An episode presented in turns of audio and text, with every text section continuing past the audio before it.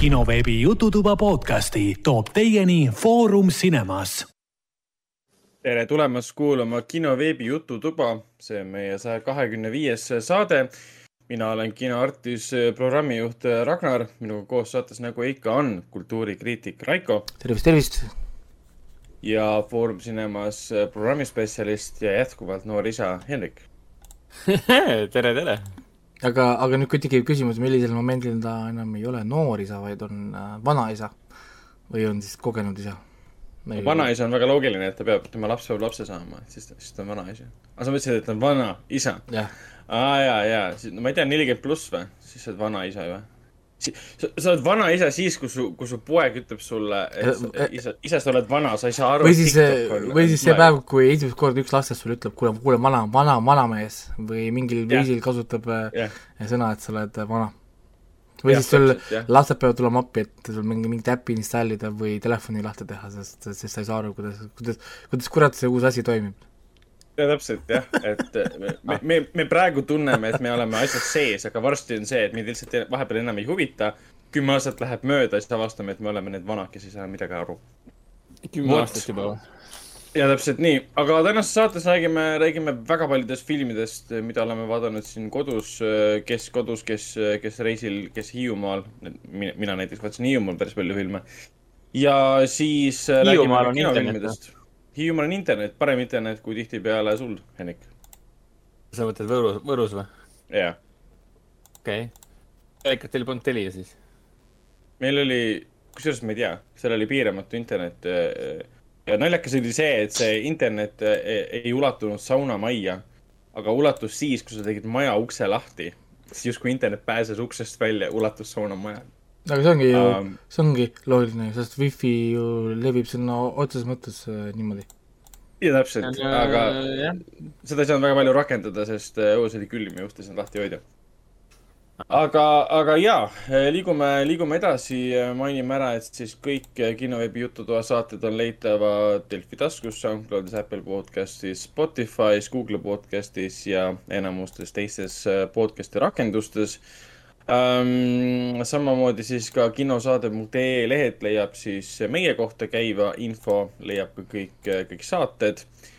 ja siis muidugi ka kinoveeb.delfi.ee lehed leiab ka meie saateid. aga kõige parem allikas on ikkagi kas Spotify, SoundCloud või siis tegelikult olgem ausad, kinosaade.ee kus on kõik täpsem info ja kuhu saab tegelikult ka väga otseselt jätta siis tagasisidet meie kohta, meie diktsioonide kohta. kiruda, kui tahate kiruda meie vaateid, kas oleme šovinistid, rassistid või muud äh, label'id, siis need ka võib saata otse sinna ilusti. jaa, täpselt, täpselt ja ega meil eelmise saate kohta tegelikult kommentaare äh, väga ei jäetud, eelmine saade oli siis meil HÖFFi, HÖFFi erisaade, kus mina ja Raiko rääkisime siis äh, HÖFFi parimatest filmidest. HÖFF tegelikult alles oli, aga tundub nagu oleks juba kolm aastat tagasi olnud um,.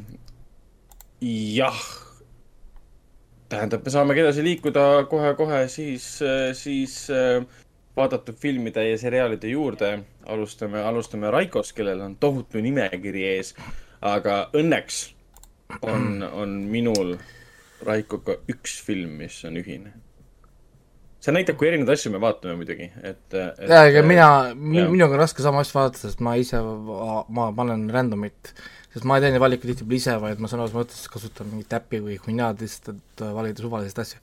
kui ma ise valin, ma valiks ainult äh, ühte tüüpi asju põhimõtteliselt. nojah, täpselt. jah, aga, aga niimoodi me, oh, me ei hakka kunagi nägema midagi muud peale selle, mida ma valin, on ju. Äh, lihtsalt äh, täpsustuseks peabki nii palju mainima, et meil tegelikult oli vahepeal lindistamine aga see läks meil pekki ja sellepärast meil ongi täna niisugune veider, veider formaat.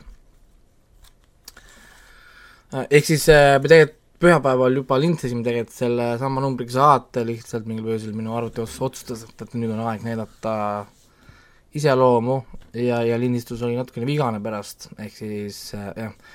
ja, ja, ja sellepärast ongi natuke kiiremini see täna läheb, aga sinna, sinna läks ka see kuulajate, mitte kuulajate mäng, vaid saatejuhtide mäng mm, -hmm. kus siis seis liikus nüüd siis Ragnari kasuks kolmkümmend kaks pool ja kakskümmend üheksa pool. nii et, et varsti tuleb ka teil uuesti väike mini, miniauhinnamäng äh, või noh, ütleme mini, miniauhind siis varsti välja anda teile. aga, aga li-, ole, ole valmis tolmu, tolmu imema. jah.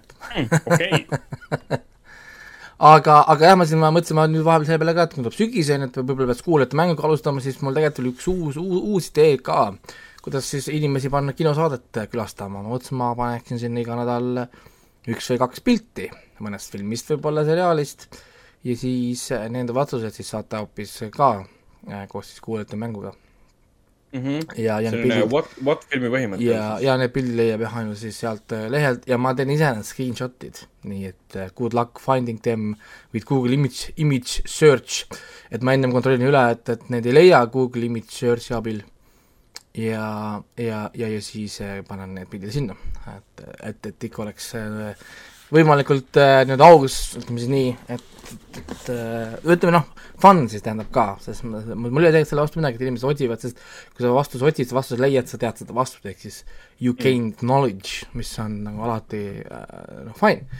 aga antud juhul, kui me teeme ikkagist nagu fun mängu ja sa kasutad mootorit, et otsida pilti, siis mida sa tegelikult sellega saad saavutada ähm,? Nii äh,, hakkame siis pihta. mul on nüüd siin äh, päris palju filme ja, ja, ja ma siis vaatasin lihtsalt vanu lemmikuid lihtsalt äh, uuesti, mis tekitas isu, kui ma lihtsalt lappasin siin erinevates äppides lihtsalt äh,, lihtsalt põhimõtteliselt voodis lamasin, veitsisin väga minimaalselt liigutada ja lihtsalt lappasin erinevaid ah, äppe ja vaatasin, mis on nagu saadaval ja, ja, ja siis vaatasin vanu lemmikuid ja, ja leidsin ka palju uusi filme, mida ma polnud näinud, aga mis on tulnud ammu uued filmid, vaid on tegelikult vanad filmid, lihtsalt ma polnud veel näinud, ja, ja, ja järjest siis äh, käisin nagu äh, üle. Äh, kõigepealt ma arvan, et ma alustan tegelikult uue, uut, paari uue asjaga, mis on siis nagu värskelt väljas, alustame kohe sellega ta värskelt väljas on uh, uus Netflixi animatsioon The Witcher Nightmare of the Wolf. ja mina vaatasin ka selle ära. ja mina pole näinud. ja, ja kõigepealt noh, see on see Castlevania animation stiilis, mis on see lääne animatsiooni stiil, mis on minu arust väga ilus äh,, sobib suurele, suurele ekraanile väga ilusalt ja see muusika, see, see, see Witcheri soundtrack. Oh, kui oh, see hakkas kohe igatsema, ma, ma ikka pärast seda, kui see oli vaadatud, ma käisin seda Geralti pilti seal äh, Netflixi sarjades sil-, silmas mitu korda, kas ma hakkan uuesti vaatama seda Witcherit esimest hooaega. Äh, äh, või, või, või, või, või ei hakka, ikka silusin ja silusin, lõpuks mõtlesin, kurat, ma tegelikult veel ei vaata aga võib-olla enne, kui see tuleb välja äh,, ikkagi võib-olla pingin selle täiesti hooga läbi, panen teise hooaja kohe otsa, see on kõige magusam asi alati, mida sa, mida sa saad teha, nii-öelda lasta nagu korraga. ja, ja, ja nüüd äh, ütleme, mis see, kus see peaks Witcheril nagu alustama äh,? no Witcheri see nagu lugu on siis äh,, räägib äh, Vesemirist, on ju, ja, või Vesemir, whatever, kuidas nad seda seal inglise keeles siis hääldasid Vesemir. Vesemir. Vesemir või? no kuna see on poolakate kirjutatud, siis ta, siis tõenäoliselt ongi Vese, Vesemir, nii nagu meie äh, eestlased ka ütleme mm. -hmm. ja, ja kui inimesed on kursis selle universumiga või selle maailmaga, siis Vesemir on tegelikult Geralti õpetaja yeah.. tema on siis see mees, kes õpetab Geraltit ja, ja siin me saame ka nagu teada päris palju asju, me saame teada, miks Witchereid on maailmas väheks jäänud, on ju saame teada, mis mm. juhtus Kaer Morheniga või Moreniga? jah, jah, jah, me, me saame teada, miks Geralt on teistsugune Witcher kui need Witcherid, keda me siin äh, näeme. ja, ja, ja muidugi me saame ka jälle niisugust selle infot, et mis värk selle Witcheritele selle coin'iga on, et toss a coin to your Witcher, see lugu no, täpselt, hakkab nii kummitama lihtsalt vastik, onju ja, ja tõepoolest, ütleme selles mõttes, et aeg läks nii kiiresti, kui nii kahju oli, et see sai otsa. ainult nagu, tund kakskümmend kolm. midagi sellist oli ja, ja kurat, no nii kahju, noh. sellest võiks täitsa olla eraldi ani-, ani-, animeeritud seriaal võiks joosta paralleelselt selle äh, nii-öelda yeah. nagu siis live action omaga ja see oleks nii nauding. Nad praegu näitasid, et nad suudaks teha seda väga vabalt ja nii efektne, kõik need lahingud, need, need kõik ja, või, või, võitlused koletistega ja, ja ülimalt suured, ütleme, maagiliste võimete esitlused olid selle stuudio, stuudio Mirri poolt ikka väga-väga-väga ilusalt tehtud, eriti suurel ekraanil 4K-s vaadates mm. -hmm. ei, ilus oli küll, hästi ilus ja mulle meeldis soundtrack kohutavalt. Jah. see Witcheri soundtrack oli natuke timmitud seda, see polnud see Geralti soundtrack, mida me teame sellest sarjast, aga samas sa tunned ära, et aa, see on Witcher, aga mingi tema mingi oma mingi niisugune nagu, nagu, nagu, nagu nõks oli ja, ja, ja muidugi Veremiiri näha või no Vese, Vesemiiri siis, ma ei tea, Vesemir. võta, jah, oli selles mõttes ka ikka nagu kihvt, et ta oli nagu nii nii svägeri karakter nagu ja me nägime tema oo jaa, tema täis nagu story't ja ausalt öeldes siis tema ja siis selle Lady Sepsti äh, lugu oli päris nagu emotsionaalne isegi. Mm. Et äh, ülle, ülle, üllatavalt hästi nagu tehtud niisugune veider äh, mini love story kuskilt tuli välja. et, et seda jah, nagu üldse, üldse ei oodanud, et, et konteksti mõttes ka, et minu, minu kokkupuude Vesemeri karakteriga oli põhimõtteliselt Witcher kolme mängus, kus No no, ta kus- on vanem mees. kus tema, põhimõtteliselt kus on kõikide enamuste kontaktidest, Witcher kolm oli lihtsalt nii ultrapopulaarne, et see, see, sealtkaudu ta nagu tuli. Aga Jah. aga enamus inimesed ikkagi teavad teda lühijuttudest, lühi, lühijuttude No, no, jah. seeriast, kus temast on päris mitu nagu lugu. ja mm., ja, ja, ja, ja kui te loete ühte nagu, mis iganes selle raamatu pealkiri oli, siis me saame Vesemberi tegelikult teada tänu sellele, kui Geralt meenutab, kust ta sai infot äh, Mm. teatud loomade ja asjade kohta nende loomade või nende koletiste ja asjade kohta, siis me saime niisuguseid nagu flashback stseene päris palju, mis selgitas siis, kust Vesemir sai selle nagu info ja sealt me saimegi teada, kuidas Witcherid üldse saavad seda infot. kuidas, kuidas tappa, mismoodi tappa ja ku- kuidas, kuidas nad teavad seda asja. selles mõttes, noh, nagu sul pole ju raamatukogu, kuhu, kuhu minna, on ju, nii et, et ütleme nagu see osa. ja ei, hästi, hästi nagu noh, nagu, nagu, nagu kihvt ja, ja, ja, ja noh, muidugi jah, sellel Iljannal oli siis mitu voice actor'it, act-, actress'i siis või noh, nagu näitlejad, sest noh, tema vananes ju inimese moodi, ta oli noor naine, ta oli vanem äh, daam ja siis oli päris nagu vanaema juba.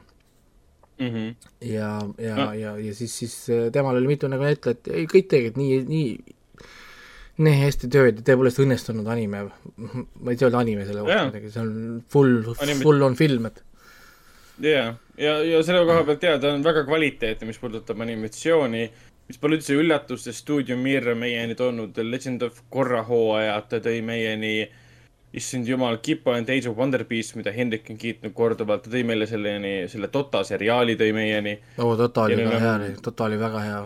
no täpselt ja, ja neil on veel see, siin oli Batman'i animatsioon, mida nad tegid siin HBO Maxi, neil oli see Mortal Kombat- Combat Legends, Scorpion's Revenge oli nende oma ja nii edasi. ja mind üllatas kõige rohkem see, et selle, selle Vesemiri häält tegi siis Dio James, kes on minu arust üks väga ebasümpaatne näitleja. ta mängib tavaliselt nendes mm, ne- nagu neid äh, ilusaid naistemehi, kes on, kes on kuri tegelikult. ja mingi kõrvaltegelasi kuskil, mis iganes oli see, oli üks teine, teine filmiseeria, mis oli sarnane sellele äh, Hunger Games'ile. Di-, Divergent. ja, ja Divergenti seerias oli ka tema ja siis ta oli vist ühes selles ähm, Underworldis Under, oli. Underworldi filmis ka, et väga unu- unustatava välimusega näitleja, aga siin tema ei no, minagi tean seda sellega, ta andis äh, Hectorile hääle ka Castlevanias. võib-olla ah, siis, jaa. võib-olla inimesed võib-olla siis äh, selle järgi noh, teavad, kui, kui. Castlevania kohta vaatad, siis äh, vaatad, kes, kes see Hectorile häält annab ja siis, siis näed, et kusjuures äh, isegi, isegi Nolan North, legendaarne videomängude voice actor, andis oma hääle siin. aga ta oli jah mingi kõrval mingi üks sõduritest ei jaa, ta oli see korraks Handsome Knight või korra- midagi., kor-, korraks see käis, käis küll, käis sa tunned ära, sa tunned ära äh, kohe kui, kui need tulevad, kui sa videomänge mängid, eriti kui sa mängid, ma ei tea, Uncharted mingi viissada tundi, noh, siis sul lõpuks jääb äh, mingisugune niisugune, niisugune mälu tekkima. aga Witcheri fännidele see film selles mõttes kohustuslik, ega Witcheri raamatutes ei ole sellist konkreetset ühte lugu, mis räägib hästi pikalt Vesemirist. ja Witcheri raamatutes ega mängudes ei ole kordagi tegelikult väga selgelt välja toodud, mis juhtus Witcherite treeningbaasi või no selle lossiga, selle kohaga, kus nad kõik elavad ja sünnivad ja neid aretatakse. miks ta on hävinenud Witcher kolme mängus miks ta on, miks ta on maha jäetud, miks ta, miks ta, mis juhtus seal, seda ei ole kunagi tegelikult otseselt selgitatud, raamatutes käis läbi, et, et mingi, mingi mass inimesi tuli ja hävitas ja siis see film nagu annab vastuse sellele, mis juhtus Witcherite asupaigaga, Witcherite baasiga ja miks on Witcherit vähe. mõttes, et täidab siukse tühimiku, mida raamatud tegelikult kunagi seda küsimust õhku ei visanud, seda kaudselt muidugi vihjati. iseasi, kas oli vaja nüüd seda kõike ära selgitada, aga, aga kuna see tehti, siis antud juhul seda tehti väga hästi. Ja, ei, selles mõttes, et ja. sa võid seda vaadata ilma üldse vaatamata Witcherit, äh, seda ja. sarja, ta on täitsa eraldiseisev, kuid kui sa oled vaadanud Witcheri seda sarja ja sa tead, kes on Geralt või noh äh,, nagu osad siin ütlevad, et Geralt, siis see on, see on nagu GIF ja GIF. jah, et, et, et siis, siis on see kindlasti hea nagu lisa see laiendab seda maailma veelgi enam, mitte et seda mm. on juba vähe tehtud, aga noh, siis siiski. Et aga noh, selles mõttes, et äh, Witcheri teine hooaeg tuleb ju, millal ta oli, detsembris, et see on hea, hea paus nii-öelda. november, november jah. või oli november, ei kindlasti talvel. seitseteist detsember oli minu arust, sama, sama Aa. päev oli pandud uh, release date kui Spider-man Far, Far From Home. jah, ja täpselt, täpselt. et uh, jah. pigem see, kumb tähtsam on Witcher on tähtsam, sest noh, eh. Tea, see Spider-man on päris nagu haip, et uh, hello, Peter Parker. no see jaa, oli niisugune nostalgia laks, et mine pekki. Andrew Garfieldi toovad ka võib-olla tagasi ja Tobey Maguire'i tagasi, võib-olla sellepärast ma olen nagu sillas. ei noh, siin et... oli, ma vaatasin seda mingit uudist, kus keegi väitis, et see film oli kaks tundi nelikümmend kaheksa minutit pidi olema runtime.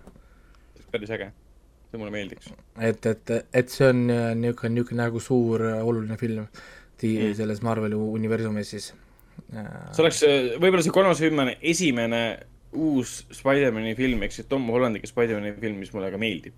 see esimesed kaks mulle ei meeldinud.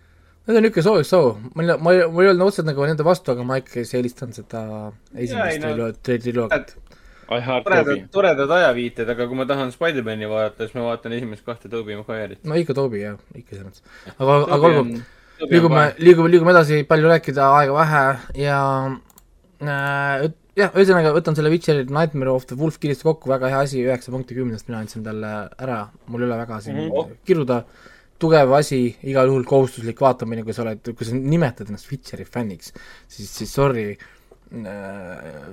miks sa pole seda juba vaadanud? ma ei tea üldse jah, nagu mis selle point on, on üldse siis omada Netflixi või televiisorit või üldse midagi, mida, mida, mida, mingit asja, millega sa vaatad aga rääkides nüüd mitte hästi läinud animatsioonidest, räägime Monster Hunter Legends või Legends of the Guild kaks tuhat kakskümmend üks äh, värskelt ilmunud uh, uus Capcomi ja Netflixi koostöös tehtud uh,. jah, kahjuks uh, animatsiooni stiil ise on kinni jäänud umbes aastast kaks tuhat kaheksa-ish aega, kui me vaatasime neid mõnusaid PlayStation kolme peal olevaid siis cuts, cutscene'e või siis nagu vaheklippe video, video, videomängudes ja, ja muidugi noh, rääkides siis niisugune sujuvast kaadrisagedusest, siis neile meeldib väga palju skip ida seda ja niisugune väga konarlik on selline tunne, et sul internet hakib ja, ja stream mm. hakib, aga tegelikult ei, see ongi niimoodi neil animeeritud.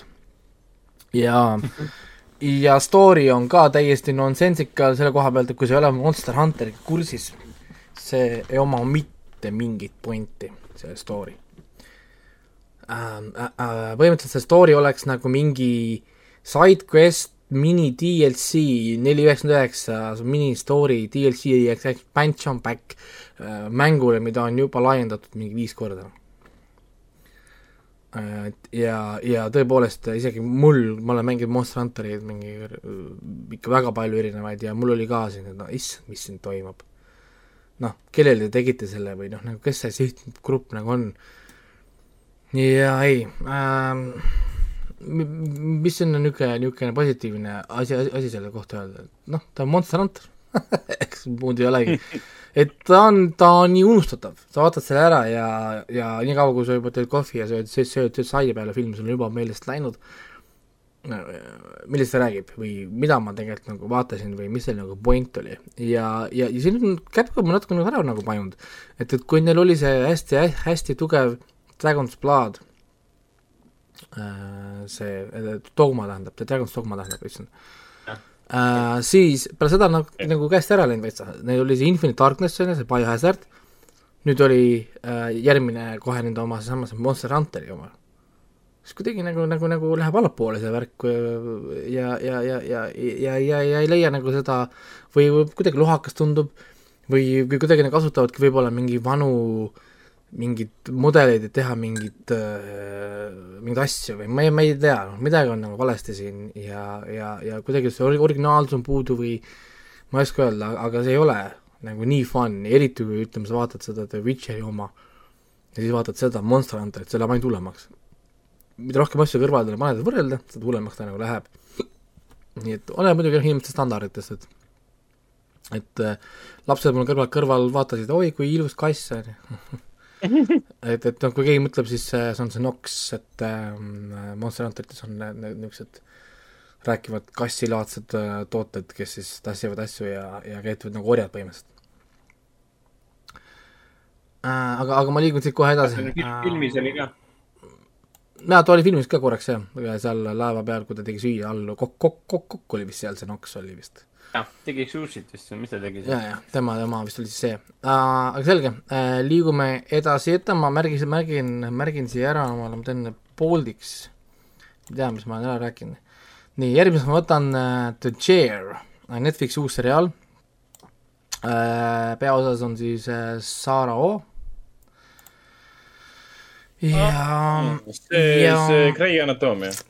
jaa, või siis Killing Eve, kuidas keegi kuidas keegi ja. teda nagu teab ja kuidas keegi teda armastab, ta on hästi kihvt näitleja tegelikult, mulle meeldib, tal on seda sass'i ja tal on see, tal on presence ka, mulle meeldib üldiselt, kui ta tuleb e-, ekraani peale, et ta kuidagi, tal on niisugune osa no, tõmmata tähelepanu, ei, ta on kihvt näitleja selles mõttes. Ja, ja, ja, ja, ja alguses mõtlesin, ma ei vaata seda Twitcheri, mu sõber ütles, et see on ultra woke bullshit crap, Netflix mood, Netflix, whatever, on ju, mingi miimimaterjal. Ja okay., ja, ja, ja ma ei viitsi ennast trigerdada, vaadata nagu, nagu crap'i, anda neile klikke, on ju. aga, aga, aga mõtlesin, kurat, et uudishimu ikka sai võitu, on ju. ja, ja hakkasin neid vaatama ja muidugi noh, hooaeg, kuus episoodi, kakskümmend viis minutit per episood. noh. kakskümmend viis Jeesus. et äh, seda nimetada hooajaks on, on ka muidugi on big stretch. draamaseriaal ja kuidas ta saab nii lühike olla? eks see põhimõtteliselt on film. ja, ja piloot, episood oli tegelikult täitsa hea. Äh, päris nagu hästi tehtud, hästi hea tempoga, hästi head näitlejad, hästi head karakterid tegelikult. ja, ja tõmbas tegelikult sisse mind.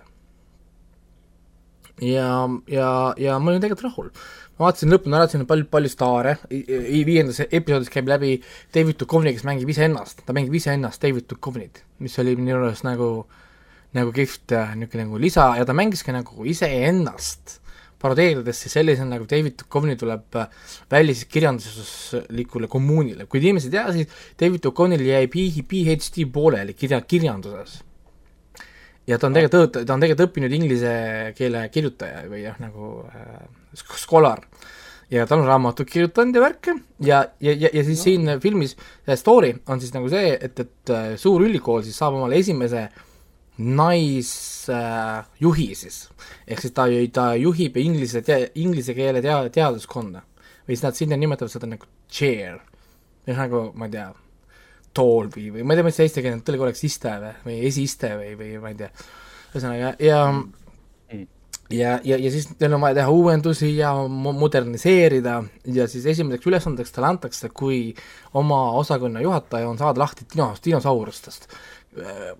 Kaheksakümne, seitsmekümne aastased nii-öelda nagu professorid, kes on ajale jalgu jäänud või noh, või ütleme, nad ei taju võib-olla seda moodsat sotsiaalpoliitilist äh, õhkkonda nii hästi kui nooremad õpetajad ja, ja nende loengud on tühjad, sest nad lihtsalt õpetavad toorelt fakte. noh, nii-öelda.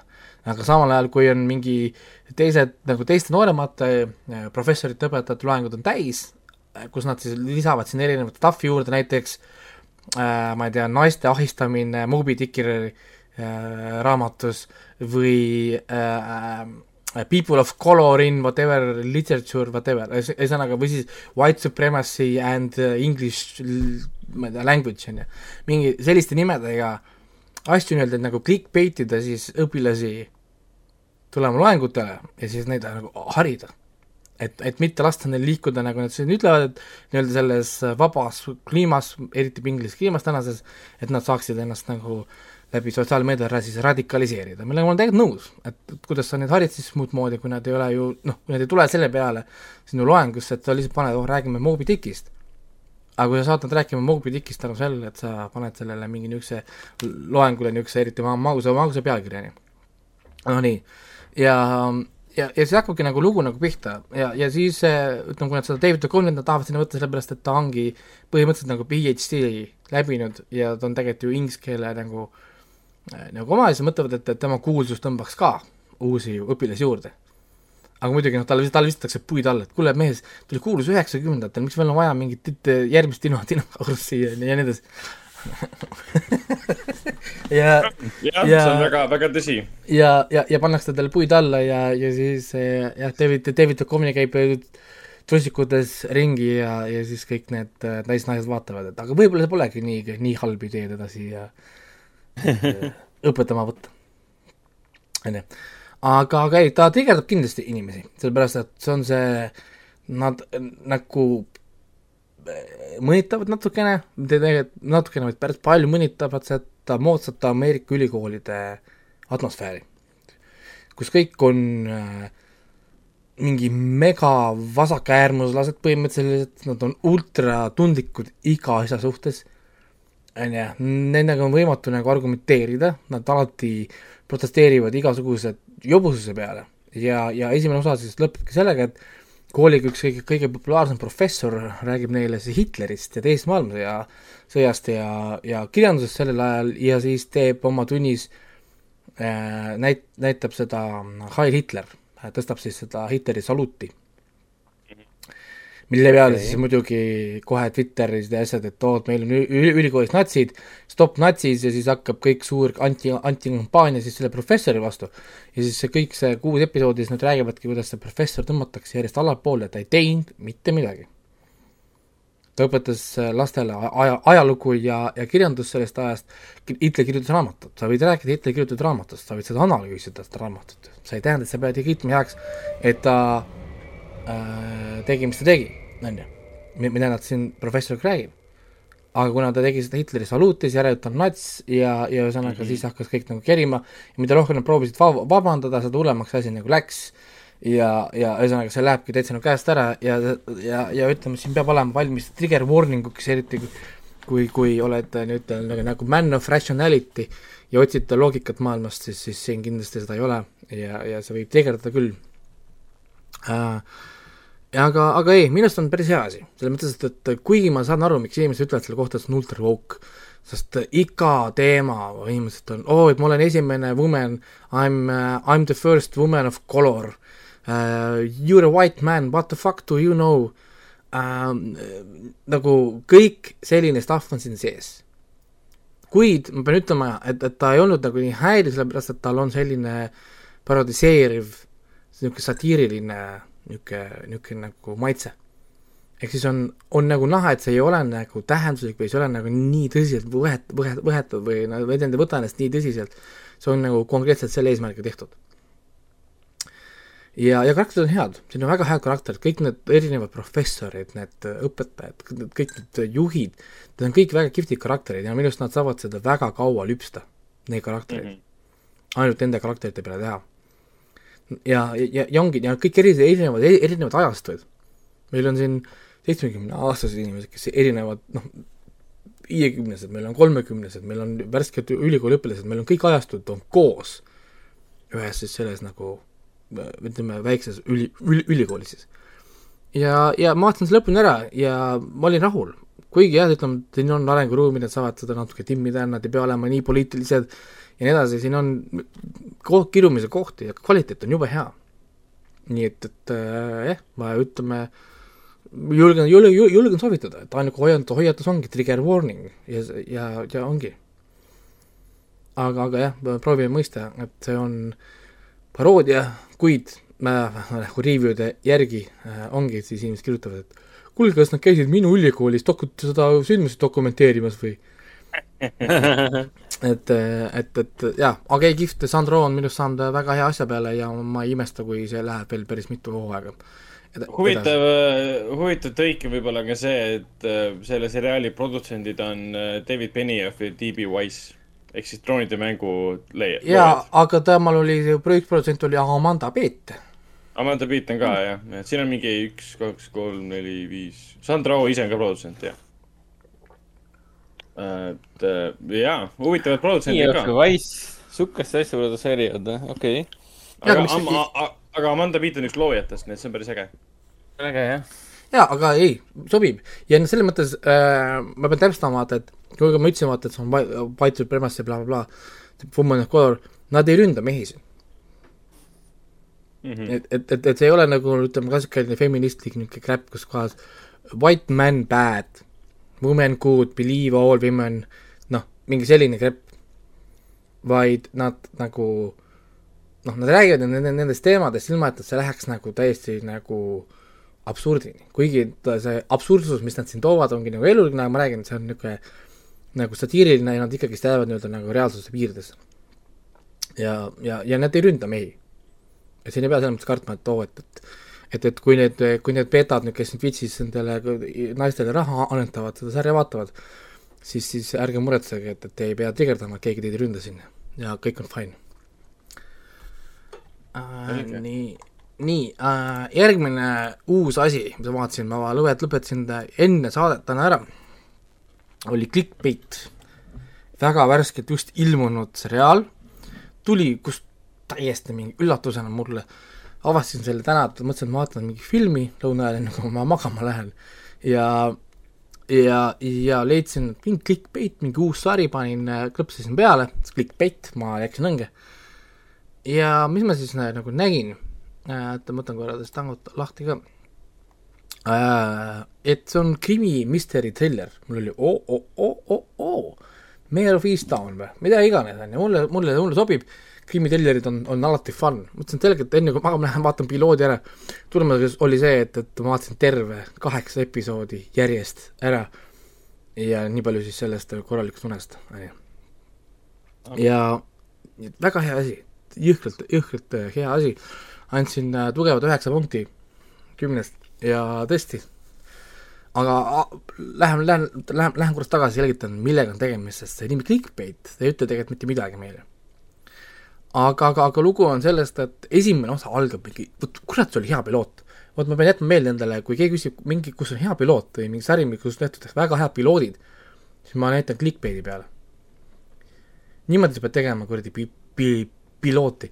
tõmbavad sündmused nii kiiresti käima, võrreldes näiteks Mayor of Eastowniga, mille piloot ei olnud hea, hea minu arust, oli liiga aeglane, ta ei andnud meile tegelikult nagu midagi. Mm. Nad, nad, et nad lõpetasid piloodi umbes selle mõrvaga, on ju, aga siin on esimeses osas karakterid lendab, infot, kõik mingit stuff nagu käib, sul nagu holy shit, oli esimene episood, vaata, kui see, kui see saab läbi. saab läbi, sul on selline tunne, saaks vaadata mingi viis episoodi, sul oli alles esimene või, oh, vau. ja, ja see hakkabki kohe nagu pihta, lugu algab sellega, et meil on äh, peremees, Nick Brau-, Brewer oli ta nimi äh,, kes on äh, ei olnud õpetaja, ta oli, ta oli treener ka, ta oli see fü-, füsioterapeut vist äh, koolis äh, tüdrukute võrkpalli tiimine. Uh, see kõlab juba halvasti. ta on äh,, see on pandud väga kavalalt talle, see positsioon sinna, jah.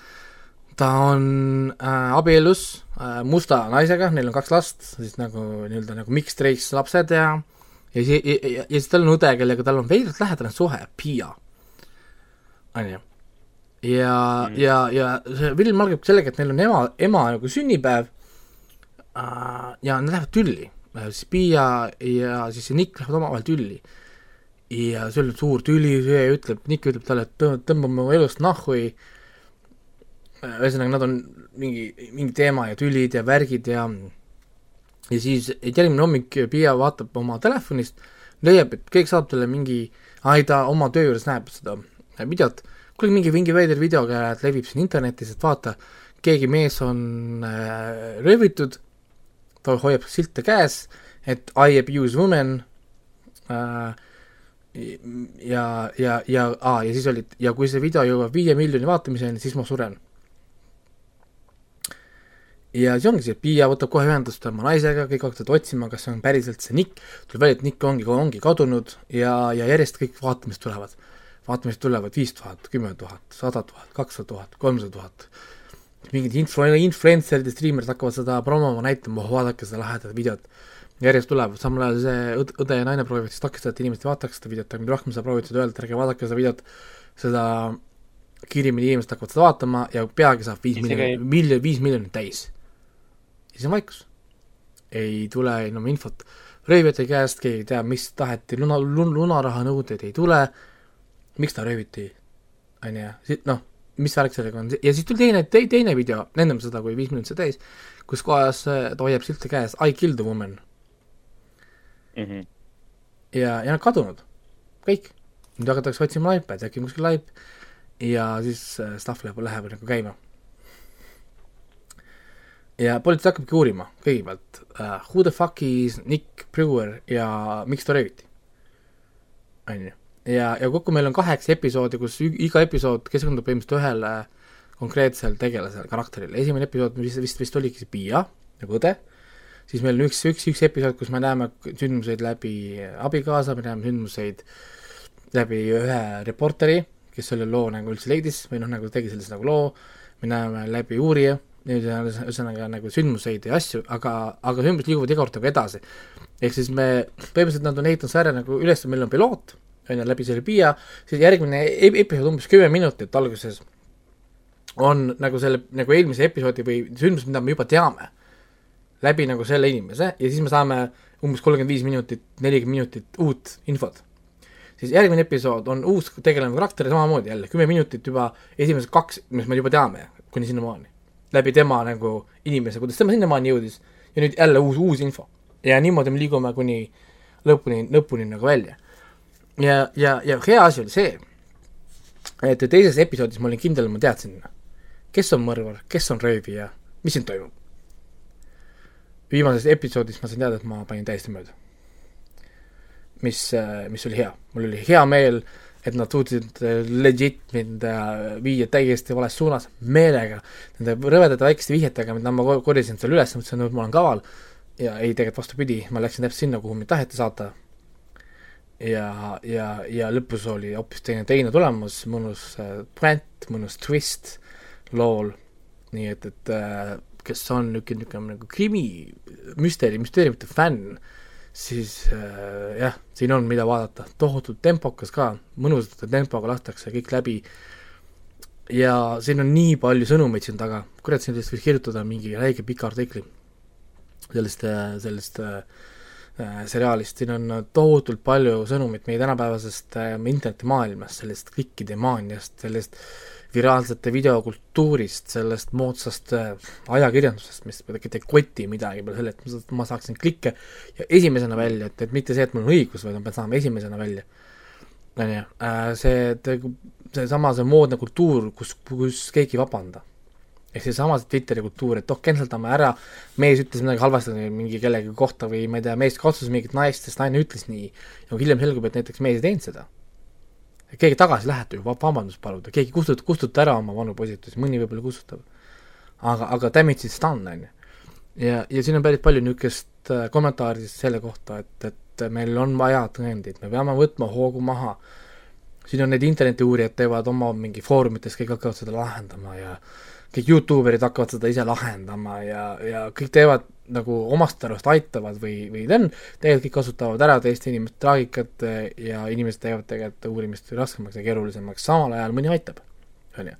nii et selles mõttes, et äh, siin on palju asju, siin on suur kaos, petmine, valetamine, inimsuhted ja, ja nagu siin selle äh, naise ema ütles, et life is a messy thing sest see väga hästi välja väljendub, ütleme ka siin selles seriaalis, et kuradi, kuradi hea asi oli. aga, aga kahjuks teist, teist, teist osa ei tule või teist hooaega, sest see on limited series, see põhineb ühel konkreetsel äh, raamatul ja, ja, ja, ja, ja sellel nagu järgi pole mm -hmm.. ehk siis see on üks konkreetne nagu algusest lõpuni teos. et, et jah, kindlasti Netflixi jälle üks niisugune tippudest, tippudest ja ma arvan, et selle aasta lõpus on ka minu tipp, noh nagu listides kuskil väga kõrgel kohal. Et.... põnev on ka see, mis ma siin vahepeal avastasin, et selle sarja mitte loojaks, vaid režissööriks on Brad Anderson, kes omal ajal ikkagi lõi läbi ju selle Kristjan Bale'i The Machinisti. filmiga. ja, ja, ja, ja, ja. muidugi täiesti ära vajunud, et ta, ta veidi meenutab seda Neil Blomkampi mingis mõttes, et noh, alustas tugevalt, aga siis vajus longu. Mm ei, ta on, ta on aga... ilusti lavastatud ja vist esimene, viimane episood olid äh, tehtud Brad Andersoni poolt, teised olid vist Emma, issand, Freeman oli vist üks oli jah. ta kõiki ei lavastanud või? ei, need on esimene ja kolmas kak... oli tema lavastatud. okei okay,, esimene, kolmas oli jah, selge. aga ei, siin on, on need... see, see Emma Freeman, sellepärast mulle jäi meelde, sest ma tean, et Emma Freeman tegi seda sarja, Austraalia sarja Glitch, kus need äh, ühes linnas vaata surnud hakkasid ärkama. Et, et sellepärast ta jäi mulle nagu meelde ja jaa, seesama Austraalias sari, kui ma nüüd ei eksi, on ühe selle sarja looja lõi, sellest kaasa ka vist. Glitch, jah mm,. nii et, nii et Tony ähm,, Tony, Tony Aires, kes on selle Clickbaiti üks loojatest, tema. see, tema on ka selle looja. ka Glitchi, jaa. aga, aga, aga ma räägin, et selles mõttes, et, et seda tasub nagu vaadata, sest siin on nii palju asju, millele mõelda, sa, siin on nii palju müsteeriumeid ka peale selle konkreetselt, siin on mitu sündmust, ma ei saa öelda neid, sest ma spoil in. siin on mitu kuritegu, saad aru, siin on tohutult palju kuri, kuri, kuritegu, sest kõik al-, algab sellest, et keegi röövib niki ära. nüüd inimesed hakkavad kohe uurima, kas need sildid, mis ta käes hoiab, kas need on päriselt I abuse woman, I kill the woman? mis oleks sellega? kes ta röövis ära? Ja, ja, ja siis on need what woman, mis naised? kes, kus, mis, keegi ei tea midagi. ja siis hakkab sealt nagu minema. tundub, et algselt ei ole nagu mingit infot, aga siis hakkab järjest tulema kuritegevust välja kuradi vasakult ja paremalt, ülevalt ja alt ja, ja, ja, ja väga niisugune mixed bag of things, ütleme siis nii, ja, ja ei, minu arust ma räägin, ma oleks muidu magama läinud, aga mõtlesin, kurat, ma tahan veel näha ja nad lõpetavad kuradi iga episoodi cliffhangeriga ka ära, on ikka tegele-, tegelinskid reis. Et väga nagu tüütu. nii äh,, ega ühesõnaga lühidalt soovitan, vaadake, väga-väga tugev asi äh,, tasub, tasub vaadata. Siis äh, vaatan korra, mis ma veel siin uutest asjadest räägin, kui on mul üldse midagi uus, sest ülejäänud vist läksin, aa ah,, Väl film. Äh,, siis räägin sellest ka, kuigi me eelmises, nii-öelda eelmises lindistuses juba tegelikult rääkisime, ma räägin teile nüüd kiiresti üle lühidalt, taha, noh muidugi eelmine kord rääkisime pikemalt ja, ja värki, ma ei hakka enam nii sügavale minema, põhimõtteliselt Väl on siis dokumentaalfilm, kuidas äh, Val Kilmer siis, kuulus näitleja, keda me teame siis filmist Heat äh,, Batman ja, ja mis tal siin on veel olnud neid rolle põhimõtteliselt siis äh, kaheksakümne, kahe, kaheksakümnendate lõpus, üheksa, üheksakümnendatel siis suuremad, niisugused olulisemad rollid.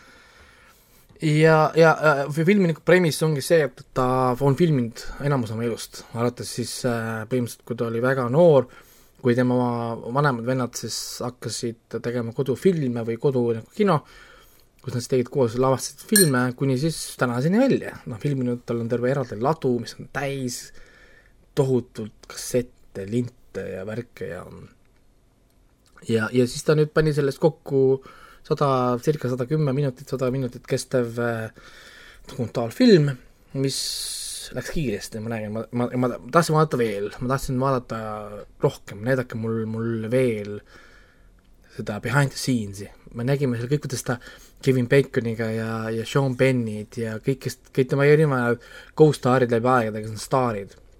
Marlon Brandod ja Robert De Niro, issand, Kurt Russell, Jim Carrey, no Tommy Lee Jones, see Tom Cruise, issand, ühesõnaga list on tal ju seal pikk, sest ta tegi ju hitt-filme ju tohutult, on ju.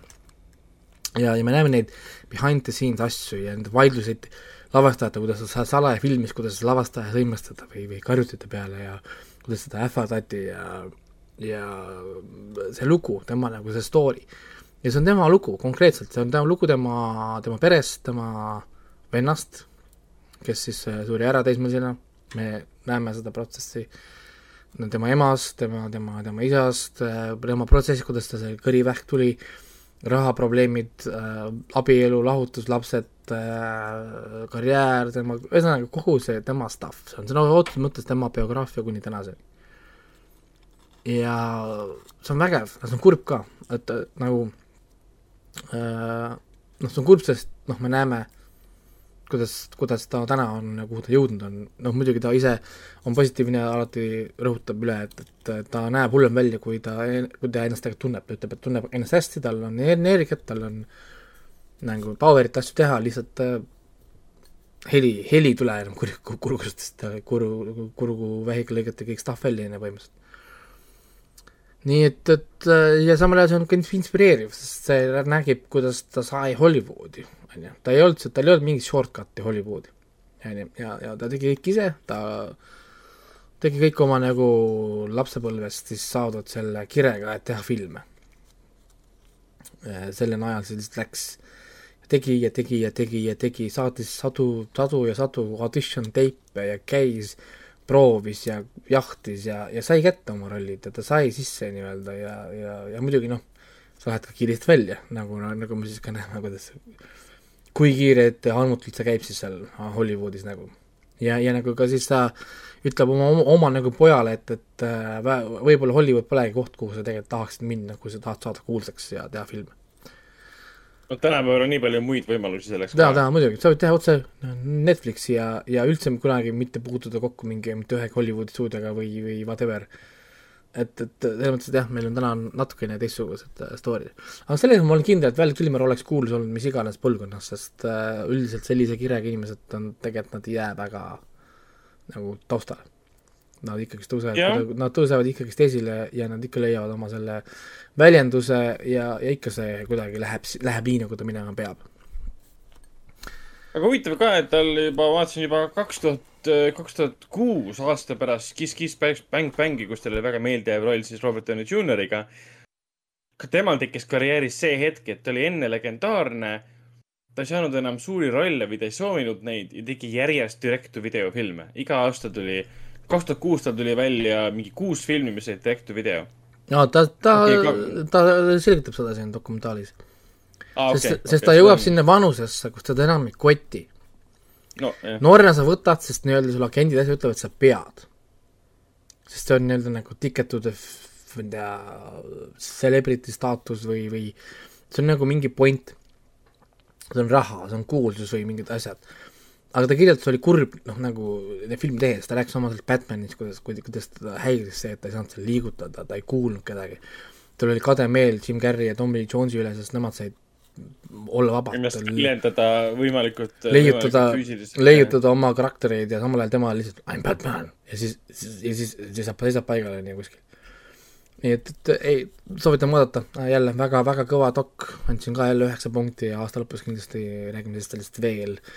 Ma võib-olla vaatan isegi seda uuesti, ma arvan, sest äh, siin on tegelikult, mida nagu mõelda ja siin on tegelikult, mida on nagu analüüsida ja see on kurb lugu. see on äh, kurb lugu, selles mõttes küll, et, et vaadake ja, ja, ja, ja mõelge, mõelge siis kaasa. et eriti muidugi, kui, kui olete, ütleme, filmisõber, siis, siis ta tasuks kindlasti nagu vaadata ka selle pilguga, et kuidas kuidas see protsess käib, kuidas tegelikult see kõik see mm, -hmm. kuidas see maailm välja näeb, see on päris, päris hea niisugune pilk sinna siis telgi tagustisse ka. Nii äh,, liigume siis väljast edasi. Äh,, võtame, noh, tegelikult polegi enam midagi uusi, sest ülejäänud on juba niisugused asjad, mis on tegelikult juba olnud käik, millel nagu käigus või, või whatever, ma hakkan siis pihta filmist The Man from Earth. Äh,. klassika. klassika selles mõttes, et on klassika, ta on intellektuaalsete filmide niisugune nimifilm, võib-olla ütleme, ta, ta on seal eestoas, kui ütleme, hakatakse rääkima filmidest, mis on siis nagu põhineb dialoogipõhiselt ja ta on lihtne, ta on, mitte lihtne lavastada, ta on odav olnud lavastada, siis The Man from Earth tuleb alati välja, hästi hea stsenaarium, hästi niisugune, niisugune intrigeeriv teema, tõmbab äh, nagu noh, endasse nagu kaasa, see on kahe tuhande seitsmenda aasta film, ma vaatasin seda sellepärast, et õel oli sünnipäev Äh, ja, ja ta tahtis vaadata head filmi, me panime talle Plexi siis Apple TV-sse, Apple TV sellesse seadmesse. ja, ja, ja Plex toimub ka Euroopas, lihtsalt väiksem valik, ja Man from Earth on olemas, panime peale, vaatasime ära ja tõepoolest oli ka filmiga tegelikult väga nagu rahul. ja, ja äh, noh, ma ei, ma ei hakka siin pikalt nagu selles mõttes nagu seisma jääma, et, et, et äh, kes otsib tugevat intellektuaalset filmi, mis on nagu sci-fi, ütleme nagu sugemetega siis, on The Man from Earth. lugu on lihtne, kus kohas siis professor hakkab lahkuma oma töö, töölt põhimõtteliselt. Ja siis tal lahkumispidu kolleegidega, erinevad siis ähm, tead-, teadlased, siis. Seal on sul mingi bio-, bioloog oli seal, teoloog oli seal äh,, ühesõnaga erinevad, ma ei mäleta, mis iganes nende see äh, spetsialiseerus, noh, mis need erinevad siis spetsialiseerumised siis olid ja, ja siis ühel hetkel meie siis see, nagu see külaline, kes siis seda, või noh, külaline, see host siis, äh, ütle, paku-, ütleb siis neile, et tema, noh, nagu nimi oli John Oldman, pann mm., et, et, et on tegelikult on umbes neliteist tuhat aastat vana inimene, kes sündis äh, umbes siis seal whatever ajastul oli kunagi koopas ja, ja, ja täna on ta siis nii, nagu ta on. Ja jah äh,, ma enam pikalt ei räägi sellest äh,, The Man from Earth on, on tänaseks küll, ma arvan, nii palju saanud kaja, et, et enamus inimesed on tänaseks seda näinud. Ja see on tasuta vaadata Plexist, kellel on olemas viis saada ligi Plex, Plexi või lihtsalt minna plex.com, pole kontot vaja, panen The Man from Earth, hakka vaatama, kolm, kolmkümmend sekki ja film on peal.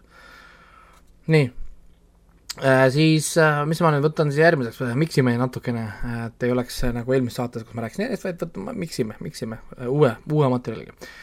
ma vaatasin lastega, oli mul vahepeal filmiõhtu, ma vaatasin ära kahe tuhande neljateistkümnenda aasta huvitava asja Song of the Sea aa, see on seesama reisijal, kes tegi selle Wolf Walkersi yeah, yeah, Disney plussi jaoks. ja, ja, ja. ja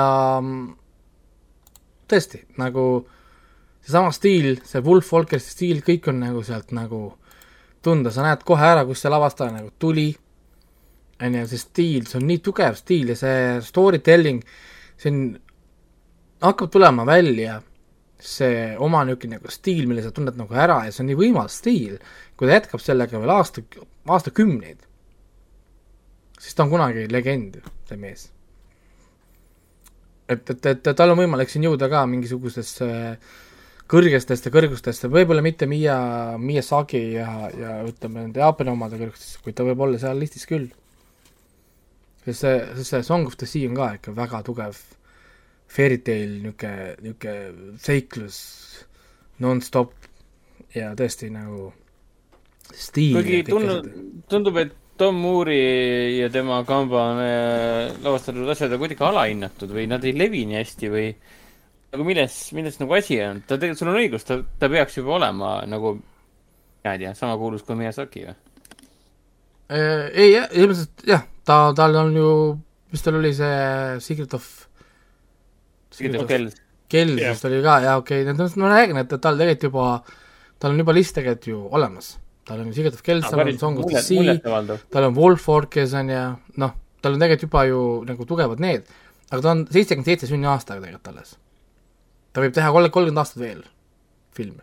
jah nagu ja tal juba on, on nagu sees. ja kui inimesed arvavad, et Miyazaki oli kohe kuulsus, ei olnud, Miyazaki sai kuulsuse alles kolmekümnendate lõpus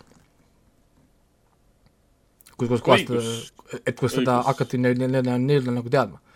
Misaki ei olnud umbes, oot, Misakist tegi viiskümmend aastat, ei, ta saavutas tegelikult sellise niisuguse nagu suur nagu nime staatuse alles mingi kolmekümnendate lõpus, teda hakati legendiks nimetama alles viie, viiekümnendate alguses.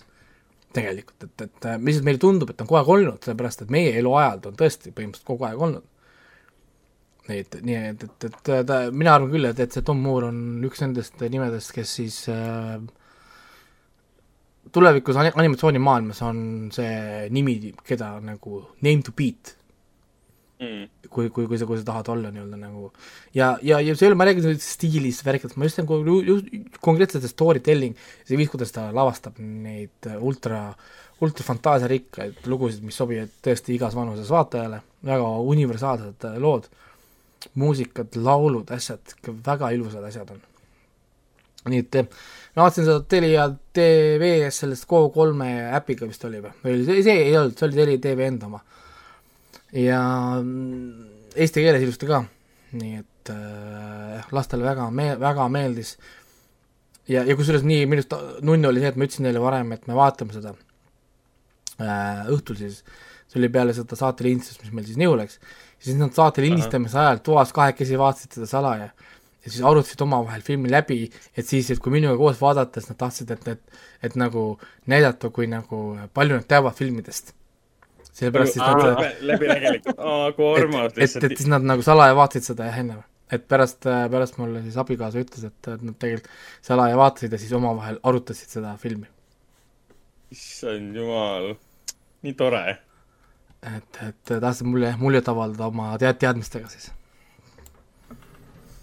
et äh, vaatasin, vaatasin ära, siis ma vaatasin huvitava sci-fi, retro sci-fi filmi The Vast of a Night. soovitas sõber, sõber soovitas, äh, Prime videos on ta olemas oh,. Äh, ja oodake korraks.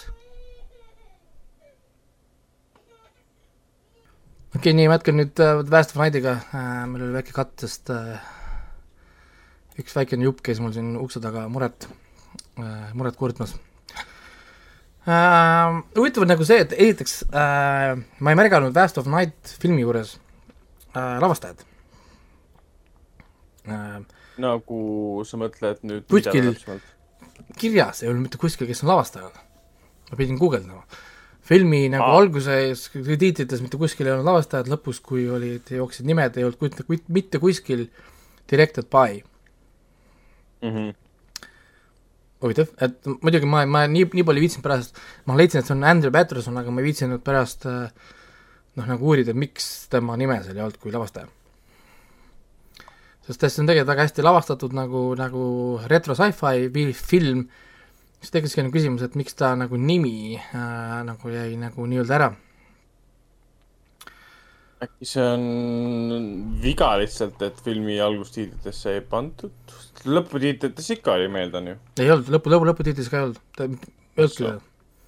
Aga, aga ta oli kirjas kui see äh, writer, ehk siis written by Andrew Patterson oli küll, lihtsalt ei olnud kuskil directed by. lihtsalt nagu jäi nagu silma, ma ikka üritan vaadata ju, kui jooksevad need, kes tegi ja nii edasi. siis see on tegemist niisuguse huvitava äh, looga, mis toimub umbes viiekümnendate kandis. täpselt aega ma ilusti annagi. niisugune väikene linn on kohalik, hästi ilusalt üles võetud film äh,. hästi ilusad kaadrid, niisugune, niisugune huvitav stiil, hästi palju pikkasid võtteid on siin ka. siin on vahepeal ikka mm -hmm. mingi minutid, minutid, kus pole ühtegi ka katti. et väga, väga, väga niisugune huvitav nagu stiil ja see toimub ühes väikeses linnas äh, ja, ja, ja siin on kaks tegelast põhimõtteliselt, meil on üks mees või poiss, kes on, kes on siis kohaliku väikse raadio äh, saatejuht ja siis meil on äh, üks tüdruk, kes on siis see switchboard'i operaator. kunagi vana, vanal heal ajal pidi ju, keegi pidi ühendama ju kõnesid nii-öelda olema õigus, jaa, jaa. tõstma juht, ju, juhtmeid äh, ümber, et meie, ei olnud auto-. meie mäletame seda, jah. et ei olnud automaatselt äh, ühendamist, on ju mm. -hmm. ja, ja, ja siis neil on niisugune veider event toimub seal äh, switchboard'is, et, et keegi helistab sisse, siis nad kuulevad mingit veidrat elektroonilist häält. mingid, ühesõnaga mingi niisugused klassikalised e-, elektroonilised hääled ja siis, siis see oli veider, tundub talle, ta hakkab teiste käest küsima, et kas keegi teab seda häält, kust see tuli, mis siis värk sellega oli. Äh,, siis ta helistab sellele poisile, et kuule, et pane see raadiosse, see helis oli mingi väga veider heli, äkki keegi teab, mis heli see on, paneb, paneb selle raadio eetrisse korraks, samal õhtul keegi helistab, kuule, et äh, ma tean seda heli. Ja räägib neile loo. kuidas, ühesõnaga räägib, räägib ühe ilusa kihvti loo mis siis hakkab nii-öelda seda sündmuset siis lahti meile harutama, mis heli see siis on. ma ei, ma ei spoil'i, mis heli see on, inimesed võivad arvata ise tõenäoliselt, mis heliga tegemist on, aga siiski. ma ei spoil'i ja tal on niisugune, niisugune, niisugune huvitav omadus küll, et ta tõmbab sind kaasa, tal on niisugune mõnus müsteerium ja, ja selline klassikaline retro sci-fi. tohutult madala eelarvega tehtud film, siin pole mitte mingeid eri, eriefekte, midagi põhimõtteliselt ei ole. Väga mini, väga minimaalne, enamasti ongi nagu loopõhine ja meie liigume siis kaasa nende kahe karakteriga, me näeme sündmused läbi selle, nende kahe karakteri, kuidas nemad asju avastavad ja teada saavad. nii et, et ma ütlesin talle see seitse punkti kümnest, et siin on väga palju niisuguseid asju, mille üle ma saan kiruda ka, terve hunnik erinevaid asju, need kõrvalkarakterid, need dialoogid kohati on niisugused if'i, aga, aga samal ajal tal on tegelikult selline sci-fi atmosfäär on nii hästi paigas, et, et mul ei olnud ajast absoluutselt kahju, nii kihvt oli tegelikult vaadata, ja, ja see ajastu tegelikult pani nagu mind mõtlema, et ma tahaks veel näha tegelikult seda viiekümnendatest, kuuekümnendatest pärit niisugust klassikalist retrot, aga mitte, et on tehtud sel ajal, aga tegevus peaks olema sellel ajal. Et, et äh, ma pole küll otsima hakanud veel, aga, aga ma võtan ette, ma üritan leida midagi, mis langeks siis sellest aega ähm,. jah, ta on Prime videos olemas ka, ta on e-, Eesti enda Prime videos, midagi pole vaja, ei ole vaja VPN-i mitte midagi, mine sisse ja hakka vaatama äh,. siis Prime videos vaatasin ära sellise asja kohe peale seda filmi. lappasin jälle loha-, laiskusest äh,. kahe tuhande üheksanda aasta film The Invention of Lying. Aa, see on see ju, see on ju Ricky, see Ricky, Ricky Gervaisi yeah. film, ma pole kunagi näinud seda. Rob, Rob Law ja Jennifer Garner ja Jonah Hill mm. -hmm. ja ma ei olnud seda kunagi, kunagi, kunagi nagu näinud ja vaatasin ära ja no, ei tea, päris andekas film tegelikult. et, et äh, naerda, naerda nagu sai ja tõepoolest, ütleme, kui veider on tegelikult maailm, kus, kus keegi ei valeta. muidugi no ütleme, selles mõttes see ei ole nagu valetamine, vaid nad võtavad ära ka selle, et keegi ei mõtle asju välja tegelikult, peaks olema see õige sest äh, asi ei ole mitte ainult valetamises, vaid nad võtavad ära ka selle, et inimesed ei, ei kujuta endale asju ette. ehk siis vaata, ole nagu raamatuid ei ole ju äh,. raamatud kirjutatakse ainult nagu aja, ajaloolise tõestatud sündmuste põhjal ja filme lavastatakse siis nende raamatute põhjal, kus kohas lihtsalt üks inimene istub nagu ekraani peal ja loeb need sündmused ette, proovides siis olla nagu dramaatiline. Aga keegi ei leiuta sündmused või mõtteid või asju pealt nagu noh, nagu välja ja, ja siis see äh, peategelane siis äh, Ricky Gervaisi karakter, see Mark Bellis on, on see stsenarist kellel on, kellel on määratud siis kolmeteistkümnes sajand, oli tal vist või, või kuueteistkümnes sajand. tal oli, tal oli vist kuueteistkümnes sajand, kus on mustad katkud ja eriti depressiivne sajand, kus ei ole väga head materjali, millest siis filmi teha, filmi kirjutada. Ehk siis või pole nagu seda reaalse elu, reaalse elu sündmusi, mis oleks siis nagu huvitav ja, ja ühesõnaga siis ta lastakse nagu lahti töölt, kõik läheb nagu tal nihu, siis ta läheb ja siis tal pole raha, et maksta oma nagu renti, siis ta läheb panka ühel päeval ja siis pangal on, äh, võrk on maas. ja siis, ja siis küsitakse, et äh, palju sa tahad raha välja võtta, kõik, kõik, mis mul seal peal on, palju sul seal peal on? ja siis, siis, siis seal käib ajus mingi lühis. Mul on kaheksasada dollarit peal ja siis see süsteem tuleb, tuleb tagasi online, naine vaatab kontot, kuule, sul on konto peal näitab ainult kolmsada. huvitav, meil on süsteemis mingi viga. oota, ma annan teile kaheksasada ära ja siis me, me, me teeme süsteemi korda ja okay. siis tal silmad punnis, nagu käib nagu ringi, issand, noh, et nagu what the heck, vaata. ja siis ta läheb mingi suvalise ilusa naise, naise juurde, kuule, et sa pead, pead minuga magama või maailm täna lõpeb ära ja siis naisel on oh,, kas me teeme seda kohe siin tänaval või me peame minema, minema motelli, kui kaua meil aega on nagu keegi pole kunagi varem valetanud. ei, ei, nad ei, ei, nad isegi ei tea, vaata, keegi mõtleks asju välja. sest iga asi, mis tuleb Aa. inimeste suust välja, on, on tõsi ja faktuaalne, kui ütlebki talle, kui sa minuga kohe ei maga, maailm sureb ära, maailm lõpeb ära, siis ongi. Ta reaalselt usubki seda, et maailm sureb ära mm. -hmm ja kõik usuksid seda, ta võiks isegi seda tänaval karjuda.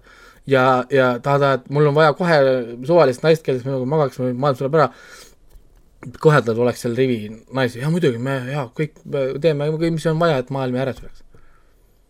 ja siis ta hakkabki valetama lihtsalt täiesti kelvast peksma. ta mõtleb, et, ta mõtleb välja selle afterlife'i või noh, nagu elu pärast surma ja leiutab välja, mees taevas ütles mulle, ehk siis ta põhimõtteliselt muutub nagu mingi prohvetiks, sellest tehakse nagu mingi piibel. ta leiutab ise sündmused välja, kuidas kolmeteist, kuueteistkümnendal sajandil tulnukad käisid maa peal, see mingi suur lahing Marsi ja Kuu peal ja ja siis eh, tulnukad lähe-, lähevad, lähevad minema, siis noh, kus-, kustuta siis kõikidel mälu ära, et keegi mäletaks neid eh, sündmuseid väga hea saad aru, ta, ta, ta hakkab nagu konkreetselt lihtsalt nagu asju välja mõtlema mm. -hmm. oota, kas see, kas see film siis on mingi moraalilugu nagu, et lõpus, lõpus see maksab talle kõik kurjasti kätte kuidagi või? Nope, tal ongi happy, ta saab oma happy ah. ending'u selle ah. valetamisega.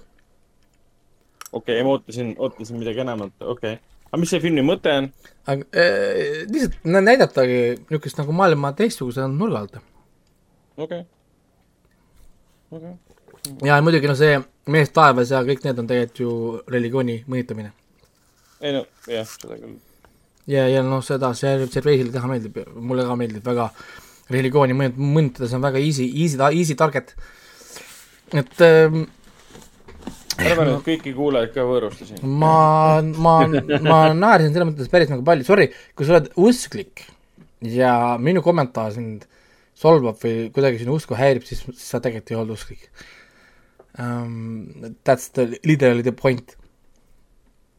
et, et aga, aga nagu film, selles mõttes jah, ta ajas nagu naerma ja kõik, kõik nagu toimis, lihtsalt aga ta oli niisugune nagu vetsa niisugune lazy tundus või kuidagi niisugune nagu telelavastuse moodi oli niisugune nagu veider ja midagi oli pidanud nagu puudu. aga, aga, aga sa saad naerda ja, ja, ja ja oma, oma, oma, oma kestuse, kestuse kohta täitsa nagu fun äh,. kuus punkti andsin endale siis kuuskümnest. niisugune, niisugune tavaline äh, siis keskmine, Harju keskmine. aga olgu, liigume edasi sellise filmi juurde nagu Sphere tuhat üheksasada üheksakümmend kaheksa, ma vaatasin seda Sphere'i ainult sellepärast, et ma tahtsin vaadata mingit head sci-fi'd äh,, lapsepõlve suur lemmik, esimene review eesti kui inglise keeles, inglise keeles.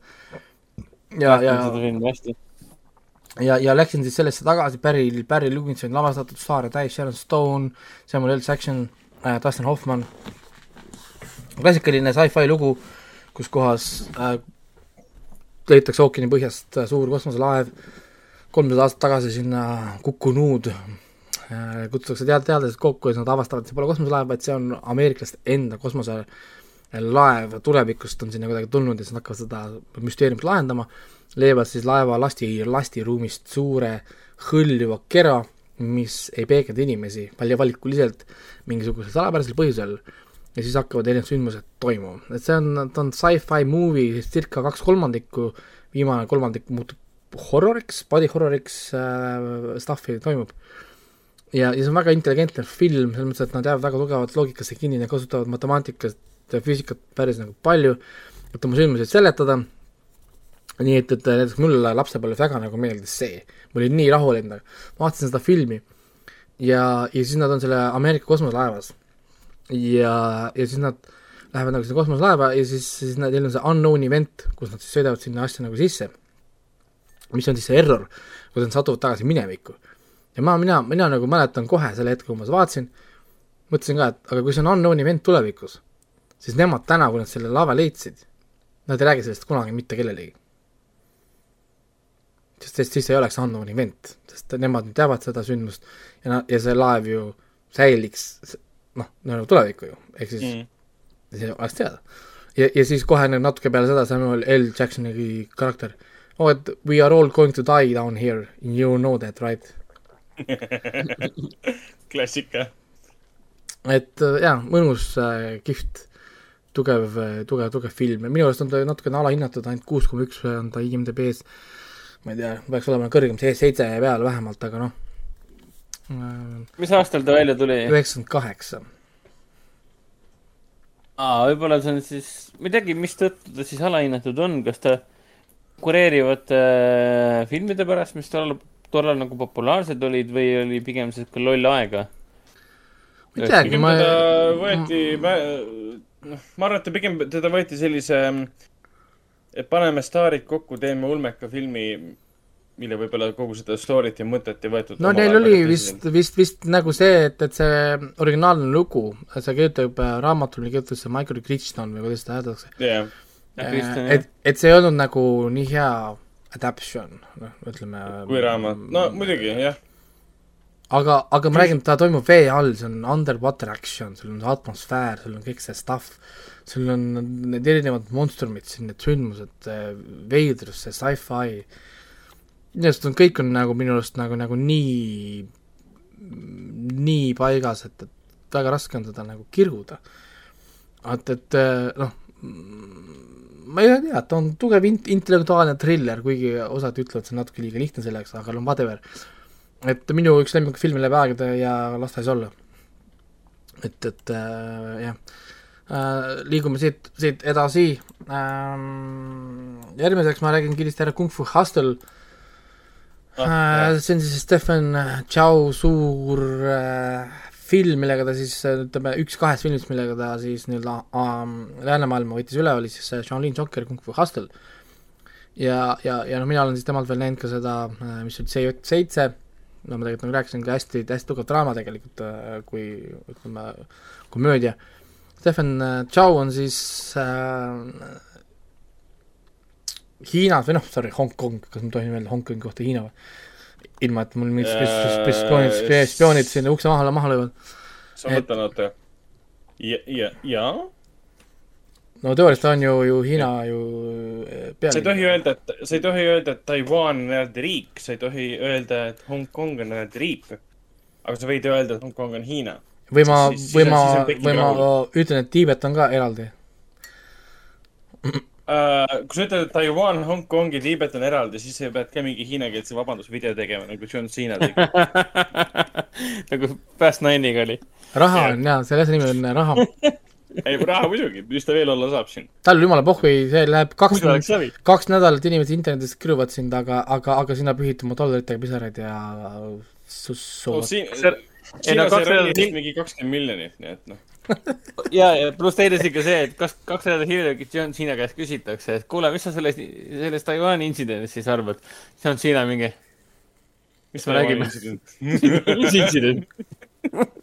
Ma siin juba kuradi teen uusi filme, ma hakkan siin Peacemakerit HBO Maxi jaoks tegema, mis sa räägid siin?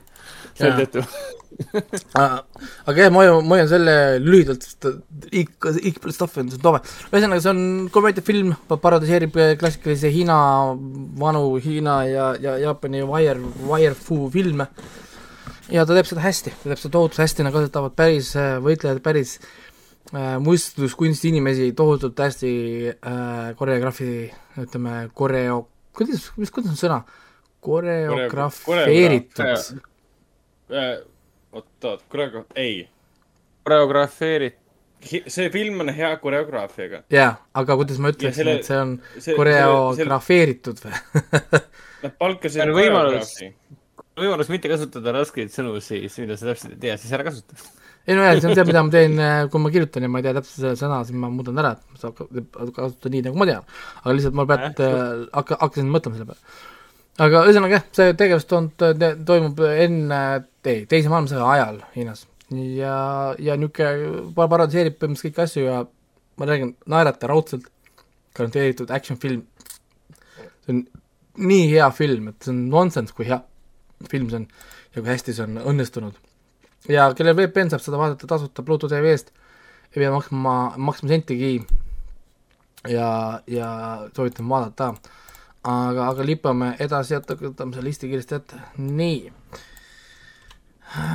nii, ma räägin kaks tuhat kaheksateist aasta Netflix film Mirage, mis oli Hispaania film vist äh, originaalis äh,, aga sündmustik toimub Saksamaal millegipärast. ei, toimub Saksamaal, ta toimub ikka Hispaanias, aga Berliini müür ja teema oli seal äh, sees, okei. Okay..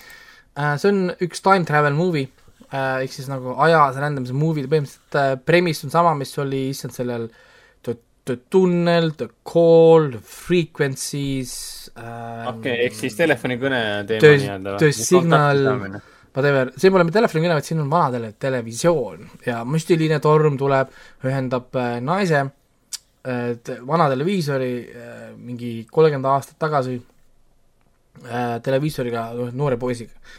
ja naine, naine teab äh, või kakskümmend viis aastat siis umbes, ühesõnaga midagi sellist, naine siis teab, et see poiss, kellega teda telekas näeb, sai kunagi surma, sellepärast et ta, ta tunnistas naabrite juures mõrva, ta nägi, kuidas naabrimees tappis oma naise ära ja, ja siis põgenedes naabri mehe eest jooksis autole ette ja sai ise siis surmama löögi see oli suur, suur story, kõik teadsid seda story't, kui nad majja, majja siis, kui sisse kolisid, siis neile räägiti või noh, anti teada, vaata, mis sündmused seal siis toimusid seal, mis on selle maja, maja ajalugu. siis ta näeb seda poissi äh, ja ütleb sellele poisile, et kuule, ära täna välja mine. väldi seda teed. täiesti sama, mis The Call nagu. noh, jah. Ja siis ongi ja, ja poiss muudab sellega ajalugu ärkab järgmine hommik üles, keegi ei tea, kes ta on, noh nagu mm. seal majas, ta ei ole abielus selle mehega, tal pole seda tütart, kes tal oli. ta on, nüüd on ta kuulus neurokirurg, ennem ta valis karjääri asemel abielu ja, ja emaks olemise ja nüüd ta tahab oma tütart tagasi saada. ja see film räägibki nüüd sellest tütre tagasisaamist, aga see on üle kahetunnine film. nii et siin toimub väga palju asju, mida me ei oota. Siin on mitu twisti tee, peal. Siin on mitu time travel stuff'i, see oli väga põnev film. kaheksa punkti kümnest andsin äh,, IMDB-s on seitse, seitse punkt neli, kes otsib tugevat äh, niisugust time travel mystery'd thriller, action movie't, siis äh, palun väga, Netflixi Mirage päris kõrge hinnang, nii et ma panen kirja endale. et äh, ta kasutab, jaa, ta kasutab kõiki klassikalisi stuff'i, mida ma olen näinud ta koolidest ja signalitest ja whatever, kuidas nad seda nimetavad. aga tal on omad twistid siin sees, tal on oma story'd siin sees. ja, ja väga küsid niisugused asjad on siin nagu sees ja need kõik nagu make sense lõpuks. ja, ja ma ei spoil'i mitte midagi, ma ei ütle, kuhu, mismoodi liigub, ta saab tütre tagasi, kes, kus on, mis toimub, mis sellest väiksest poisist sai blablabla bla, seda pead ise, ise nagu vaatama, siin on palju karaktereid, palju äh, huvitavaid asju mängitakse, mänge, mänge mängitakse lahti ja tõepoolest hästi-hästi nagu tehtud film. et, et mul oli hea, hea meel, et ma vaatama hakkasin, ta oli mul seal Netflixi listis olnud, ma arvan, paar aastat. Ja, ja ma olin seda pidevalt nagu lükanud ära, aga nüüd mul tekkis isu, et kurat, ma ikka vaatan ära. ja, ja tõepoolest, mul on hea meel, et ma seda tegin äh,. nii, rääkides time travel sci-fi'st, räägime filmist Volition, kaks tuhat üheksateist aasta film, kus kohas äh, peategelane on siis äh,, mis ta nüüd oli, võtan ta korra lahti, ma ei mäleta. Netflix või? ei, ei, ta oli Showtime'is, vaatasin seda, aga ma võtan kohe lahti selle nimi, ma kiiresti võtan ta lahti mm,. peategelane James, ta mängib see Adrian Clint McMorran, vot ja tema on siis sündinud äh,, sünnist saadik ta näeb tulevikku ette, ta ongi, tal ongi ability või noh, nagu äh, võime siis näha tulevikku, aga ta ei, ta ei tea, kui kaugel ta tulevikku näeb. ehk siis tal puudub nagu see viis umbes, aa, see on kuue päeva pärast, ta lihtsalt teab, et mingi asi juhtub tulevikus. ja kõik, mida ta näeb, see peab ka juhtuma, on ju. ja, ja, ja, ja, ja siis erinevate asjade sündmuste käigus äh, ta näeb iseenda surma ette. ta näeb, kuidas ta sureb. ja siis ta otsustab äh, enda surma takistada, kui tal pole ühte korda õnnestunud seda takistada. ja enda surma takistades ta tekitab tulevikku, kus kohas tema asemel saab hoopis surma äh, tema girl, girlfriend ah.. mis on nagu veel hullem. ja nüüd ta hakkab ajas edasi-tagasi rändama et seda siis muuta, tekitades iga käiguga rohkem kaost, rohkem segadust, see on täiesti nonsense, ta läheb nagu sinna Time Crimes'i ja, ja pre-, pre-, pre-, Premiere'i sinna niisugusesse crazy, crazy'sse tsüklisse, kuni siis selle huvitava lõpplahenduseni välja, mida ma siis ei spoil'i, seda peate ise vaatama. film on niisugune tal on madalam eelarve, on ju, selles mõttes, et ei ole mingit väga ultra, äh, mingit efekti asju ei ole, algus on niisugune veniv, nad oleks võinud alguse lõigata kakskümmend minutit lühemaks, aga hiljem, kui sa vaatad filmi lõpuni, sa tegelikult tajud, miks nad ei saanud seda väga lühemaks lõigata. ehk siis ta ei ole, ta ei ole küll mingi super, super hästi kirjutatud, tal on siin mingid selged obvious vead sees, aga minu arust oli ta väga hea, mõnus niisugune movie night film äh,, Tick, Ticking all the box'is kuus-kümme film, üks õhtu väga mõnus istumine ja, ja vaatamine. nii siis on mul kaks filmi, üks on Arrival, teine on The Arrival. Äh, räägin siis kõigepealt äh, oh my god. äh, räägin, räägin siis kõigepealt filmist The Arrival, mis on üheksakümne kuuenda aasta Charlie Sheen'i film. põhimõtteliselt äh, samal ajal tuli kui Kontakte. Ja väga, on... väga sarnane premis ka. no niivõrd-kuivõrd, niivõrd-kuivõrd jah ei, see on, ma hiljuti vaatasin seda esimest korda ka, see on niisugune okei okay film, sest ühel hetkel ta läheb nagu ta läheb nagu nagu, nagu, nagu tunne oma publikut ja tunne oma aastat, sa vaikned. et hoia enne tagasi. selle filmi režissöör on ju David Twohi. David Twohi, kes siis on siis Riddiki filmide režissöör. jah, jah et, et aga sorry. Ma naersin siin äh, kontoris omaette üksinda, kui ma seda filmi vaatasin, sellepärast, et see film proovib mind veenda, et Charlie Sheen on teadlane. Jaa, see oli, samas ta oli noor Charlie Sheen, et ta oli noorena usutavam, kui aga ta ei, oli pärast seda Two and a Half Men'i. ikkagist silmad olid nii tühjad seal taga, vaata, sa saad aru, et ta ütleb ainult nagu laine, et, et tal ei ole mitte, mitte, mitte sellega ma olen täiesti nõus, mul oli ka umbes niimoodi, et see, see, ta on ikka see, see mees, kes on äh, ässades olnud, mitte see mees, keda ma eeldan näha selles rollis, jah. et, et äh, lugu on siis tegelikult äh,, issand, see on teine osa sel filmil. oota, mida? Arrivalil? jaa, ma praegu avastasin, et üheksakümmend kaheksa on tehtud Arrival kaks, ossa pagan. mille premise on selline, näed, a computer hacker learns of the plot of the backwards need aliens to take over the earth using their shape shifting talents. okei okay., see spoilerdas ära kogu filmi, aga aga, samal ajal andis aga aga jah, IMDB-s on kolm koma üheksa, sellel- okei, oota, mis aastal? üheksakümmend kaheksa. üheksakümmend kaheksa, kakskümmend kaheksa, okei. peab vaatama. ai, siis on, sellest on, oota, sellest on üheksakümmend üks, on äh, ka tehtud film The Arrival. aga see, need ei ole vist omavahel seotud siis enam ju? äh, ei ole, kusjuures, aga see on huvitav film, see The Arrival, ma panen selle watchlist endale. see, siis veel on üks The Arrival. okei, see selleks veel. issand, kui loll. okei, vau.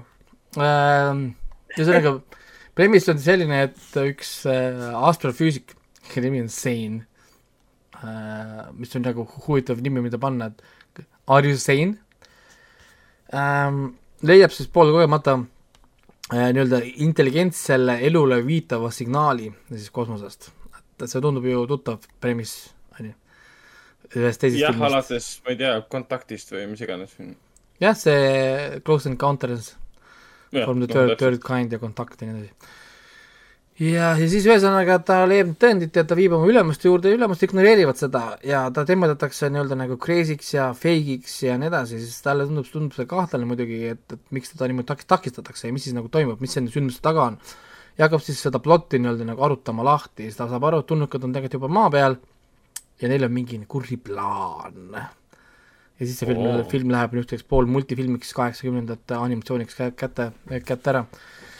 et äh, jah äh,, lõpp oli küll niisugune sohuva-pohu äh,, lõpplahendus oli mingi nonsense ja ühesõnaga aga ma ei oska öelda, ma andsin talle kuus punkti siis jälle, mõnus niisugune film, vahetad äh, film, mis sööb popkorni ja, ja aju puhkab, et ei no tal see müstika osa oli piisavalt põnev, olgu et see lõpuosa, teine pool läks käest ära, siis see müstika osa oli nagu, nagu, nagu töötas klassikalise üheksakümnendate ulmena selles mõttes.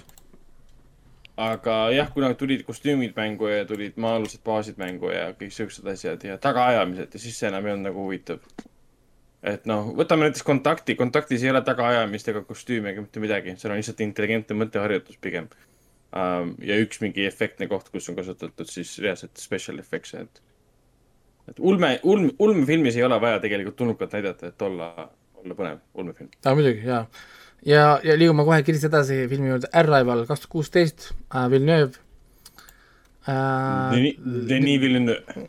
nagu ma mainisin selle saate esimesel lindistusel, ta oli mul varem kuue punkti film, nüüd te teist korda selle vaatamisel üheksa punkti peale tõstsin ja parem film, kui ma mäletasin, palju nüansirikkam, kui ma mäletasin. Ja kui sa tead, mida vaadata või otsida ka, siis tegelikult see film on varem, parem äh, kui võib-olla esimesel korral, ma ei tea, kas esimesel korral võib-olla see film isegi tuleb nii hästi läbi, sest see plott on tegelikult päris keeruline, see mittelineaarne viis, kuidas nad seda esitavad, on ka niisugune so-so, nad petavad sind ära, näitavad, jätavad mulje, et sa vaatad flashback'e, on ju, ja niisugune, niisugune nagu väga kihvt story. Ja mulle meeldivad niisugused rahulikud uurimised, lahendame mõistatuse, proovime nende, nende keelt mõista ja see keel, mis nad tegid siia, mõtlesid ju selle välja ja sellest on mingi mini, minidokk olemas Youtube'is, kus nad räägivad sellest keele loomisest, nende sümbolite loomisest ja ja mis on ka tegelikult nagu huvitav ja, ja, ja, ja et ma pikalt siia kinni ei jää, see on suht värskelt olnud äh, film, see on meie Netflixis olemas, lihtsalt äh, minge ja vaadake. tugev, tugev film, IMDB seitse koma üheksa äh, ja tõepoolest ütleme niisugune sci-fi, time travel, space aliens stuff'i niisugune musternäidis jälle, et äh, tasub nagu vaadata. ja, ja kohe hüppame siis edasi üheksakümne kuuenda aasta John Travolta filmi juurde Phenomenon siis minule kaheksa punkti film, kaks tundi pikk draama tegelikult äh,, aga ka hästi huvitava premissiga John Turteltaubi lavastatud lugu ähm, ehk siis, ehk siis, ehk siis, ehk siis ähm, kaks neid. National Treasure film lavastaja. National Treasure, jah et kui te mõtlete, kus kus ta nime teate, siis äh, härra National Treasure, see fantastiline, fantastiline seiklusfilm seiklusfilm jah. ja, ja seesama, ütleme, see tunnetus on tegelikult siin ka äh, olemas tegelikult, sa saad aru, kus, kust, kust, kust see laastaja nagu tuli, ütleme selles mõttes, kui, kui sa nagu vaatad seda ja ja no muidugi John Travolta näitlejana, nojah, niisugune ei noh yeah., mis asja. So is so. aga, aga ei, lugu on, lugu on kihvt ja noorena, kui ma vaatasin seda, siis, siis mul oli jälle selline mingi äh, moment, kus ma sain nagu relate ida, et sa oled, oled inimeste keskel, kes ei saa sinust aru. ja wow., ja, ja, ja, ja kui sa proovid neid aidata, neile nagu sele, nagu seletada ja teha nagu nendele teeneid tegelikult, siis inimesed ei saa aru, et pigem kardavad sind või nad ei nagu vaatavad, et sa oled mingi nagu friik.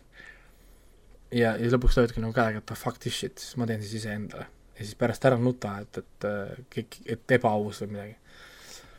ja, ja, ja, ja niimoodi see nagu, nagu käiski ja, ja tegelikult see film, mäletan, tookord inspireeriski mind seda, et, et ma veedaks vähem aega äh, teistel inimestel nii-öelda nagu äh, heakskiidu otsimist või ütleme, nagu teiste inimeste siis nagu teistele muljet avalda, muljet avaldamisega, vaid tegeleda rohkem siis ise iseendaga ja, ja ongi.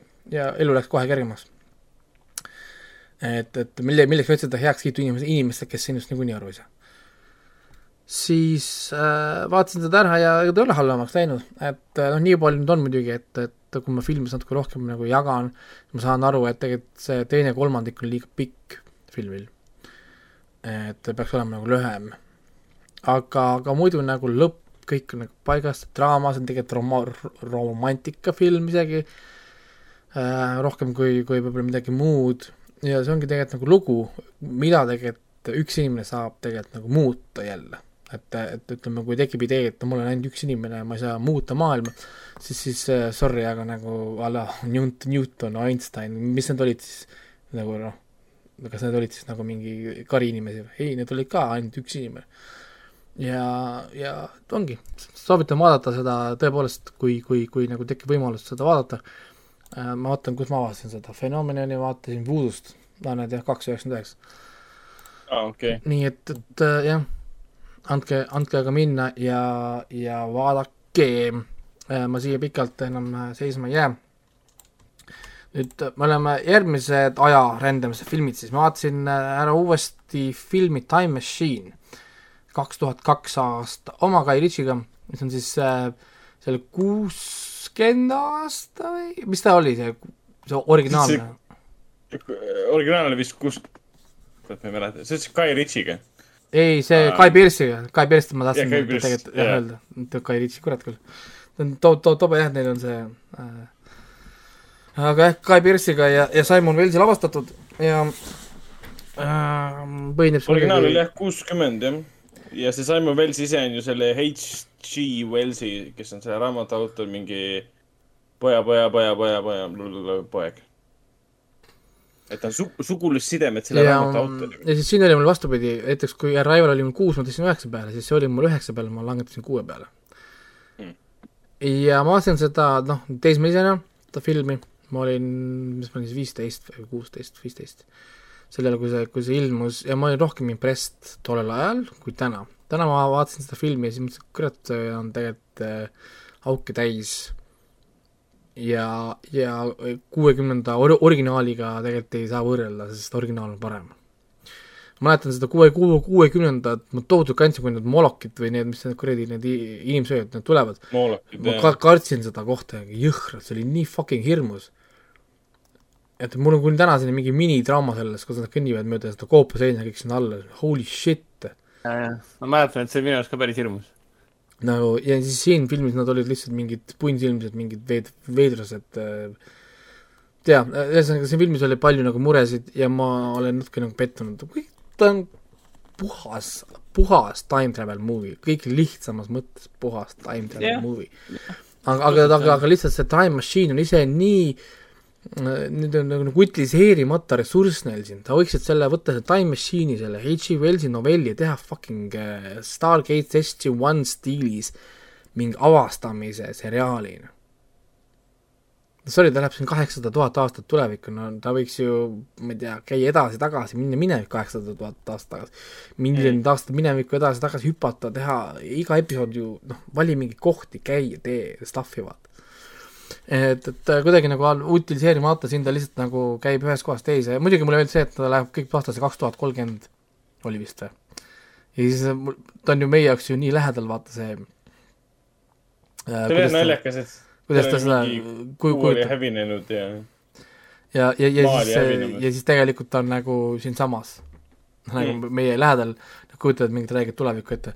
Nad, nad, nad vist alahindasid seda kogu stand väikserit, mis meil ühiskonnas on, kes on nagu ankur meil, kes hoiab meid kinni, et me areng ei toimuks edasi.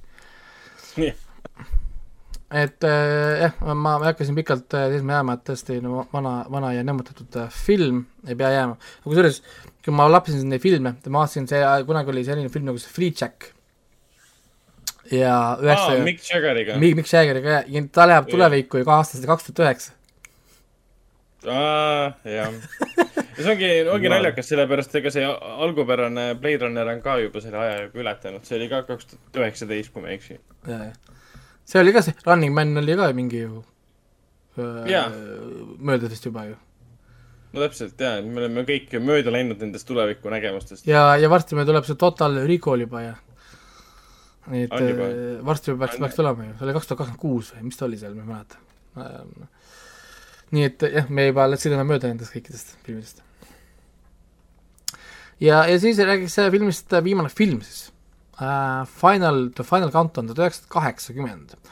Uh, nii, ma võtan korra selle lahti, jep, siin on sellised nimed nagu Martin Sheen ja Kirk Douglas ja, ja, ja huvitav film oli, ma võtsin selle jälle sellepärast, et ma otsisin niisuguseid korralikke time travel sci-fi filme ja siis sattusin selle peale. seda oli ka tasuta vaadata kuskil, need vanafilmid on enamasti tasuta, ongi siis Tubi ja Voodoo platvormidel enamus on tasuta võtta ja vaadata, Cracklis on ka terve hunnik neid, Plexis ka, nii et, et neid vanu kaheksakümnendatest, seitsmekümnendatest ja nii edasi filme on, on päris suured valikud ja, ja, ja lugu on siis selline, et, et kaheksa, nelikümmend aastat on möödas, aa, ja teine põhjus, miks ma vaatasin seda, on see, et meil on nelikümmend aastat möödas sellest filmist ja kus on nelikümmend aastat möödas Pearl, Pearl Harborist. ja mm., ja, ja nelikümmend aastat on Pearl Harborist möödas, neil on nagu niisugune tähistamise event või, või, või nagu asi, ja siis see suur moodne Ameerika suur aircraft carrier, kus on kõik need hävitajad ja värgid peal äh,, satub ajas tagasi äh,. siis päev enne või noh, nagu ma ei tea, kakskümmend tundi ennem, kui Pearl Harbor toimub mm. -hmm. ja, ja siis see sündmus käivadki läbi, läbi nagu selle ja, ja see on päris kihvt nagu vaata, kuidas need vanad eh, teise maailmasõja aegsed Jaapani hävitajad lendavad ja siis need meie nagu kaheksakümnendate mm. moodsad, need hävitajad käivad, käivad neid kiusamas. lendavad mingi, ma ei tea, val-, val-, helikiirusel lendavad vahelt läbi, vaata, neil olid, mis see on? Nonii, nonii. päris see on päris hea idee tegelikult jah, niimoodi kokku ja, ja siis neil on pidevalt nagu see äh, niisugune nagu diskussioon, et kas nad peaksid sekkuma sündmustesse või mitte. Mm.. sellepärast, et nad ei tea, mida sellest, mis tagajärgi see võib, võib tuua. Nad võivad iseennast ära, ära kustutada sõna otseses mõttes sellega, et nad sekkuvad äh, sündmustesse, nendel on ju radarid, värki, nad nägid juba kaugelt ju, kus nad tulevad ja ja nad neil oli mingi viisteist või viisteist või kakskümmend seda hävitajat on neil seal, heli, helikopterid ja värgid on kõik ühe selle carrier'i peal. et nad võiksid selle, terve selle nelisada äh, Jaapani lennukit võtta kõik maha ainult paari sellega. noh, hävitajaga, sest, sest nad lendavad Eestist nii palju kõrgemale ja nii palju kiiremini, kui need on, nagu teised, ja on, nendel on kõik need heat-seeking rockets ja ma ei tea, ühesõnaga noh, asjad, mis tollel ajal oli täiesti nagu fantaasia ja film nagu räägibki sellest, sellest sündmusest konkreetselt, ma ei ütle, kuidas see nagu laheneb, see värk, aga nad söövad selle kõik nagu kokku üheks korralikuks nagu story'ks. ja väga kihvt film oli, minul väga meeldis vaadata, nii mõnus niisugune korralik vana sci-fi film, mis on pidanud ajas testile vastu, sest ta on tänaselt endiselt väga hea sci-fi film. ma nägin seda esimest korda ja, ja väga kihvt. ja ma kavatsen vaadata veel, ma kavatsen vaadata selle filmi teist nagu poolt, mis on siis Philadelphia eksperiment, kus äh, on vastupidi, et äh, neljakümnendatel tehtud siis katse viib inimesed nelikümmend aastat tulevikku, ehk siis kaheksakümnendatesse, nagu need sõdurid. ehk siis äh, ma kavatsen seda filmi ka vaadata. aga, aga ma siin enam peatuma ei hakka, sest mul on nii palju seda crap'i, võtan nii kaua aega ära, kurat, et ühesõnaga ma vaatasin lõpuni Star track Enterprise, siis on üks kuni siis on neli kellele pakub huvi äh,, kindlasti peaks seda ka vaatama ähm,. no nii, nii palju ma mainin, et see on siis nagu see, mis seob päris palju sündmuseid kokku omavahel, see ongi niisugune nagu sündmused siduv seriaal, ta vastab küsimustele päris noh, kust tulid, kust tulid erinevad reeglid, reeglistik selle äh, fede-, föderatsiooni jaoks, need erinevad sündmused, kust need tehnika tuli, kust tuli see holotech tehnika ja nii edasi. ja, ja ta annab meile need kuulsad sündmused siis ka, lavastatakse meile nagu ära Äh, mida siis pidevalt mainiti ühest äh, episoodist teise, erinevates siis Star tracki seriaalides. Äh, aga kui ma liigun siit kohe edasi, siis ma vaatasin ära Solar Opposites kõik episoodid oi,. oi-oi no, lihtsalt lihtsalt äh, lampi olin siis seal äh, Hulus, lappasin ringi ja ta niikuinii viskas mulle kogu aeg seda sinna ette, et äh, Hulu Originals, Hulu Originals bla,, blablabla, Solar Opposites, Solar Opposites, Solar Opposites, Justin Roiland ja nii edasi. siis mõtlesin, no fine olgu, ma siis vaatan, vaatasin, mulle meeldis, vaatasin lõpuni. et ta ei ole küll jah, nagu Rick and Morty tase ta ei ole, aga ta on ikkagi päris nagu tugev äh, asi ja, ja ma ei oska öelda, kas ma päris naersin, mõnikord natukene muigasin, aga tugevalt meelelahutuslik on ta küll ja ausalt öeldes mulle meeldib rohkem see mini-inimeste storyline seal, kui, kui võib-olla isegi see, isegi see main story nagu ise jaa, see oli päris huvitav pööre seal, et tundus, et, tundus, et see kõrvalliin jääbki kõrvaliseks, mis puudutab siis selles seinas elavat, elavat inimeste postapokalüptilist maailma. aga see ühel hetkel võttis nagu narra-, narratiivi üle ja hakkasid selle rohkem kaasa elama. see oli jah, niisugune, niisugune huvitav äh... nagu jah, täitsa nagu eraldi nagu full on sari on seal või noh, nagu teine pikk nagu story on jah, seal selles mini nagu, mini nagu maailm, mini nagu maailmas seal. aga ei, ma ilmselt jah, sellest on tegelikult äh, Hendrik nii palju rääkinud ja ja, ja, ja korduvalt. kahe, kaheksa, kaheksa-kümme andsin ja, ja ma olen nagu rahul. nüüd viimane asi, mis ma siis äh, saan, ja saate minust lahti nüüd kohe, sada minutit ma olen varsti möla siin teinud, on äh, Outlander Outlander, oot, oot. see on siis Starsi originaalseriaal, aga meie jaoks on ta siis Netflixi seriaal ja see läheb jälle sinna time travel'isse, sest kui, kui te hetkel pole saanud aru, siis ma olen praegu time travel filmide, seriaalide, asjade tsüklis, kus ma tahan time travel sci-fi'd. ja, ja, ja, ja, ja ma hakkasin lõpuks vaatama seda, kuigi jah, see on ultra naistekas, ma tean, et see on ultra naistekas, kõik räägivad sellest, et see on mingi äh, no nii naistekas, kui saab üks asi naistekas nagu olla, see on sinna mingi Fifty Grays of uh, whatever on ju listis seal, Fifty Shades of, of Grey'd ja whatever. ühesõnaga, mina mõtlesin, et suve ma hakkan ikkagist nagu vaatama, seda on midagi kaheksakümmend episoodi, kõik on tund aega pikad, holy shit, mul läheb sellega kaua aega. aga tänaseks mul on seitse episoodi vaadatud sellest ja easy kaheksa punkti, kui isegi mitte üheksa ja kümme. Mhm. IMDB kaheksa koma neli on, on teeninud teenitud hinne, seal on sada kolmkümmend kuus tuhat hääletajat sellel. ja see on keskmise hinde kaheksa koma neli. päris korralik summa jah, eks ta on, tänu Netflixile sai ju äkki väga, väga populaarseks. ja täiesti crazy, tal on kaheksakümmend seitse episoodi ja ja, ja ma ei tea, kas see isegi läbi veel on ausalt öeldes, ma isegi ei tea, kas see on nagu lõppenud või see ei ole lõppenud aga, aga jah, tal on kolmkümmend kaks võitu, mingi seitsekümmend nominatsiooni ja see on suur sari. ja korralik production value ja head karakterid, hea story. jah, siin on palju seksi, palju seda niisugust naiselikku viisi, kuidas seksile lähenema, kuidas mehed on kõik äh, nagu klassikalised, need ilusad mehed on filmides äh,, niisugune, niisugune peidetud, võtab särgi ära ja siis tuleb muskli, mida ta ei osanud oodata siis mees on, mehel on kogu, kogu, kogu, kogu aeg see mingisugune poolepäevane habe, see ajamata habe, mingi niisugune rahv, rahv katt ja mm. ja, ja, ja, ja kõik mehed ka, mis sest, et see on aasta mingi tuhat seitsesada, mingi nelikümmend, whatever, mees ja kõik tema tundeid naiselik austab ja kõik on nagu mingi fine.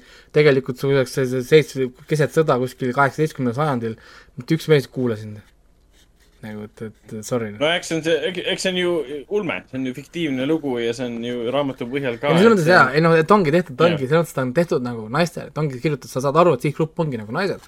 mitte, et ma kutaksin, sellepärast et siin on ässi ja tissi on ju nii palju ja, ja kvaliteetne äss ja tiss, et suurelt ekraanilt ma äh, vaatan, mul on suva. pikad kuradi kolm minutit kestvad seksistseenid, no, no problema. nagu nii et selles mõttes äh, väga kihvt sari, ma, ma olen nagu rahul, et mul on hea meel, et ma hakkasin seda nagu vaatama. Ja, ja sellepärast julgen soovitada, selge, selge see, jaa, tal on selline mm, suunitlus naistele, aga see on suva.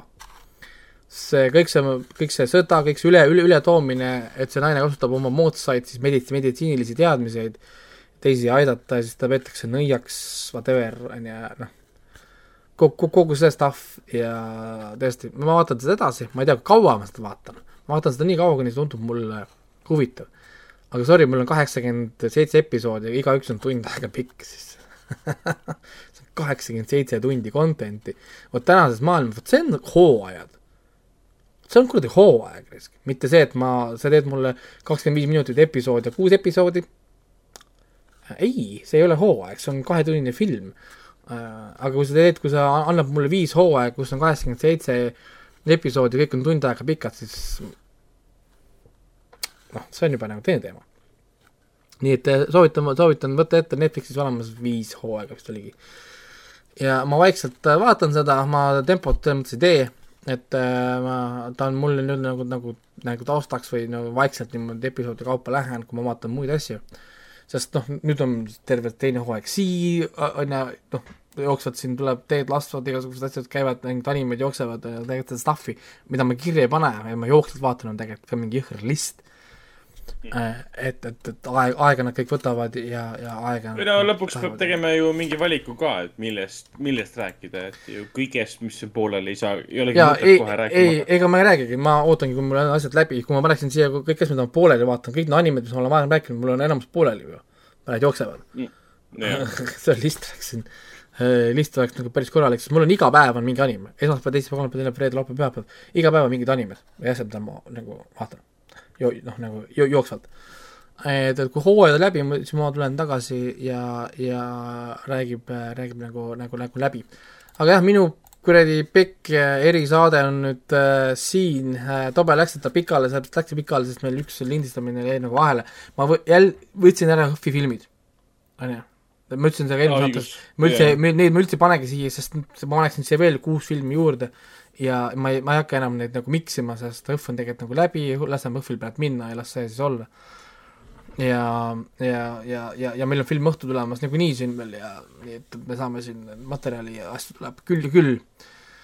aga andke nüüd äh, minna, teil on ka ju omajagu stuff'i rääkida, sul on need Hugh Maff filmid ja Hendrikul on siin miljon asja, kuigi vist Hendrik on sellise sõnaga, et ei viitsi midagi rääkida ei, ma tahan ikka rääkida, kusjuures nüüd, kui Raiko mainis siin seda mm, Outlanderit, et hakake vaatama, ma olen pikalt mõelnud selle peale, et kurat, äkki peaks vaatama, et kusjuures sa võid see... seda naisega koos vaadata Su, suurepärane asi, mida koos tundub olevat jah, niisugune oma abikaasaga vaadata.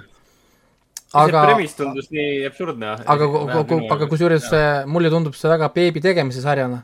kuna teil beebi on ju nagu juba olemas, sest te olete juba ühe one step ahead see, et on aeg hakata valmistuma teiseks beebiks nii-öelda. et, et, et, et siin on palju seksi, jah, ma just mainisin, et palju tagumikku ja palju, ja palju dissi on kvaliteetsed ässid ja dissid. ma arvan, et, see... ma arvan, et see oli casting, casting'us mingi äh, see tingimus ka, vaata. et, et näitleja ei pea olema lihtsalt niisama, vaid tal peab olema äh, rind ja tagumik peab olema nagu, et äh, muidu me sind ei saa suurele ekraanile panna no selle sarja nagu, noh, see raamatu idee ja noh, sarja idee, noh, sama asi. kas see idee iseenesest nagu, nagu natuke naeruväärne ei ole või? või noh, see ajas rändamise teema? ei, väga hästi, väga, väga, väga kihvtilt tehtud, väga hästi tehtud. ja, ja, ja kõik see karakter teeb nagu seda narration'it, see peategelane, see alguses tundub natuke niisugune nagu võib-olla awkward, aga see narration selgitab meile tema otsuseid, miks ta neid teeb mis on selles mõttes nagu hea. sa ei hakka, sa ei saa hakata kohe vinguma, miks sa ei tee seda, sa oled sealt, ta selgitab kogu aeg tulevikust, ta aeg tuletab meelde, et ta on naine, seisab kaheksateistkümnendas sajandis keset sõda. ta on pidevalt ohus, et keegi teda vägistama hakkab. mm.. et ta peab kogu aeg ennast sättima õigesti, ta peab olema õigetes positsioonides inimestega, tal on kogu aeg olemas kaitse ja, ja nii edasi ja nii edasi, et noh, et see ei ole nagu umbes, ma kutsun politsei. mis asi see politsei on jaa, tegelikult jah, selliseid asju peaks rohkem tegema seriaale, et näidata minevikku uue, uue, uue värskema pilgu läbi. ja, ja, ja, ja, ja samuti ta näiteks jätab teatud asjad ravimata, sest ta teab, et kui ta seda ravib, ta võib minna tuleriidale kui no, jah, nõid. ja, ja noh, et ta peab hoidma nagu distantsi, ta ei tohi religiooni vastu minna, sest religioon oli ekstra powerful, vaata, on ju. sest tema on ju ateist äh, seal sõjast, äh, teisest maailmasõjast mm. tulnud mm.. Teatud asjad, ja ta selgitab seda ja, ja tal on pidevalt seal dilemmad. dilemma on muidugi see, et ta on abielus ju olevikus, siis tal on seal mi-, mi-, minevikus seal eri, erinevad äh, mahla, maa, mahlakad poisid seal, kelle vahel, vahel seal valida. no kui see minevikus, äh, kas see on siis petmine või, see minevikus? no sorry, aga, aga kas seda saab lugeda petmiseks, kui sa magad kellegagi enne, kui sa oled sündinud hmm.? Jaa, ja magad kellegagi, kes on surnud selleks ajaks, kui sinu kaasa sind leidis. kes on surnud no, mitusada aastat sinu eluajal olen mina sulle true olnud. ja, ja, nii on aga Henrik, eh, Henrik, eh, räägi. ma tahtsin tegelikult jõuda oma jutuga ka mujale, et äh, ma olen pikalt tahtnud hakata vaatama tegelikult ma püüdsin ka Poldarki vaadata, mis on ka sama, sama ajastu teemaline, kuna seal mängib see Aiden Turner. Aastaid tagasi me siin Katinaga hakkasime seda vaatama, aga mingi kolmandal osas, osal vist jäi pooleli ja edasi ei jõudnudki kuskile iseenesest nagu kihvt, kihvt sari, hästi tehtud ja mm, nii edasi. aga ma ise, mul tuli endal meelde, et ma tahaks seda Kevin Costneri ja seda Taylor Sheridani, seda Yellowstone'i vaatama hakata tegelikult. aa jaa. aa, kusjuures ta pidevalt mulle seda näitab, see oli selle Peacocki original või? Universal aa ei tea, see oli selle Paramount plussi. Paramount plussi original, aga te saate vaadata, te saate ju vaadata aga ma olengi praegu segad-, ma olengi praegu segaduses, kas ta on Paramount plussis või mitte. pärast, et kui ma guugeldan, siis igal pool öeldakse vastu, et teda ei ole Paramount plussis. aga kas ta, kas ta ei olnud mitte Peacocki oma, oota, aga ma kohe vaatan kiiresti. mina mäletaks, et see oli Peacocki original. Siis ta on niimoodi, et ta on ainult äh, ei, Paramount'i seriaal, mis on äh, kaabeltelevisioonis. võib-olla asi on selles äh,. ei, ei, kui ta, kui ta on Paramount'i oma, siis ta on seal olemas ka, neil on see, ei, ta on Peacocki original. jaa, ma ütlesin, et see on Peacock original, aga Peacock kuulub para-, Paramount Networkile alla ja mis ei, aga yeah. ta ei käi, aga ta ei ole Paramount plussi all. ehk siis see on nagu Disney pluss ja Hulu. Mõlemad on Disney omad, aga Hulu original ei ole Disney original ja Disney pluss original ei ole Hulu original. kui keeruline. jah, ja see on tasuta vaadatav Peacockist nii et äh, jah äh,, et, et sul, sul ei pea isegi olema Peacock Premiumit, et vaadata seda, kui tahad. kaheksa koma kuus hindaga, holy shit! Ma, IMDB hinne on kohutavalt kõrge, kuigi Vikist ma lugesin kriitikute arvustusi ja minu teada see alguses ei võetud üldse hästi vastu. Aga tal on kümme episoodi või? kahe hooaja peale või? ei, tal on, ei, tal on rohkem ikka, kolm hooaega praegu väljas. hooajas oli vist mingi üle kümne episoodi või ähm,? kindel või? miks ta, miks ta mulle näitab äh... juba ju aastast kaks tuhat kaheksateist jooksul. kolmkümmend kaks episoodi on koos, okei okay,, jah, kolmkümmend, kolmkümmend kaks tegin kokku. kolmkümmend kaks on kokku jah, täpselt. issand, kui kõrge hinne ikka. kohutavalt ja see tundub mega eepiline asi, pluss on Taylor Sheridan on selle sarja looja minu teada. My land no,, my rules neljas hooaeg algab nüüd juba novembris. Tundub olevat sihuke tänapäeva vesterni teema nii-öelda, et miks mitte sihukest asja vaadata vist no, nagu no, neo-vestern põhimõtteliselt. Rancherid ja, ja nende elu ja, ja probleemid ja. Vau, kui ma loen review'd ikka quality te, teater quality programming on television, country version of Sopranos uh,. See on päris jul-, julgelt öeldud aus-, ausalt öeldes. nojah, eks meil ei jää muud üle, kui peame ette võtma ja saame siin kurat, ärge, ärge oodake nüüd rahu, ma tahaks muid asju vaadata, ma ei taha kohe, et mul on jälle mingi list ainult kasvab kogu aeg. see on nii, see on nii annoying. iga kord, kui ma mingi äpi või asja võtad lahti, onju, siis sa paned mingi neli asja, paned endale watchlist'i ühe, vaatad ära mm.. ehk, ehk siis nagu noh, never ending see watchlist'ide nagu, nagu, nagu see protsess aga see on, äh, tundub, tundub äh, olevat päris nagu vägev. tahaks mingit pikka epikat näha, nagu mingit, mingit perekonnadraamat või mingit teises ajas ja kohas, noh, Yellowstone'i. ma ei tea, vaata, vaata, vaata Deadwoodi või, või Sopranosid. noh, Deadwood on küll ju, see peaks küll vastama yeah. ju igale ting-, ting-, tingimusele sul. jaa, õigus, jah jälle see, et vaat-, alusta nendega, mida sa pole vaadanud, vanad asjad nii-öelda, mitte need, mis on uued. Aga mis ma siin vahepeal vaadanud äh, olen äh, siin Telia HBO-s vaatasin selle äh, White Lootuse või Lootuse, Valge Lootuse nimelise, kurat, mis see eesti keeles, Valge Lootus, ei Lootus, Valge Lootus, inglise keeles on White Lotus. ka sari, Steve Zahn on peaosas, siin mängib ka see, kuradi nimi ta oligi sealt Eufooriast, see Weenie, ma ei mäleta neid nimesid enam, igatahes üks noor tšikk sealt Eufooriast ka. Eh, miks ma seda vaatama hakkasin, oli jah sellepärast, et eh, mina ei tea, mu feed'is järsku tulid ette arvustused ja kõik hirmsasti hakkasid kiitma seda. et eh, siukene tore, siukene must huumor ja siuke korralik satiir ja kindlasti peaks vaatama ja no siis hakkasime vaatama ja ikka noh, veeri jõudsime lõpuni, head siin ainult kuus osa oli, et noh, sellepärast vaatasimegi lõpuni, et ainult kuus osa oli, et kui sa juba jõudsid teiseni, siis on ime, et pooleli jätta. noh viimast episoodi vaadates me siin äh, arutasime omavahel, et see on vist kõige, kõige pingelisem, pingevabam seriaal, mis ma viimasel ajal näinud olen. nagu tehnilisest küljest, näitlejate poolest äh,, lavastuselt, kõik justkui annab sulle mõista, et kuulge, see on ilgelt pinge. Pinget kruvitakse, see on ikka räme satiir, eriti just äh, valgete rikkurite teemal, kes on ägedates äh, üliluks äh, kuurortites ja kõik siuksed teemad.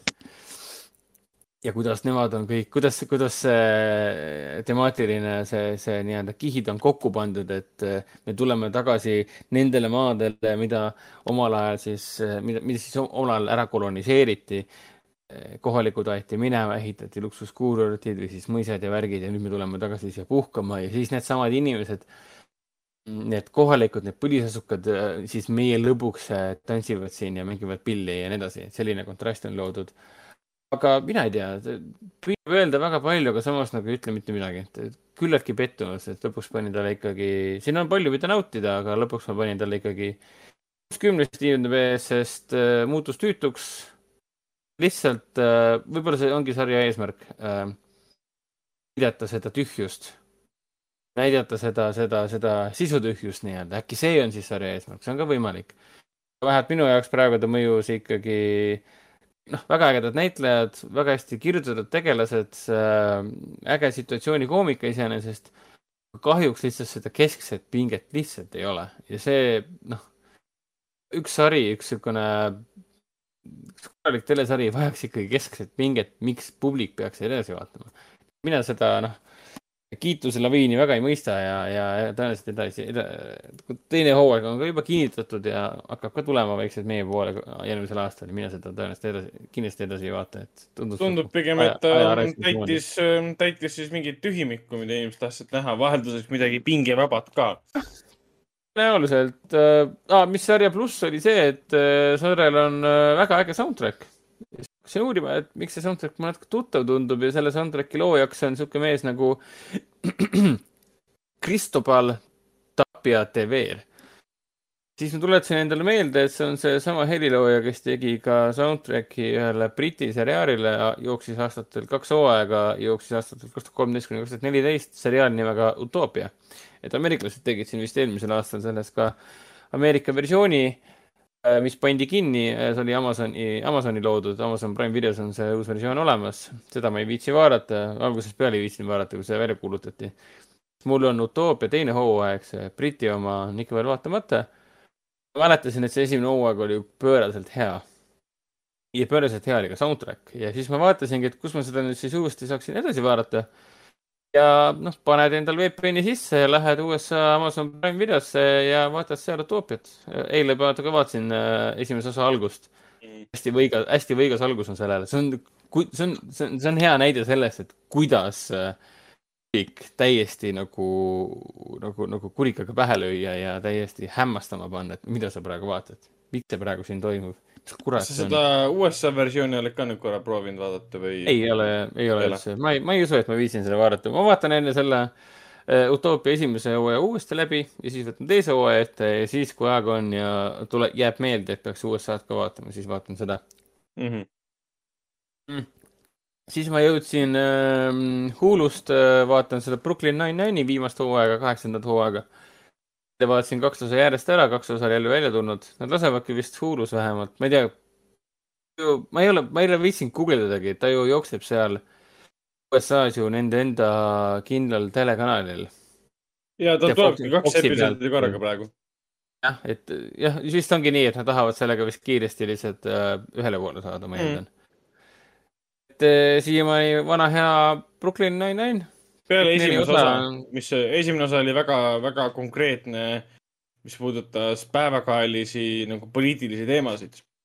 aga see ei pidi... tähenda, et esimene osa ei olnud vana hea Brooklyn Nine-Nine. ja, ja seda küll, nad pididki seda nagu adresseerima, sest nad ise tegelikult ütlesid, et miks nad lõpetavad ära üldse selle seriaali tootmise. asi ei olnud ju selles, et, et nad poleks enam raha saanud selleks, nad olid juba populaarsuse tipus ja nad leidsid, et äh, nii, niigi keerulistel aegadel on ja. väga imelik äh, teha nägu, et äh, midagi keerulisi aegu pole olemas ja me teeme nalja edasi, nii nagu poleks midagi juhtunud. et sa nagu ei saa politseiseriaali teha enam komöödiana ajal, mil ei võeta seda asja enam nii komöödiana. et sa ei saa nagu teeselda täpselt nagu sa ütlesid, et asju, neid asju pole juhtunud. Ah. et jah, vaatame, äkki need luued teevad midagi muud mina sellest äh, Brooklyn, Brooklyn Nine-Nine'i esimese osa fännide või siis mittefännide boikoteerimisest nagu väga aru ei saa. sest ma muud ei tea selle esimese osa kohta, mis fännidel, ma ei tea, härja või noh, selle äh, ajas härja punaseks, et ma vaatan IMDB põhjal, avastasin seda, et kui esimene osa kaheksandas hooajas on äh,, esimene osa on viis punkt null hinnang, siis teine osa on kaheksa koma üks no.. selgelt näha, et on äh, just nimelt selle Black Lives Matteri äh, politsei vägivalla, kõik see, mis oli veel äh, selle aasta alguses ja eelmisel aastal niivõrd teemas USA-s. et kui nad selle vähegi tõid sisse, siis tulemus on see, et inimesed kaotavad mõistuse, et issand jumal, minu lemmikseriaalis puudutakse tänapäeva maailma, reaalsust minu ümber mulle ei meeldi reaalsus minu ümber ja ma panen sellele sarjale madala hinde, andes mõista, et minu sarjad ei pane päris reaalsust, mis on minu jaoks absurdne, absurdne jama. see, et kasva suureks ja tulema mullist välja, lõpeta see jama ära. jah, see on umbes nagu see, et sa ei aktsepteeri, et seriaali tegijad on ka inimesed ja seriaali näitlejad on ka inimesed, kes elavad samas maailmas, kus meie elame jah, täpselt nagu kasvake suureks, lõpetage see mulli värk ära, täielikult mullilapsed, ma ei saa sellest aru lihtsalt aga siiamaani ma olen Brooklyn Nine-Nine'iga väga rahul, ma olen, äh, mul on hea meel, et ma saan seda jälle uuesti vaadata. pluss ta on nii, äh, ta on nii äge sari ja seda nagu Ragnar, sa ju vahepeal alustasid uuesti kogu sarja vaatamisega. ja ma vaatasin kõik Netflixis kõik äh, kuus hooaega vaatasin ära, seitsmes oli Hulu kaudu ja kaheksandast on mul endiselt praegu kaks episoodi vaadatud. näed, ja ta on täiesti uuesti vaadatav, jah? ja, ja tal on. äge ta on mõnusam selles mõttes, ta ei ole, ta ei ole nagu sõbrad ja mida sa paned taustale käima ja tegeleb muude asjadega. et ta on ikkagi nõuab tähelepanu, et sa vaatad jälle, mis ekraanil toimub, sa kuulad neid nalju, sa süvened nendesse naljadesse, isegi kui sa oled seda mitu korda juba näinud. sõprade puhul on see, et sa teed süüa samal ajal, mis iganes tegevusi, kuuled seda taustale, sa juba tead, mis seal on. aga sõbrad, see ongi see vahe, üks on tehtud üheksakümnendatel, teine on tehtud kahe tuhande kümnendatel et ja, ta on kordusväärtusega seriaal, naljad ei, ei vanane, sest tihtipeale see dialoog on nii kiire ja nalju juhtub niivõrd palju ühes sekundis, et, et, et, et, et uuesti vaatamisel see on see, et nagu, nagu sul ei olnud, pooled asjad pole meeleski. põhilised teemaliinid on meeles, et kes abiellub kellega ja kes läheb ära või, või kes kaob korraks ära ja nii edasi. nõus, et ma siin ise ka siin pojakene oli siin süles ja või siis siin äh, põrandal ja tegime siin koos nii-öelda trenni ja üldse esemete liigeste liigutamist ja kõike seda. siis samal ajal vaatasin äh, Brooklyn Nine-Nine'i ja oligi niimoodi, et ma lihtsalt aeg-ajalt panin pausi ja siis kerisin tagasi lihtsalt, sest äh, nagu jäin ilma sellest naljast, et ma lihtsalt aju ei jõua ära registreerida, aga noh, see on Brooklyn Nine-Nine'i nagu see noh, stiil umbes sama, kui sa vaataksid, ma ei tea, Community't näiteks või siis äh,, mis siin veel ah,, seda. Rick and Morty't, noh, samamoodi, sa lihtsalt yeah., äh, sa lihtsalt ei saa aru, mis siin toimub, noh. nii äh,, siis Ted Lassoga ma olen jõudnud neljanda osani, täna tuli välja viies osa, seda pole veel näinud. mina vaatasin et... viienda ära. okei okay no kas läheb paremaks või halvemaks? ma lo-, ma loodan, et see viies osa ei ole enam nii, nii kuidagi nii, mitte et see halb oleks, aga lihtsalt mul on niisugune tunne, et Ted Lasso võiks nagu, nagu pidurit rohkem või mingit sidurit kasutada. ei no ta, ta peaks minema tagasi jalgpalli juurde ja meeskonna juurde rohkem ja no, vähem, vähem, vähem seda nagu noh, seda ultrapositiivset. neljanduse yeah. neljanda osa lõpp, lõpp nagu lubas, et nüüd läheb asi jalkaks. mitte et see eel-, see, mis on olnud, oleks nagu, ei sobiks kuidagi, lihtsalt mind häirib see, et ta kuidagi liiga mesimagusaks on asi läinud või, või ta jääb kuidagi igale või, või? millest see neljas episood nüüd oligi? see, kuidas see abitreener seal tahtis ah, oma vanematega yeah. minna restorani ja. ühesõnaga nüüd see asi läheb nagu tagasi jalgpalli poole.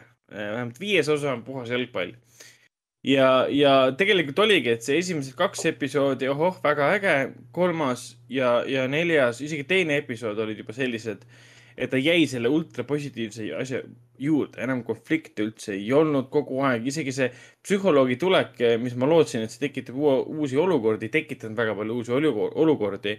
et nad praegu on hoidnud üleval hästi pikalt ja ma saan aru, miks. ma olen viienda osa näinud, ma tean nüüd, miks hästi pikalt hoidnud üleval, justkui tunne on selline hästi pikalt seda, et, et iga olukorra lahendame headusega, iga olukorra lahendame ultrapositiivsusega, me oleme kõik head inimesed, kõik armastavad meid. teine, kolmas, neljas on kõik siuksed olnud nüüd ja nüüd viies ja on jõudnud teatavalt selle ultrapositiivsuse haripunkti, et siin peab tulema selline langus nüüd. ja natuke on viiendas seda tunda, et midagi on tulemas hooaja teises pooles et minu õnneks need ootused, et, et nad ei jää kinni sellesse, et me oleme nüüd maailma parimad inimesed ähm,. see jah, õnneks ei jää selle, ei jää sellesse praegu, et ma lohun, lohun, lohutan teid sellega, et Ted Lasso teine hooaeg võtab uue hooaja, mitte uue, uue hoo nagu sisse, ütleme nii uh,. mitu episoodi nüüd väljas on üldse? viis on väljas. oli vist nii või? Oli kuus juba. kuradi Apple TV, et nad panevad selle järgmise episoodi siia otsa. ja see on nii segadust ajab tihtipeale. ütlen, et ah, kuule, üks episood on siis veel ja siis vaatasin väikses kirjas, et aa, tuleb kolmandal septembril, ah fuck off noh no,. mingi suured kirjas olla siin, et tuleb kolmandal septembril, et sa aru saaksid aga noh, eks ma olen laisk lihtsalt. igatahes Ted Lasso on ikka jätkuvalt parim asi pärast eh, noh, veeuput-, veeuputustega, mis ei ole parim asi pärast veeuputust, samas. eks noh, ta, ta, ta on natukene lahjemaks justkui nagu läks. sest tal kadus ära see, see pinge, mida, mis esimeses hooajas oli, et meil no, on jah. ameeriklane Londonis ja, ja Ameerika, Ameerika jalgpalli mänginud inimene teeb jalgpalli nüüd. ja, et esimene hooaeg oli see tutvumishooaeg, aga teine hooaeg on vähemalt esimese esimeste episoodide põhjal on nagu selge, et kui me saame liiga palju sedasama asja, mida me oleme juba nautinud ja, aga see kontsentraat jääb samaks kogu aeg, siis tekib see tõrge, ehk siis noh, sa hakkad väsima nii-öelda sellest, sa tahad mm. midagi rohkem pinget ja kõike seda. aga kõik head asjad peavad olema ka sellised, mida saab ka kritiseerida, sõltumata sellest, et sa väga armastad seda. Äh, siis ma vaatasin nüüd eile kaks osa järjest seda What If'i Disney plussi pealt ära, et ma mm. vahepeal ei viitsinud teist osa vaadata. teine osa oli sellest äh,, ma saan aru, et kõik osad ongi niimoodi, et mis siis oleks, kui T'Challa oleks Star-Lord olnud yeah.. pea, pealkirjad ongi niimoodi, et What if T'Challa was Star-Lord äh,. mis, see oli muidugi tore episood, aga see oli, minu jaoks oli täpselt sama, mis esimene, ehk siis võtame olemasoleva Marveli kinouniversumi filmi, muudame selle ümber, aga film ise no, jääb nagu samaks. aga see mind häirib, sest see on, minu jaoks on see igav. nagu ma olen seda filmi juba näinud, mille põhjal nad teevad alternatiivse versiooni, et minu jaoks ei ole see kuidagi huvitav. no see. kolmas läks, kolmas läks juba huvitavamaks. Äh, ma ei mäleta, mis kolmanda osa alapealkiri oli, et what if uh.... Avengers never were või midagi. midagi sellist jah, see mulle meeldis, ma ei teagi, miks mulle meeldis, võib-olla sellepärast, et kui, kui, kui absurdselt nagu julge see kolmas osa oli, julge selle koha pealt, mida seal, mis seal toimub, ärme spoilerda, ma ei tea, kas Raiko on What If'i vaadanud üldse või? vist ei ole veel. Et, et, et ma ei taha spoilerdada, aga lihtsalt kolmas osa nagu reaalselt võttis nagu munad pihku ja ütles, et ai, nüüd me teeme midagi väga ootamatut nüüd ma nagu reaalselt ootan ka neljandat osa esimesed kaks mulle mingit muljet eriti ei jätnud, et see animatsioonistiil on iseenesest tore, ei midagi meeldejäävat. Äh, Netflixi kõik, kõik Castlevaniad ja äh, Dragon's Dogmad ja, ja Totad on palju huvitava väljanägemisega. Äh, ja siis ma siin sattusin Filmzone'ist siin televisioonis vaatama seda Born Killersit ehk siis Oliver Stone'i filmi, mille peaosas mm peaosades on siis Juliette Lewis ja see Woody Harrelson.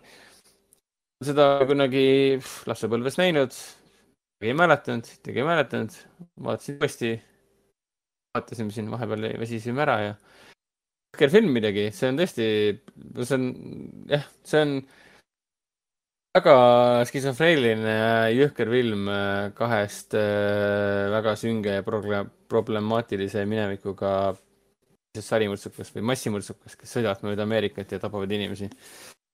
Äh, aga see filmi vorm on lihtsalt crazy, see on lihtsalt crazy, mismoodi see film üldse on üles ehitatud, mismoodi ta on üles filmitud, mismoodi ta on näideldud. See on äh, minu meelest see on see üheksakümnendate filmide, mis ta nüüd oli, mis aasta? mäleta mulle meelde, mis aasta film oli, Natural Born Killers. neli ah,. See, see on ikka Nonii. Äh, selle ajastu üks, üks nagu parimaid filme ja huvitav on ka see, et neid filme ei ole nagu, seda stiili polegi väga jäljendatud. Äh, et noh, ta on ikkagi jätkuvalt nagu niivõrd omanäoline no raske eeldada, see on nii Oliver, Oliver Stone'i ja, ja, ja ta, ja ta on nii originaalne ka, et äh, teist samasugust nagu siit nüüd aasta on praegu kaks tuhat kakskümmend üks ja ei olegi leida teist samasugust et jaa, kuule, aga see rohkem mul ei olegi midagi kodus vaadatud. tõenäoliselt seda National Ball Killersit ma mingi paari aasta pärast vaataks uuesti, sest see on, on film, mida vaadata. Mina olen siis nüüd vaadanud vaikselt uuesti teisel katsel NYPD Blue'd uuesti, mis on siis Ameerika USA seriaal üheksakümnendatest. kuule, ma, ma praegu vaatan, et sa oled pannud kirja, et vaatasid ära Ted Lasto kuuenda episoodi aa, ikkagi kuus episoodi on väljas siis. issand, mul on segamini kõik juba. ei ole? viis on väljas. viis, okei okay,, siis ma panin kohati valesti. mul ei ole mingit salajast episoodi praegu käes. Secret uh, access. aga miks? Äh, ei, täna, täna on kakskümmend seitse august, täna tuli kuues episood välja. oota, mis asja? mis, mis siin segadust ajab teid? mul on mingi asi siis vaatamata jäänud. aa, jõuluepisood oli neljas. jah, ja siis yeah. viies ja kuues. viies, kuues, aa, siis on mul viis vaadatud. okei okay,, mind siis. igatahes, igatahes, igatahes, igatahes, igatahes äh,. Uh,, võtsin, võtsin jah, teist korda elus võtsin ette siis NYPD Blue, mida ma kindlasti kõigil, ütleme, selliste uh, USA Võmmi krimidraama fännidel või kes on üldse kokku puutunud nendega, soovitan vaadata. jooksis ta siis üheksakümmend kolm kuni kaks tuhat, äh, kaks tuhat viis. Äh, David Caruso oli esimeses kahes hooajas, sai siis oma karjäärile tuult tiibadesse, mis lõppes, lõppes muidugi päris suure langusega. Äh, NYPD Blue jooksis kokku kaksteist hooaega.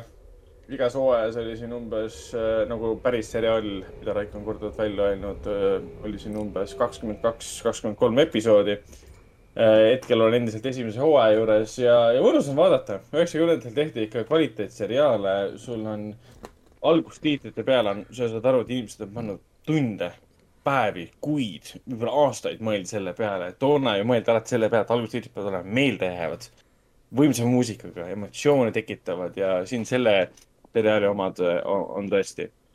ja, ja eks ta on mõnes mõttes klassikaline küll, et David Caruso on siin see mm, tava, tavapärane võmm, kes satub siin maffia, maffia küüsi ja tema lähedased on ühel teisel pidi nagu maffiaga seotud, aga varsti ta hakkab muutuma nüüd siis tavapärasemaks ähm, krimiseriaaliks ja vähem keskenduma siin tegelaste endi mahhinatsioonidele, mis puudutab siin kuritegevust ja, ja, aga ma ootan, millal, ma ootan, millal David Caruso ära läheks, sest äh, mulle ta isiklikult ei meeldi.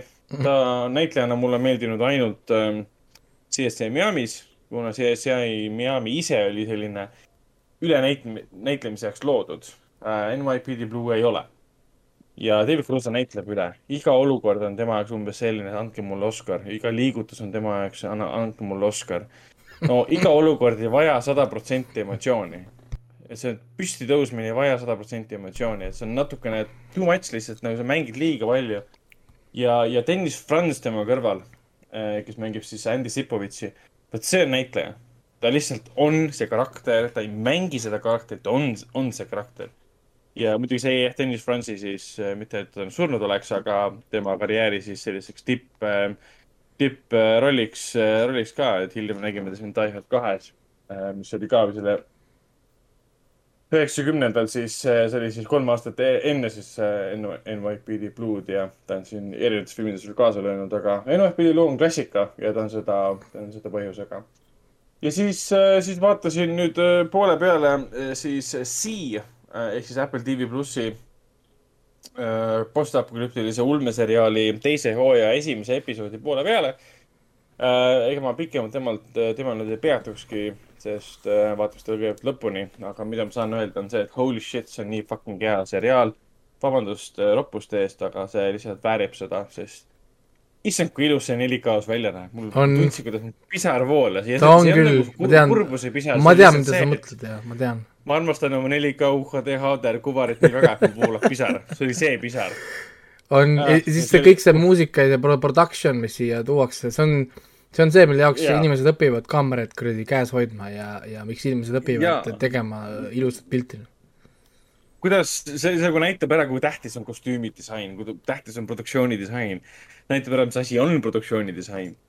ja esimene episood on kohe nii verine ja nii dramaatiline mingid tükid lendavad ja kõrid lendavad ja pead on tükkideks ja, ja kõik on hästi ilus ja kaunis ja nii dramaatiline ja võimas, et minevikuvarjud tulevad tagasi Baba Vossi kimbutama ehk siis Station Momoad ja, ja nüüd me teame, mis meid ees ootab, et, et, et treileriste järgi on nagu näha, et siis ähm, Dave Bautista tuleb ka siia mängu, kes mängib tema siis venda ja siin tekib selline titaanide äh, kokkupõrge ja tuleb välja, et nad võtetel said nii hästi läbi, et siis äh, Momoa ja siis Äh, Bautista broneerivad äh, siin mingisugust Netflixi või mis iganes äh, stuudio siis ähm, Bodycop komöödiat.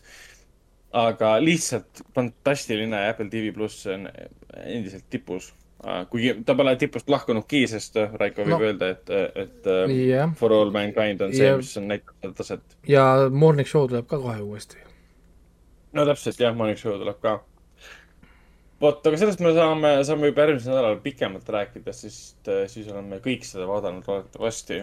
ja siis on juba teine osa ka väljas. aga siis Hiiumaal olles, kus ma olin nädal aega, tutvusin sellise žanriga nagu Hongkongi äh, kolmanda kategooria filmid, mis põhimõtteliselt on, on, on alla kaheksateist aastatele keeratud äh, filmid, mida meie vaatasime seal seltskonnaga, olid siis kaheksakümnendate lõpus, üheksakümnendate alguses tehtud filmid mis valmisid siis enne üheksakümne seitsmendat aastat, ähm, enne kui Hongkong läks täielikult üle kuidagi Hiinale. ma ei ole, jällegi vabandan, ma ei ole Hiina ja Hongkongi suhete ajalooga nii sa juba vabandad, sa juba vabandad. igaks juhuks vabandan ette, aga nii palju ma kuulsin meie nii-öelda õhtujuhid, kes selle asjaga natukene tutvunud, et üheksakümne seitsmendal aastal toimus jah, mingisugune lepingujärgne siis ülevõtmine, mis tähendas teatavate vabaduste kaotamist mis omakorda tähendas filmitegijatele seda, et nad hakkasid räigelt tootma hullumeelseid filme enne üheksakümne seitsmendat aastat, et nad saaks need filmid välja tuua kõik. ja needsamad reisijaid hiljem hakkasid tegema Hiina propagandafilme, millega nad teenivad hästi palju, aga mõnes mõttes on loobunud kõigest sellest, mis neid nagu üles kasvatas. ja, ja miks nad on kolmanda kategooria filmid ja miks nad on kaheksateist keelatud, on see, et siin on hästi palju, hästi palju roppuseid hästi palju veristamist. ropusel ma peangi silmas seda, et see on räiget tükeldamist, lihtsalt nagu inimeste hakklihamasinasse toppimist ja siin on hullumeelsed vägistamistseenid, mis on nii explicit, et mul endal ka sihuke tunne, kas te tõesti tegite viga nendele inimestele võtta platsilt, sest see ei näe välja nagu näitamine enam. ja, ja siin on, siin on muidugi hästi palju seksi, hästi palju paljatisse, uskumatult koguses. oota, oota, räägi mulle nüüd äh, see nimi uuesti, ma ma, toon, ma toon siis filmi ikka lõpuks välja, et üks film ongi siis Untold Story. ütle nii äh, äh, mis... ütle mulle see Disney film, milline see oli? Uh, Naked Killer on üks neist. aa ah,, okei okay,, makes sense. Jah, et see on nüüd päris, päris selline, selline, tal sellist narratiiv väga tugev tal just ei ole, et ta on nagu naine nimega Nikita põhimõtteliselt aga ta näeb vapustav välja, mitte ainult paljaste inimeste pärast, vaid lihtsalt see, kuidas ta on kadreeritud ja üles võetud. ta meenutab nagu üheksakümnendate Hollywoodi äh, äh, muusikavideoid, aga enne, kui hakkas Hollywood seda tegema, et sa Sing näed, kust on Hollywood varastanud oma ideid. Sing Mi Yao on äh, väga ilus naine. ja, ja Naked Killer on järg ka valminud ja, ja see Naked Killer ise on nagu lihtne lugu, et sul on naine, kes treenitakse üles siis killeriks, salamõrvariks, palgamõrvariks ja kes hakkab oma töid siis läbi viima ja samal ajal on seal üks, üks politseiuurija, kes uh, uuribki siis neid mõrvu, mida need killerite sündikaat nagu läbi viib. ja muidugi need kaks hinge, kui omavahel puutuvad kokku ja armuvad ja siis need kaks maailma nagu põrkuvad omavahel ka. aga lihtsalt iga kaader on kunstiteos, sa võid iga kaadri pausile panna ja vaadata seda hetke ja panna selle kuskile, kuskile seinale. see, mis värvide mäng on toimumas, noh, hea näide on lihtsalt see, et politseinikud tulevad külla sellele väidetavale killerile ja tema see ooteruum, kus nad vastu võtavad siis äh, politseinikud, äh, on lihtsalt kollaste oranžide kardinatega kaetud, siin on oranži valgust kasutatud, kuskilt paistab valge valgus, kõik on nii kontrastne ja nii meeldejääv ja nii striking nagu tabav. et ükski kaader pole suvaline, ükski, ükski olukord pole suvaline ja nad kõvasti vaeva neid selle nimel, et ei oleks sul kunagi ühtegi suvalist kaadrit, et näed, siin on mets, siin on maja, sihukest asja siin ei ole teistes filmides on ta võib-olla rohkem isegi. seda Untold Story ise ja Ebola sündroom samamoodi, neid ühendab siis ähm, Anthony Wong oli tema nimi ähm,. kes on ka siin äh, selle Hongkongi meistri äh,, kes selle Hard, Hard Boiled, Boiledi lavastas siis. ah, jumal küll ähm,. igatahes, igatahes Anthony Wong on üks kuulsamaid siis Hongkongi reisijate lemmik, lemmiknäitlejad, John Woo, John Woo Hardboiled. Äh, tema mängis seal ka. ja, ja nendes kahes Ebola sündroom ja siis, äh, siis Untold Story, tema mängib ühte väga sarnast venda. ta on selline, selline jõhker tapja, ennast õigustav tapja, kes on nagu elu hammasrataste vahel aga alati leiab, et tal on igasugune õigustus enda ümber inimesi julmalt tappa ja vägistada. ja kaks, kaks filmi järjest ta põhimõtteliselt tükeldab neid ja teeb toiduks ja söödab inimestele sisse, mis pärast nagu välja tuleb mõnes mõttes. ja, ja, ja teine film, ma pöörasin enda, see läks ikka hulluks, sest Untold Story, see põhineb nüüd reaalsel sündmusel, mis äh, Macau äh, siis äh, restoranis juhtus, kus kaheksa pereliiget ühe inimese poolt tapeti ja väidetavalt siis olevat pandud ka toidu sisse ja lastud klientidele ära süüa mida ei ole kunagi tõestatud, aga film võtab sellest faktist kinni, et olgugi, et seda pole tõestatud, me näitame seda võimalikult detailselt ja püha jumal, selles filmis on flashback, mis kestab mingi kakskümmend minutit, kus me näeme ükshaaval, kuidas see hullumeelne tüüp tapab ära perepea, pere naise, kolm tütart ja kaks poega. no eriti julmalt näidatakse ja see on selle lapse tapmine, see on mingi viieaastase tapmine, mida nad näitavad. ja see läheb nagu ilgelt vastikuks, seda vaatamine. ma pöörasin pilgu ära, sest nagu äh, mul on tuttavatest sõbrad, kellel on lapsed ja mul oli seda vastik vaadata. Nad ju küll ei filminud seda küll niimoodi otseselt, et sa ei näe mingi noa kokkupuutumist kõriga. Nad lõikavad alati sealt ära selle, aga nad tabavad selle hetke umbes niimoodi, et see on vastik. ja see läks ikka väga julmaks ja sa vaatad seda filmi ja küsid, milleks oli vaja seda nüüd näidata. ja siis sa saad aru, ahah, üheksakümnendad Hongkong ja kolmanda kategooria reiting. lihtsalt for the lols, me saame seda teha, me saame suruda seda piiri nii võimalikult kaugele see oli päris jube. ja see läks lausa üleliigseks. Õnneks peategelane lõpus sai oma vääritud palga ja me olime kõik hästi õnnelikud. aga Ebola sündroom jälle teistmoodi, see juba läheb juba paroodiaks ja naljaks, et sul siin üks, üks mees tapab filmi alguses oma armukese abikaasa ja tema, tema mingi parima sõbra ja põgeneb ära siis äh, Austraaliasse äh, elama jälle kuskile restorani tööle.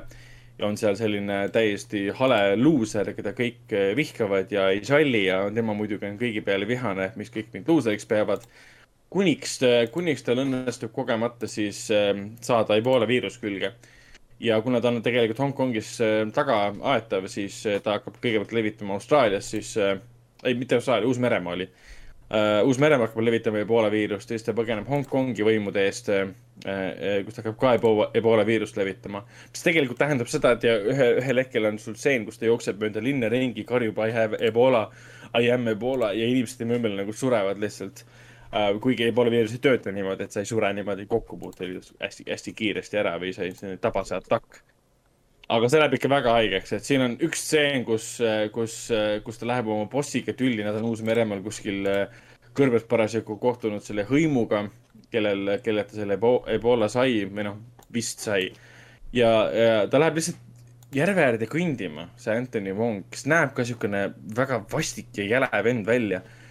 ja näeb seal ühte siis äh, äh, kohalikku nagu aborigeenist nagu naist, kes siis kukub kokku ja ilmselgelt tal on Ebola viirus või mingi haigus on kallal.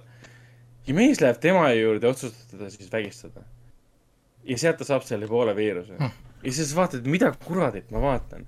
Hongkong, mida, mis teil toimus? Õnneks me vaatasime sinna otsa dokumentaalfilmi ka, mis räägib Hongkongi reisijäridest ja siis kolmanda kategooria filmidest ja selgitab nii mõndagi ära, miks nad neid asju tegid. Nemad nägid neid asju kõike komöödiana. meie vaatame issand, kui jube vastik, kuidas te saite nii teha. aga nemad tegid seda komöödiana. Nemad nägid seda komöödiana, sest seda keegi ei saa ju nii haiget asja tõsiselt võtta. aga ilmselgelt on osa publikust, kes võtab. et minu jaoks see oli silmi avav selle koha pealt, et ma arvasin, et ma olen ikka rõvedaid ja vastikuid filme näinud, aga tuleb välja, et ma ei ole ikkagi mitte midagi näinud. et see oli, see oli tore. või noh, vastik ja tore.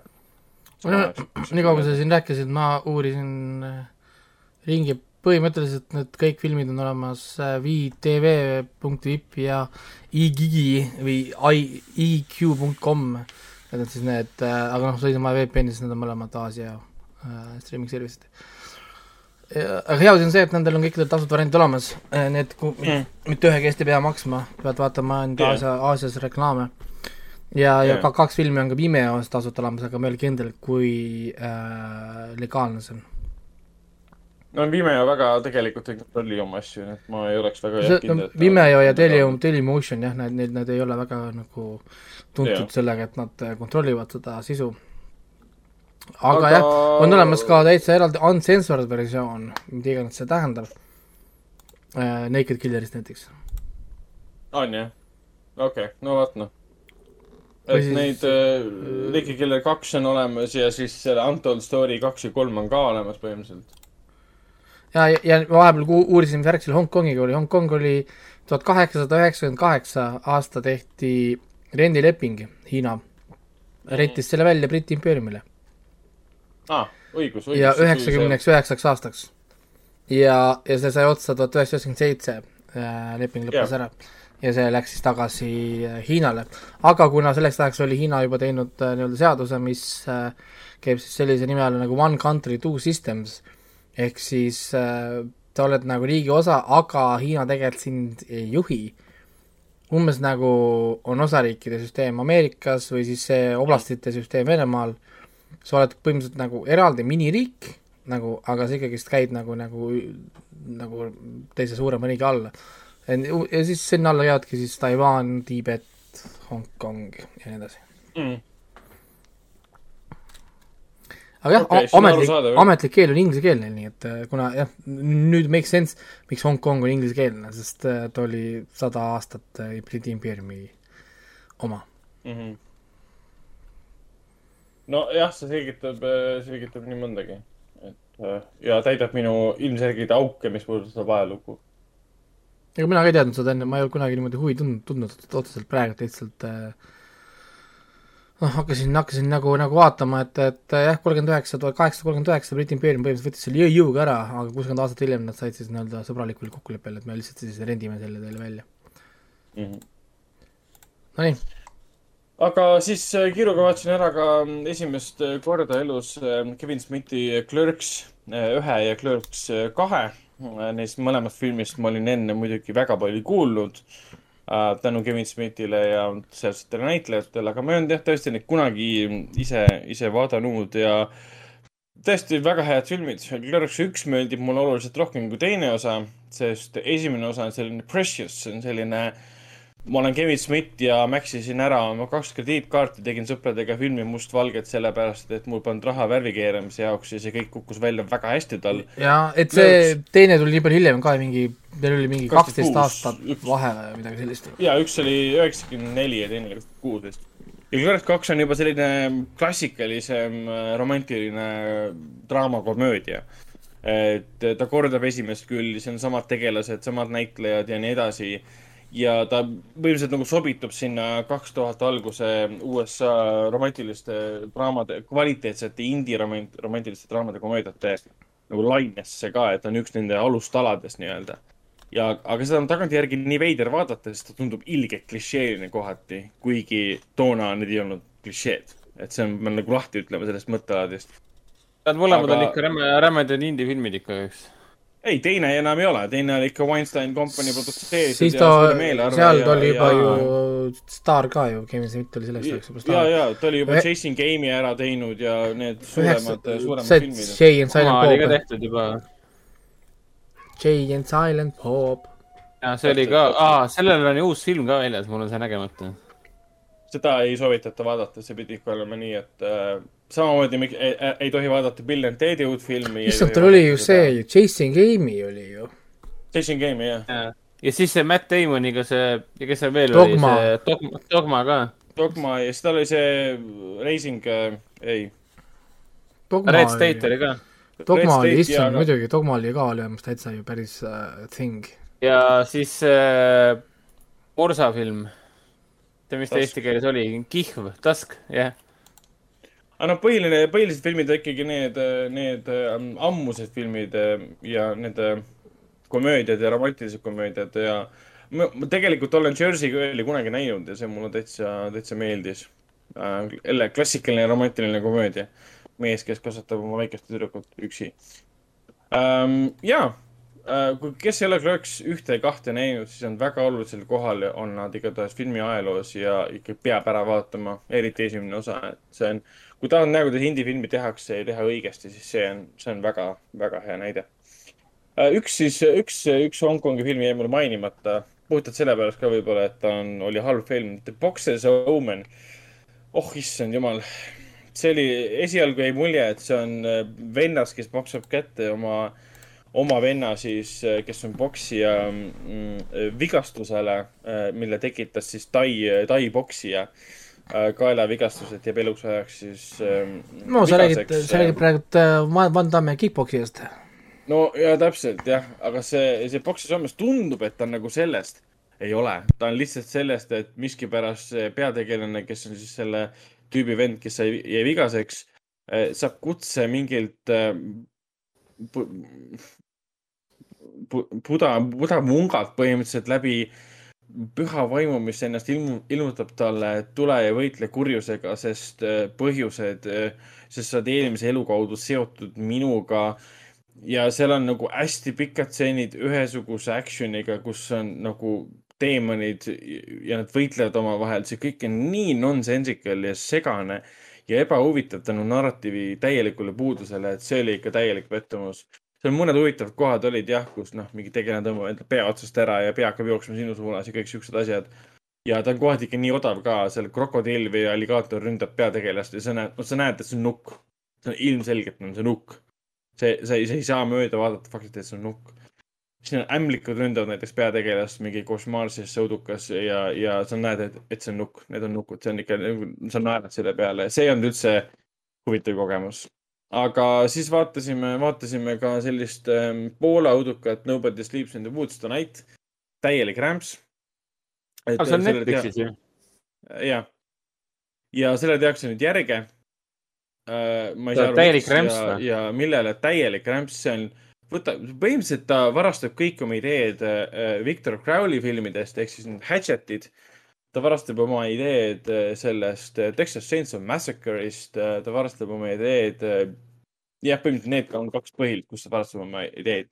noored lähevad kuskile laagrisse lihtsalt, et me oleme, hoiame sotsiaalmeediast ja telefonitest eemal, nad on väga üldistaval tasandil, nad on siis nagu telefonisõltlased, nutisõltlased ja, ja siis nad lähevad nagu metsa ja satuvad mingite kahe venna peale, kes on mingid haiglaselt deformeerunud ja näevad välja nagu Victor Crowley Hatcheti filmidest. Hakka-, kes hakkavad neid siis taga ajama ja tapma. ainuke huvitav aspekt kogu filmi juures on see, et lihtsalt, et, et see, kuidas need kaks ebaardlikku venda nagu sündisid, on põnev, seal on nagu ulmeline aspekt külge pandud.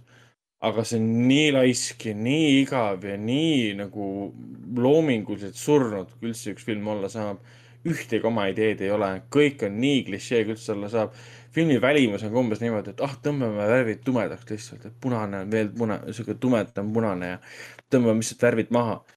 ja, ja seal on stseenid, kus keegi ei higista, sest õues nagu ei ole justkui palav. Nad lähevad kirikusse sisse, kõik äh, vanasse majja tähendab sisse, kus on mingi sitt ja laibad äh, ripuvad laes umbes niimoodi, nagu oleksid siis selles Texas Chainsaw Massacre'i majas. Lähevad sinna majja sisse, kõik järsku higistavad, see on see, et okei okay,, sa lihtsalt varastad stseeni sõna otseses mõttes Texas Chainsaw Massacre'is, kus nad jalutavad kuskil majas ringi oh,. siin on ah,, Wrong Turn, jah see on ka, Wrong Turn'ist on ka varastatud. et see oli täielik, uskumatu jama. mis aasta film see on?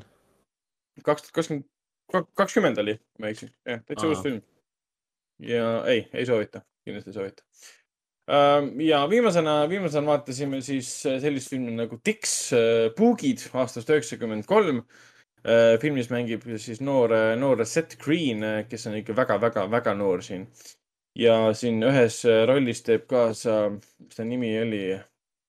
see mees, kes, kes mängis selles Kallis Magansini Jumsikat seriaalis äh,. Peter Scolari, et mul on väga raske oli temast mööda vaadata. aga Puugid on väga lihtne film, sul on mingid äh, probleemsed noored lähevad jälle kuskile metsa ja eh, noh, filmi alguses me näeme ära, et kuskil on mingisugune toksiline vedelik eh, mingis laboris kuskil liikumas, eh, kuskilt lekkimas midagi. kuhu ta lekib? lekib puugile peale, puuk hakkab miskipärast nagu paisuma ja muutub selliseks kookonist, kookoniks nagu hiilenimunad põhimõtteliselt. ja need hiilenimunad hakkavad levima mööda metsa igalt poolt ümber laagripaiga ja sellest, sellest hiilenimunast siis hakkavad siis tohutu suured siuksed, noh, mõnemeetrised kohati mõnemeetrised, siis puugid välja vupsama, inimesi ründama. ja see on suht vastikaline seda vaadata, sest Hiiumaal on palju puuke ja mul ka paar puuki kõndisid naha peal. ja need puugid olid ikka jurakad, see on üheksakümne kolmanda aasta oma, ehk siis nad olid väga praktilised kõik, seal mõned üksikud digitaalsed efektid olid öökaadrites, enamjaolt siis mäskidest nii palju siukest, siukest poolikut efekti ja, ja puugid sõna otseses mõttes jah, tulevad su naha peale, hammustavad sind ja siis sa kisuvad, kisuvad nad pealt ära, viskavad neid, astuvad neile peale, põletavad neid. ja Deadid. ja seda ka, aga seal on pigem nagu see, et nad ei ime nagu kedagi verest tühjaks. siin seda elementi pole. mis on ka filmi suurim miinus, ta ei, ta ei keskendu puukidele kui puukidele. et kui puugid saavad mingit toksilist ainet ja muutuvad suureks, nad teoorias jääksid, jääksid ikkagi puukideks aga siin seda pole, nad korraks tulevad, imevad sul verd äh,, mürgitavad siin mingi hallutsinogeense ainega, inimesed hakkavad hallukad nägema ja lähevad minema põhimõtteliselt. et eh, hirmsam oleks see film olnud siis, kui, kui puugid oleksid jäänud sama suureks, aga näiteks inimene oleks kaetud paksud puukidega, kes imevad verd. et ta sellele psühholoogilisele hirmule üldse ei lähenenud, mis puudutab puuke, sest puuk on tegelikult väga rõve asi ta hammustab sind niimoodi, kasutades mürki, et sa ei tunne teda nahal, istub sul kolm päeva selja peal, sa ei pane teda tähele selles mõttes on ta rõve, sa ei, ta ei ole nagu sipelgas, et sa kõnnid ja tunned teda. aga jah, täielik üheksakümnendate creature feature ja minu jaoks töötas, ülejäänud seltskonna väga, väga ei meeldinud. vot, aga saame lõpuks, lõpuks edasi, edasi liikuda, et, et uhuhuu, räägime, räägime siis uutest kinofilmidest, kahekümne seitsmendal augustil kinodes alust, alustasid Uh, Fun Cinemas kinodes alustasid siis uh, filmid nagu David Lauri Roheline rüütel uh,, siis alustas ka Maggie Q uus action film Kaitsealune. Samuel L Jackson ka seal peaosas. jah, me juba ühe, ühe saate tegime pealkirjaga, et mis on saanud Samuel Jacksoni karjäärist, et see film ei aita sellele faktile kaasa um,. ja siis muidugi kauaoodatud, kauaoodatud õudusfilm Candyman uh, mis on siis samanimelise üheksakümnendate õudusfilmi uh, uus nägemus, mitte remake, aga uus nägemus pigem uh,. pigem järg kui, kui, kui reboot või remake. kohe, kohe räägime sellest filmist, kohe räägime. ja, ja Kinos Artis alustas ka siis kahekümne seitsmendal augustil Prantsuse, Prantsuse arthouse komöödia Pulmakõne uh,, kus siis üks noormees jääb oma tüdruksõbrast ilma. ta kutsutakse oma siis, mis see on siis Brother Boilo, see on õe abikaasa siis pulma, eh, siis eh, pulmakõne pidama. enne seda siis kutsutakse veel perekonna õhtusöögile. selline intelligentne ja muhe, muhe komöödia kriisis olevast, olevast inimesest. ja, ja siis samuti Rainer Rüütel on ka meil ja, ja meil on tulemas kahekümne üheksandal augustil nüüd ka siis äh, Artise perehommik äh,. suur panda ja väike panda on filmiks, filmiks film, mis koosneb kahest tegelikult episoodist, äh, mis on osa nagu sellisest seriaalist, mida aitas Hayao Miyazaki teha. mina olen tegelikult üldse olnud alates kolmeteistkümnendast augustist puhkusel ja naasen puhkuselt äh, kahekümne üheksandal augustil, et uh, I know nothing about nothing anymore um,. ja, millest me pikemalt räägime, Hendrik, räägi meile siis, räägi meile Candymanist mida Candyman endast kujutab äh, ja, ja sest meie oleme sinuga Candymani näinud, Raiko on ka esimest Candymani kunagi tõenäoliselt näinud. me ei ole uut Candymani küll Raikoga näinud, aga mulle algupärane Candyman väga meeldis. ta oli ilmselgelt Itaalia õudusfilmide sugemetega arthouse, isegi uh, USA õudusfilm.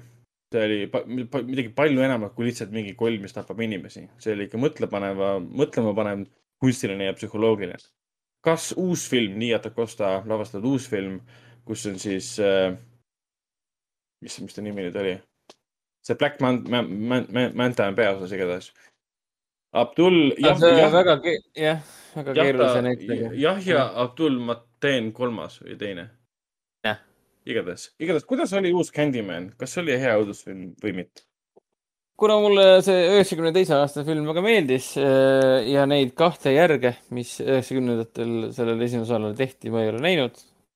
Äh, ma ei tea, kas ma viitsin, tõenäoliselt ma ikka vaatan nad ära, kuigi siin asjatundjad ütlesid, et äh, ei maksa nagu hea filmi nime määrida, et tasub jääda esimese osa juurde.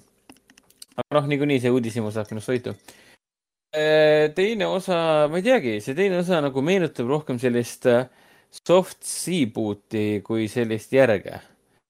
Soft seaboot on siis termin, mis pärineb äh, Red Letter Meedia ühest videost, kus nad arutasid, mis asi on äh, Alien Covenant, et kas Ridley Scott ise ka enam saab aru, et Alien Covenant on remake, kas see on järg, reboot, äkki neid on kõiki kolme ja siis lõpptulemus oligi soft seaboot ja mulle jättis äh, selleaastane Candyman rohkem mulje, et nad vägisi püüdsid ikkagi teha uus versiooni mm. -hmm. hullult nad püüdsid samal ajal teha ka järge. noh, sisuliselt on järg. okei okay. aga, aga. nagu jätkab esimese osa sündmuseid ikka mõne, mõnekümned aastad hiljem. ja see tegevus toimub aastal kaks tuhat üheksateist. Mm. Äh, mis on väga spetsiifiline asi, mida ma ei tea, miks see üheksateist siin üldse oluline on. Aga ta on, ta on hea film, mis puudutab sellist aeglast slow burn õudusfilmi, siis ta on hea film, ta on igatepidi vaadatav, igatepidi nauditav, pole häda midagi. mis mind kohutavalt häiris selle filmi juures oli see, et äh, et oleks võinud siis ikkagi midagi väga teistsugust teha või kuidagimoodi ennast eristada sellest, mis oli üheksakümne teise aasta film. Et ta kordab, rohkem... kordab see liiga palju seda? jah, ta nagu visuaalselt ja stilistikalt ja toonilt ja minu meelest ta nagu vägisi läks ikka aina ja aina, mida rohkem minuteid edasi kerisid, seda rohkem ta läks sinna esimese osa, osa mm. nagu võlu, võlude hulka või sekka nii-öelda. et ta vägisi püüdis jäljendada seda, mida esimene osa oli. aga no märksõna on see, et ta püüdis, et ta, ta sellega väga lõpule ei jõudnud, et esimene osa oli väga sellise lahtise mõttega nii-öelda, et mis asi on Candyman. kes see, kes see, kes see, see koll on nii-öelda, et me teame, kes ta on, see on see Daniel Robitel, Robitai, Robitel, keda see legendaarne Tony Todd mängib. väga hästi süüdistati, süüdistati kunagi siis ühes kuriteos, aga vales, valesti, vale, no, vale inimest. esimeses, esimeses osas oli see niipidi, et äh, ta oli see, tegi rasedaks ühe valge naise, see oli vist mingi üheksateistkümnenda sajandi lõpus või, tegi ühe valge naise rasedaks ja siis valge naise isa ütles, et sa räpane mustanahaline ja saatis äh, koerad kallale ja noh, koerad ehk siis tema need äh, inimkoerad. ja ta siis äh, käsi löödi maha ja löödi see konks asemele ja, ja topiti ta põhimõtteliselt seda mesilasi täis nii-öelda, seepärast ka see mesilase teema on nii-öelda teema mm. -hmm ja siis muidugi teine osa jätkab seda legendaariumi, legendaariumit või siis seda kuulujuttu või siis seda õuduslugu nii-öelda, et mis asi on Candyman, ehk siis Candyman on lihtsalt see kord üks mees, kes, veits kohtlane mees, kes kõndis ringi ja jagas lastele, lastele kommi. aga kui ühel päeval üks äh, avastati ühes, et ühes kahes kommis olid need äh, žiletiterad sees siis püüti mees kinni ja peksti surnuks siis see lugu, mis siis liigub äh, aastakümnest aastakümnesse ja, ja see on ka siis uue Candymani filmi nagu põhi, äh, põhi, põhiteema nii-öelda, et ei ole tähtis, et kes on Candyman, vaid tähtis on see, et mis on Candyman. et Candyman on lihtsalt äh, õudusjutt, liigub nagu ajast aega ja selle, selle sisuks on alati see, et alati on äh,, alati on põhimõtteliselt mustanahaline mees alati on ta selles äh, vaeses mustanahalistes getos, äh, mis on tavaliselt, nagu seal esimeses osaski oli, et äh, see Cabrini Green totaalselt nii-öelda nende oma voli alla jäänud, politsei seal ei käi, mingit, mingit infrastruktuuri väga seal ei, enam ei olegi ja nii edasi ja politsei ei tule isegi kutsete peale kohale ja nii edasi, sest noh, kõik arvestavad sellega, et kõik on äh, narko, narkokuritegusid täis ja kõik on peast soojad ja hulluks läinud niikuinii mm. -hmm. ja noh, see on see põhi, põhi, põhilugu põhimõtteliselt, mida see teine osa siis püüab äh, taaselustada. iseenesest ta teeb seda päris huvitavalt, sest peategelane on kunstnik, kes siis kolib sinna endistele Cabrini Greeni getode asualadele, mis on nüüd siis kõik selle äh, sentrifikatsiooniga läbi aetud, põhimõtteliselt midagi pole sellest eriti alles jäänud. siis ta püüab leida nagu uut inspiratsiooni, kuidas motiveerida ennast edasi liikuma, tema kui kunstnik.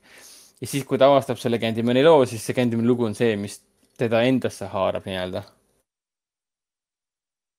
see on iseenesest äh, huvitav uus, äh, mulle see väga meeldis, mulle meeldis väga see, et leidsid viisi, kuidas sellele asjale läheneda, ehk siis meil on kunstnik, kes hakkab seda lugu taasavastama esimeses osas oli ju põhimõtteliselt see ülikooli, kas see oli ülikooli professor või olid ülikooli, ülikooli üliõpilane, ma ei mäleta enam.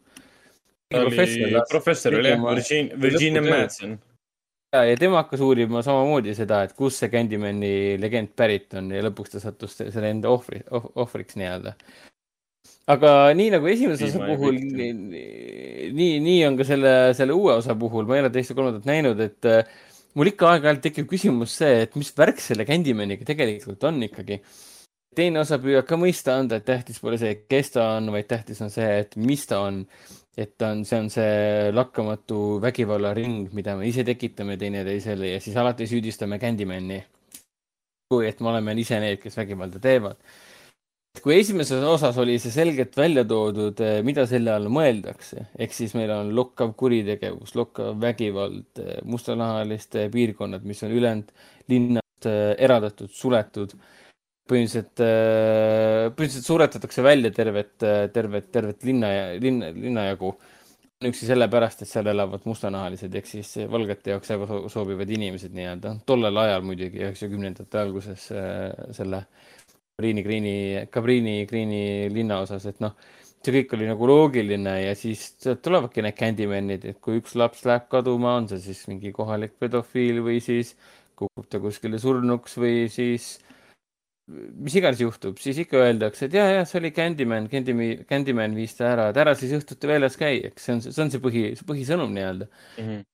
et teine osa püüdis seda põhisõnumit äh, nagu taastada, aga lõpuks jäi mulle väga segaseks, mida nad sellega tegelikult öelda tahtsid. iseenesest need sisulised liikumised on huvitavad, ta on väga vingelt lavastatud, mis puudutab Candymani ennast, siis teda näeb siin ikka noh, mõnusalt teda näeb siin palju, ta on päris kihvt. nii et Acosta, kes iganes ta lavastajana on, ma ei ole teda, tema filmi varem näinud. on siin mingid tunnustatud indie-filmid. Tessa Thompsoniga oli, oli üks tal film, et peaks ka seda vaatama, et Tessa Thompson on äge.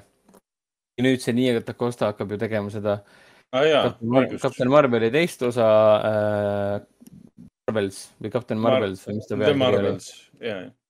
muidugi tasu unustada, et filmi stsenarist, üks stsenaristidest ja üks produtsentidest on ju Oscari võitja Jordan Peele ehk siis mm. Get Out'i ja, ja Us'i stsenarist ja, ja produtsent ja, ja see režissöör muidugi.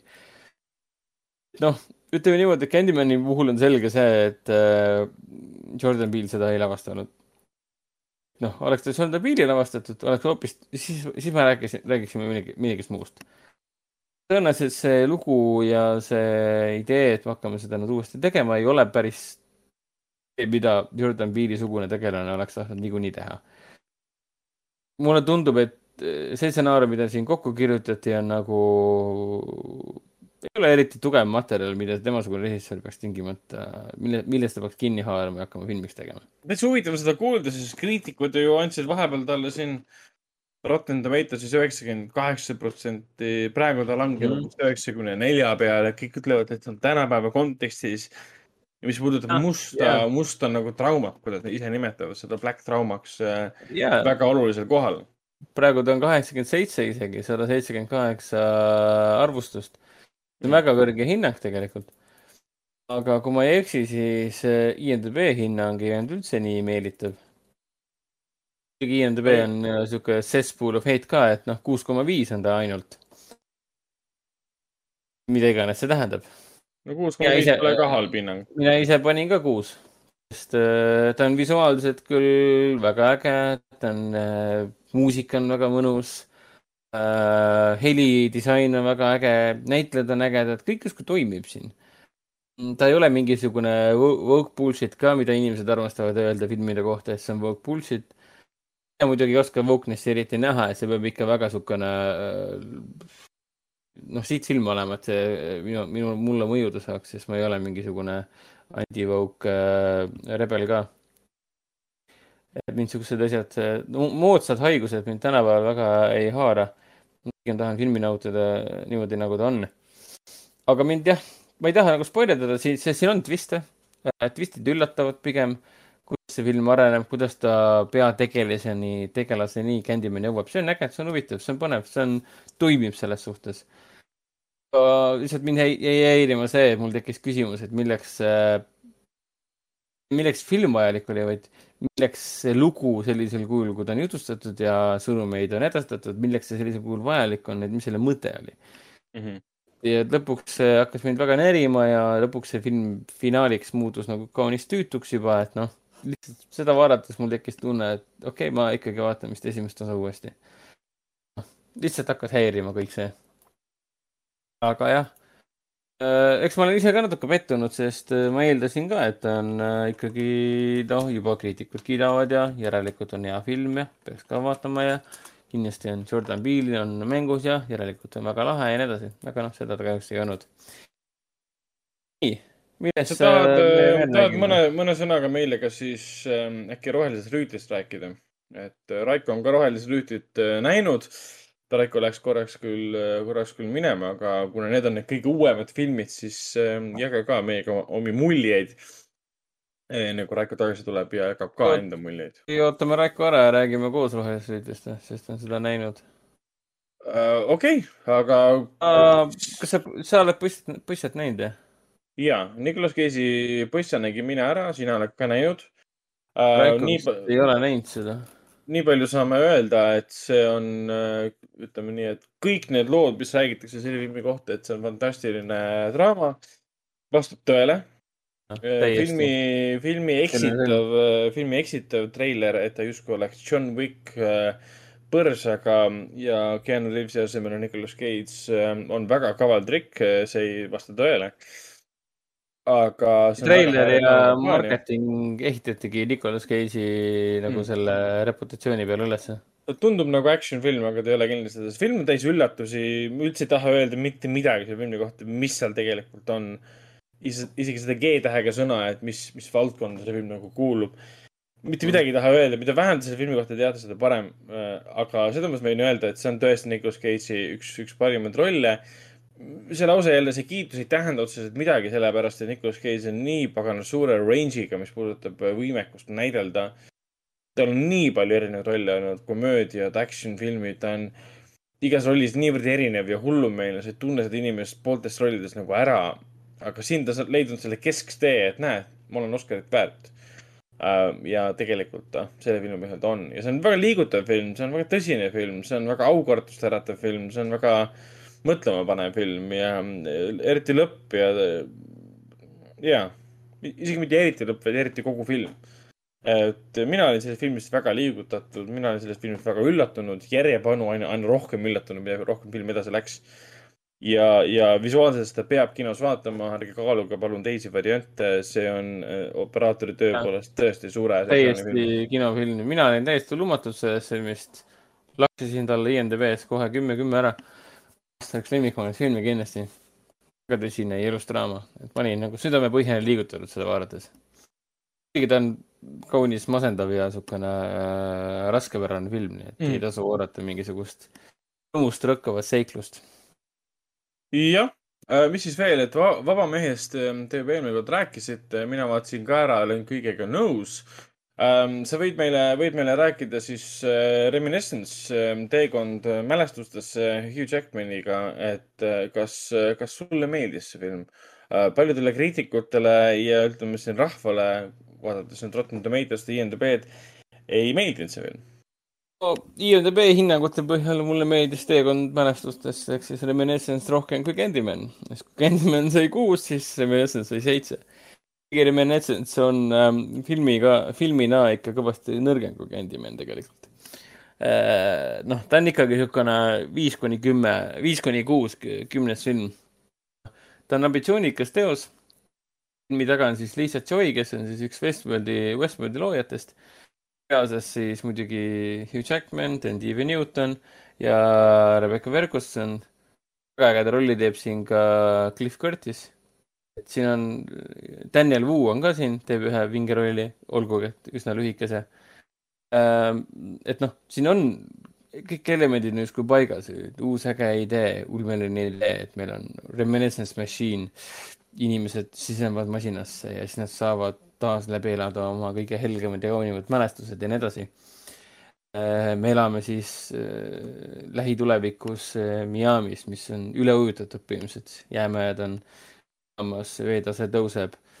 Miami'st on saanud öine seesamune Veneetsia, kus saab ainult paatidega ringi sõita. üks element siin, mis siin filmis veel on, on see, et, et päevasel ajal on niivõrd kuum, et inimesed magavad päeval, keegi väljas ei käi. ja kogu elu käibki ainult öösel, seepärast ongi kogu filmi tegevuslik leiab osalt öösel. Ööelu on sõna otseses mõttes, inimesed ärkavad ainult ööseks ülesse, et elada oma elu. igapäevast, igapäevast päeva eh, elavad siis öösiti. kõik need elemendid olemas, siin on visuaalselt ja eriefektide poolest see film näeb väga hea välja, ma olen siin mitu päeva juba seda Ramin Djawadi soundtrack'i kuulanud eh, põhiteemalugu ka, mis eraldi selle jaoks loodi, ma ei tea, mis ta nimi, Save My Love või mis iganes ta pealkiri oli. soundtrack on ka tegelikult üliäge. nüüd, et noh, filmiga ma ei jäänud otseselt väga rahule. ma olin pigem, pigem pettunud, jah, Save My Love, aga, aga, aga visuaalselt on väga nauditav elamus. soundtrack on üliäge, ma olen siin hommikuti kõnnin töö poole ja täitsa nagu pea lööb taktis kaasa, et niisugune mõnus äh, Mm, mingisuguse kaadis on astronaut vibe'idega instrumentaalne soundtrack, et mm. mõnus ro rockiv, mõnus muusika, selline sünge vibe'iga, et hästi siukene rock n roll, jah, siukene sünge rock n roll, hästi vinge. noh, aga mida ma siis talle ette heidan, on see, et ta on, toetub liiga paljudesse klišeedesse, liiga palju toetub klišeedesse kogu aeg on ühe klišee, no üh, leitakse üks klišee üles ja hakatakse seda taga ajama ja siis sünnitatakse terve hunnik juurde. see nagu segab väga kogu seda filmi, filmi flow'd äh, ja noh, ütleme niimoodi, et Lisa Joy oleks võinud ikka siin oma abikaasa Jonathan Nolaniga on nad selle filmi produtseerinud ka. äh, oleks võinud ikka usaldada seda oma ideed ikka lõpuni välja ja oleks pidanud äh, hakkama kuldkandikul või hõbekandikul siin publikule, publiku pärast nagu muretsema. et äkki nad ei saa sellest ideest aru, mida see reminiscence tegelikult tähendab, see reminiscence machine. et noh, sorry, see ei ole nii keeruline, et see, selle nimel peaks siis tegema seda traagilist või filmnoorilikku armastuslugu peab siin siis nagu hästi mm, kuidas seda öeldakse, et rusik, rusikas, rusikas suhu niisugune äh, eriti, eriti pudrurusikaga sulle ette sööta nii-öelda, et noh, see oli see kõige suurem kriitika, mida selle filmi kohta oskan öelda, et aga siin on väga palju, mida armastada ja ma olen valmis sellele palju andeks andma puhtalt sellepärast, et tabab hästi seda, seda maailma, seda film noiri, ma enne ei maininud, aga see on täielik, noh, see on täielik neonoir, see on film noir, neonoir ehk siis film noir tulevikus nii-öelda toimib selle, selle tasandil toimib hästi, e-, väga ägedalt. Äh, ta näeb hea välja, ta on väga võluv, ta on kütkestav ja kõik siuksed asjad, et äh, Hugh Jackman võtab ennast väga tõsiselt. aga see keskne twistide rohke müsteerium tegelikult väga hästi toimib. Lihtsalt kuna see klišeesid on palju, siis vahepeal tekib tunne, et nagu saame aru, et sa otsid seda naist, aga nagu rahu, ära, ära kogu aeg vaata kaamerasse või kaamerast natuke kõrvale ega karju, et kus ta ometi on. Me saame, sa otsid teda, me ju näeme sama informatsiooni, mida sina näed, ära nüüd jama, liigu nüüd edasi ja nii edasi äh,. nii, aga siis võiks ju rääkida natukene ka parimatest aastatest, mida ma vaatasin ära, see, mis sul Artises jookseb ja mina, see on see Itaalia suur romantiline draama, mille lavastaja, lavastaja on Gabriele Pino. Gabriele Mucciotti vist oli tema nimi.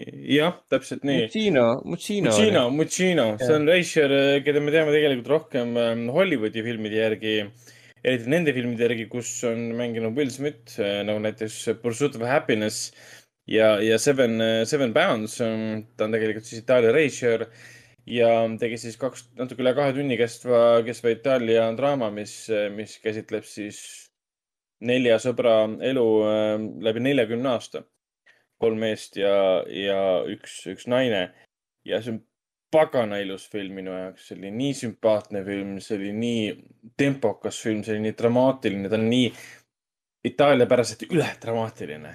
et ma eelmine kord juba kiitsin seda filmi küll, äh, kuidas sulle meeldis? väga kaasaar, väga kaasaarjav ja väga ilus, et meid tõmbas ta kohe sisse ära.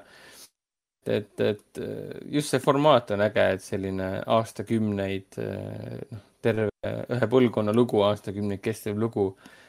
Reetmised ja petmised ja, ja armastus ja, ja suur draama ja perekonnad ja, ja kuidas elus läbi lüüa, elus põruda ja kuidas jälle jalgele tõusta.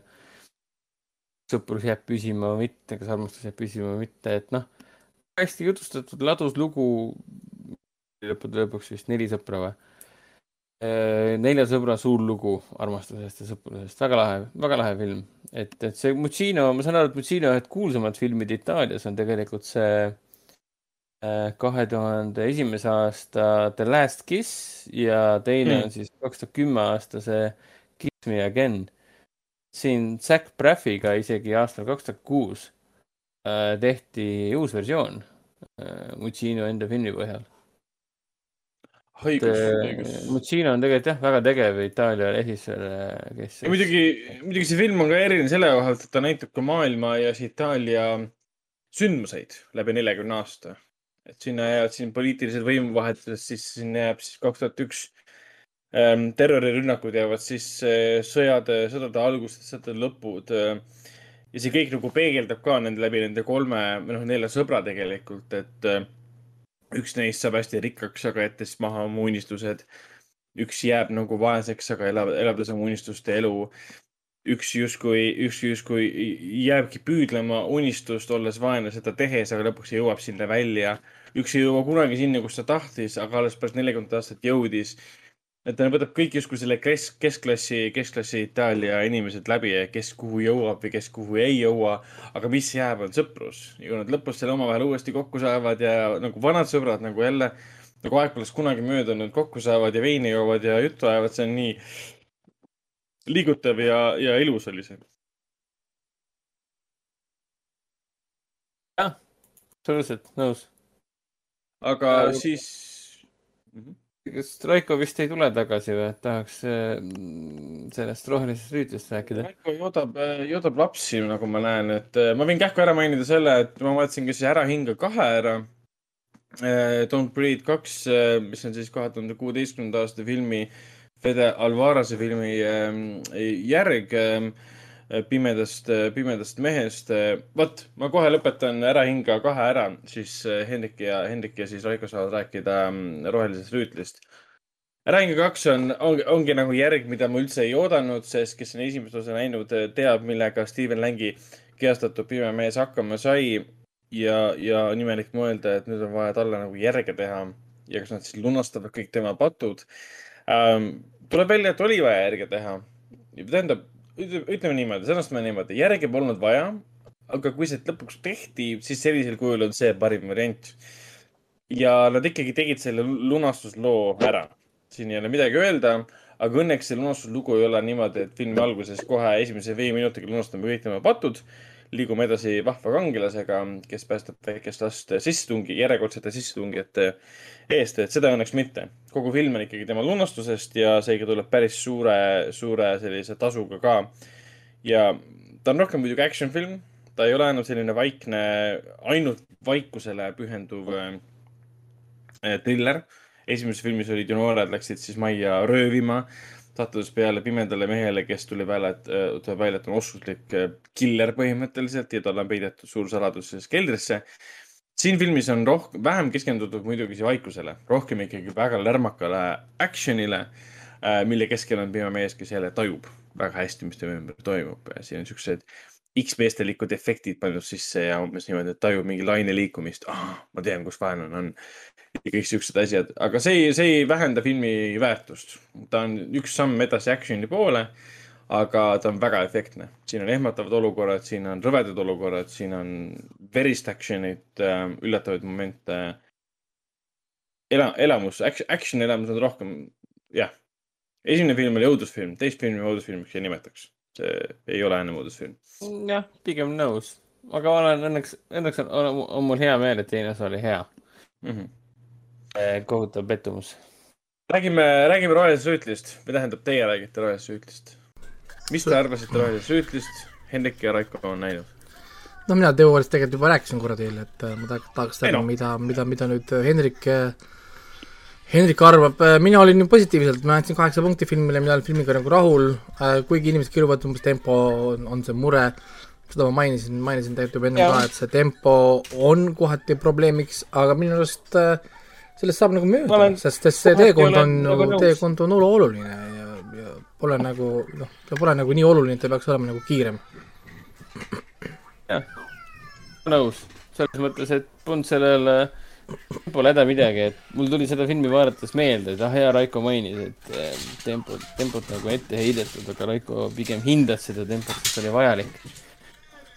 samamoodi, täiesti nõus, et eh, noh, roheline rüütel on siis jah, sellest kuidas see oli, kes, Carvin, oli vist Carvin, Carvine ei, nad ei öelnud, Sir Carvin oli põhimõtteliselt. ei, nad ütlesid, et ta oli Carvin, tegelikult on just, peaks olema Gawain, ei ole või?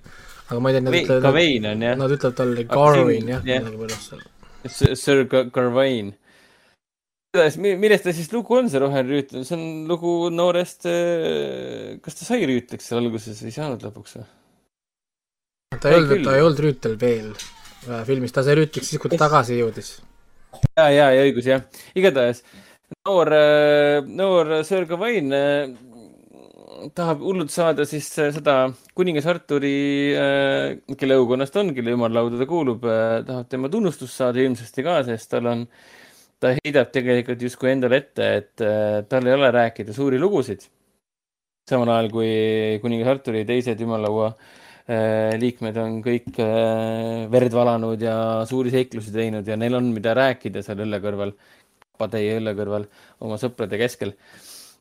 ja kui lõpuks ilmubki siis äh, salapärastel, salapärastel asjaoludel ilmub välja roheline rüütel, kes esitab väljakutse, siis loomulikult see Sir Garvin, eesti keeles Sir Gawain, võtab selle väljakutse vastu. see väljakutse on muidugi trikiga, et, et nagu see seisnes selles, et äh, kas üksteist teie rüütlitest suudab mulle kui rohelisele rüütlile äh, vastu astuda, kas sa suudad ühegi kriimu mulle lüüa nii-öelda? ei no seal oli, tingimus oli tegelikult nagu lihtne, et äh, äh, nii nagu sina lööd mind äh,, löön mina sind Täpselt. aasta aja pärast äh, vastu. ehk siis see ja. oli niisugune trikikas, sest kui ta oleks ainult äh, kraapinud ikka... seda rohelist rüütlit, siis ju oleks ju fine ei, see on treileris olemas, see on kõik ju fine, see on info. noh, põhiliselt jah, et ütleme niimoodi, et Sir Gawain läheb natuke liiga hoogu ja siis tulemus on see, et ta peab äh, ausõna peale aasta, aasta pärast äh, teo tegemist rohelise rüütliga kohtuma, ehk siis tema juurde minema. ei no see, see, see ei olnud, see ei olnud, et ausõna peale, vaid seal oli see, et kas sa tuled ise või ma tulen sind otsima, vaata sellega, et, et ja, ja, ja, ja kõik, kes siis vahele meile jäävad äh, on ka nagu hinnaks, ehk siis nii-öelda ausõna peal, ehk siis sul tegelikult ei ole nagu varianti. see on see rüü-, see on see rüütli au nii-öelda, et kas sa oled, käitud nagu argpüks, peidad ennast ja hävitad ära selle, kes tuleb sulle järgi või siis sa käitud nagu rüütelikult nii-öelda. mida ta siis lõpuks teebki ja läheb, läheb tohutu suurele, väga põnevale isegi ütleksin The Witcherit meenutavale seiklusele kohati oli siuke, samas on vist vastupidi käivad need asjad. et, et. väga veider oli seal, veider oli. ei, ei vaata, ma hakkasin naerma selle kohas, kus, kus ta jõuab sinna lõpuks siis sinna, kus sealt oli see Lord ja, ja see Essel olid. noh, ja siis ta, siis see Essel küsib, et kas usud maagiasse. Legit ta just oli mingi hiiglastes üles ja ta räägib mingi rebasega juttu umbes. ja siis nagu, ja, ja, ja nüüd sa siis küsid umbes, do you believe in magic? No nagu, okei okay,, noh. ja ta vast-, ja ta vastas mõnevõrra kahtlevalt, jah, ikka usun. ma ei ole, ma ei ole kaht... päris kindel, et noh. aga, aga see seiklus on tõesti vägev, noh, ma tahaks seda kinos uuesti vaadata nüüd mm,. selles mõttes, et, et mis ta kestis siin, kaks tundi ja kaksteist minutit. mõni minut oli, mõni minut oli vist üle kahe tunni nii meeldis selle filmi niisugune noh, aeg, aeglasem tempo pigem, aga ta kerib pinget hullult hästi, sest noh, kuhu see Dev Patelli kehastatud tegelane sinna rohelise rüütli poole minnes, kuhu ta jõuab, kellega ta kohtub, mida ta läbi elab. ma ei tahakski välja öelda, kelle, noh, hiiglased me oleme ära maininud, aga hiiglased on treilis ka kõik olemas kõigile sellele seiklustele, mida ta läbi elab, on siin filmis ka siis see, et see on David Lauri tõenäoliselt on tema, tema režissööri töödest on see tema magnum opus, ma oleks täiesti kindel selles.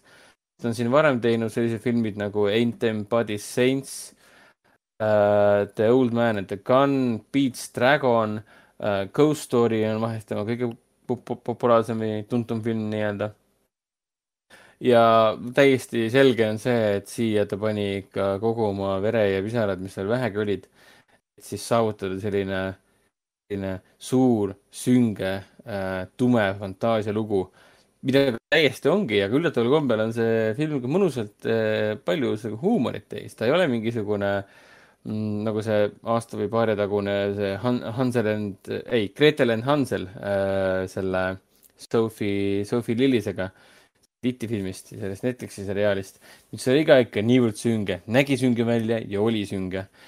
aga see film on pigem sihuke äh, riukalik, äh, süngemat sorti fantaasialugu, fantaasiaseiklus ikkagi. selline film, mille kohta ma ütleksin, et jah, see on dark fantasy.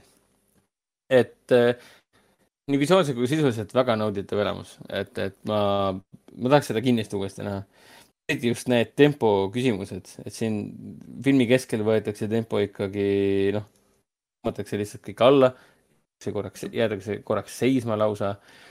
aga ainult selleks, et see filmi, filmi, filmi, mis asja see oligi, siis viimased kakskümmend minutit äkki või, saaks niivõrd nagu mõjusalt või mõnusalt sulle mõjuda, sest mina olin küll üllatunud selle peale, mis tegelikult seal lõpus toimus. ja eriti nende viimaste minutite peale. no see lõpp oli päris, päris crazy.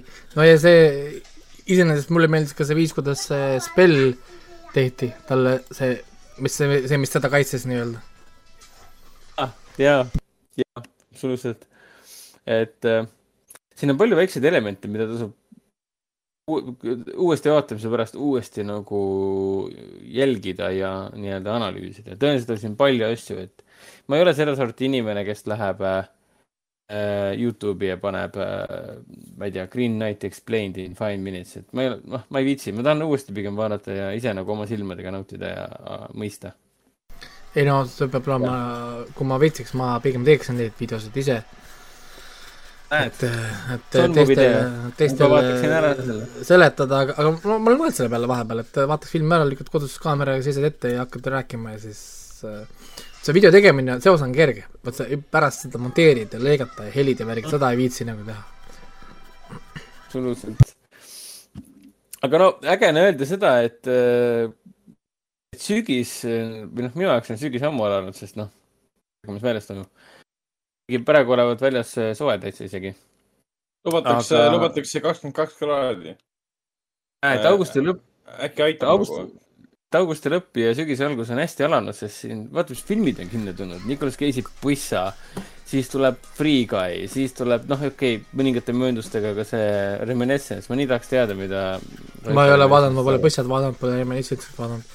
ma arvan, ma arvan, et Raiko seda Reminiscence'i täiega heidib ja Roheline rüütel tuli kinno, Candyman, no okei okay,, kuuskümmend film, aga lihtsalt nagu päris palju, iga nädal tuleb midagi uut ja huvitavat, mis on nii äge tunne tegelikult, nii äge, nii põnev. jaa, et no jah, selles mõttes ma, ma tahan seda põstsat ka vaadata, ma loodan, et, et äkki mul tekib aega, aga homme on lauamängupäev ja, ja, ja pühapäeval on juba järgmine filmi, filmipäev. Uh,. siis uh, tuleme sulle külla ja vaatame põssa uuesti ära, on kõik jaa, aga me võiks vaadata midagi, mida te pole näinud, et äh, ma saan Pissat vaadata ju millal iganes, järgmine nädal, whatever, ta ei kao kuskile mõttes.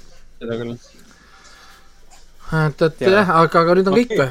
Äh, filmid räägitud aga..., äh, tehtud kolm tundi peale möla, seal, millest seitseteist filmi on siis minu süü ja neli sarja või palju mul siin oli seda, et aitäh, Raiko!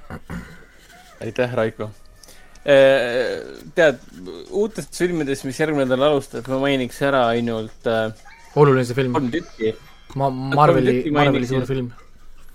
Marveli suur peksufilm tuleb nüüd Shang-Chi ja kümne rõnga legend, mitte kümne, kümne sõrmuse legend, sest tuleb välja, et rõng, ainult rõngad on teema, mitte sõrmused ja teine film, mida kindlasti mainiksin ära, on siis äh, James Van naaseb oma äh, õuduka juurte juurde, ehk siis ta saabub tagasi filmiga nimega Pahalane ehk siis Malignant. ja mida, muidugi meie ma,. mida see Malignant või mis see inglise keeles on? Malignant, Malignant, Malignant kirjutatakse, ma eeldan, et see on Malignant või. ei olnud Malignant, peakski olema ju. Malignant tumor, pahaloomuline kasvaja nii öeldaksegi või, malignant või? minu arust on jah, malignant. Okay.. ma nagu, ma ei tea, well, excuse me. muu hääldus oleks.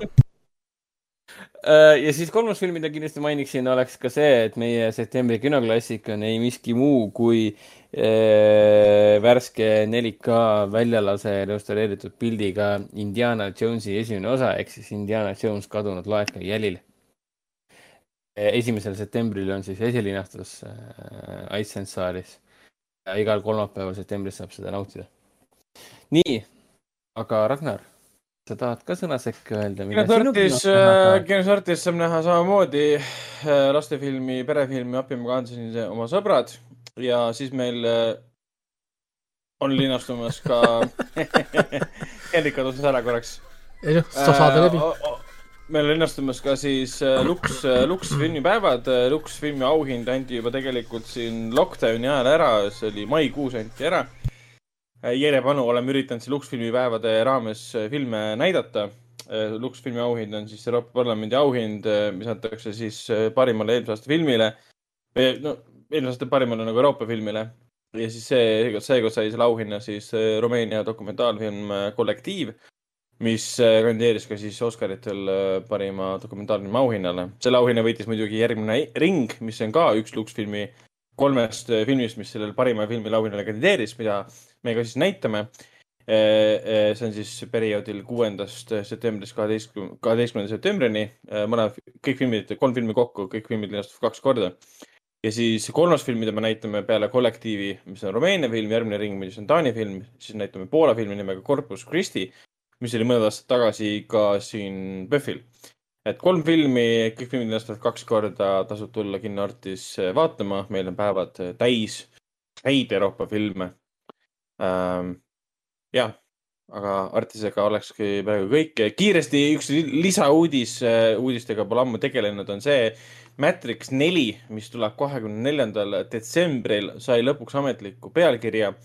me teame, mis on Matrixi pealkiri, selle nimi on Matrix Resurrections. meil on Matrix, meil on Matrix Reloaded, meil on Matrix Revolution ja meil on Matrix äh, näiteks Evolutions. Evolutions, nüüd on Resurrections. muidugi, muidugi Resurrections viitab siin mitmele asjaolule. üks, üks asjaolu on muidugi see, et äh, mis on need ülestõusmised, noh, me teame, mis äh, Neost võis saada Revolutionsi lõpus, ta tundus, et suri ära ja me teame, et Neo ehk siis Keanu Reaves on tagasi. me teame, et Carrie Ann Moss on tagasi, me teame, et, äh, me teame, et seda Lawrence Fishburne'i vist ei ole, vähemalt casting listis teda ei ole. ja me teame, et on tagasi äh, üks, üks reisijäridest. Äh, Vaskovski õed enam koos ei tee filmi, üks õdedest ütles, et tema lihtsalt ei taha, ei tahtnud seda filmi teha, sest see kuulub tema minevikku. no sa oled ikka väga, sa oled ikka väga poliitkorrektne. et äh, XY kromosoomid on õed ei no nemad, ma ei ole poliitkorrektne, kui nad soovivad, et ma nimetaksin neid äh, äh, õdedeks, siis ma, siis ma seda ka teen äh,. mul selle vastu ei ole mitte midagi, aga kui keegi hakkab mulle, ütleme valitsuse tasandil, tsiteerides Jordan Petersoni, siis valitsuse tasandil siis dikteerima dikteerima mulle, et kuidas ma pean mõtlema seaduse tasandil, siis selle vastu ma olen küll. aga kui inimene äh, minuga kohtub ja ütleb, et ma kasutaksin teatavaid pronoune temaga, siis mul on, pole selle vastu mitte midagi, kui ta ütleb, ütleb mulle seda ise. Äh, aga kui valitsus ütleb, siis ei. ühesõnaga, ühesõnaga soovitan kuulata, soovitan kuulata Youtube'ist ja Spotify'st sellist muusikat nagu, issand, mis selle DJ nimi oli ma tean küll, millest sa rääkida tahad ah,. igatahes selle nimi on JP Wave, see on Jordan P Peterson Wave üks, üks, issand ah,. ja ma tean seda, ta, ta teeb neid lugusid seal ja, ja üks DJ, DJ on kokku pannud, tal on jumala palju albumeid, me kuulasime üks lugu kestab nelikümmend viis minutit. ta on kokku pannud siis Jordan Petersoni siis loengutest erinevad laused, oma narratiivi loonud muidugi ja siis teinud sellest nagu lo-fi hip-hop, mis trip-hop on seal taustal. väga fun, väga huvitav muusika, sa kuulad seda hästi pikalt ja see ühelt poolt inspireerib, ta, ta nagu räägib seal oma toa korrastamisest ja mingi hip-hop käib taustal, siukene trip-hop käib taustal, et see on hästi-hästi tore. et see oli Hiiumaa tripi üks muusika, mida autos kuulasin päris palju. nojah, et Jordan Peterson äh. esindab seda moodsat ratsionalismi. ehk siis, et, et aga, aga noh, kui sa oled vasak, ultralibe, liberaalne, siis, siis ta esindab ju seda paremäärmuslast, kuigi ta on heal juhul keskmine kui, kui, kui midagi muud jah, et äh, Peterson, Peterson on, on uh, huvitavate mõtetega inimene, mitte et ma pooldaks kõiki tema mõtteid, aga, aga mis puudutab niisuguse tavalise inimese, endaga jänni jäänud inimese august väljakaevamist, siis tema on kindlasti väga suur abimees neile. eks pole põhjusega, põhjuseta ta pole populaarseks saanud, põhjuseta ta pole raamatuid välja andnud ja need pole põhjuseta saanud väga populaarseks põhjuseta pole tema loengud Youtube'is olnud väga populaarsed inimeste hulgas, kes on nagu noored mehed ja kes vajavad abi justkui elus eesmärgi leidmisel ja, jah. ja soovitan JP Wave'i. aga rääkides filmidest veel viimast ja. korda, siis eelmine kord me, meil jäi see mainimata, et kes veel ei tea, siis võtke teadmiseks, et Düün kolis oktoobri keskpaigast septembri keskpaika jätke see endale meelde, et ärge oodake seda filmi oktoobris, sest selleks oleks juba kuu aega kinos olnud. kusjuures äh, mina vaatasin seda, et äh, nad liigutasid kinoreliisi ettepoole hmm?. jaa.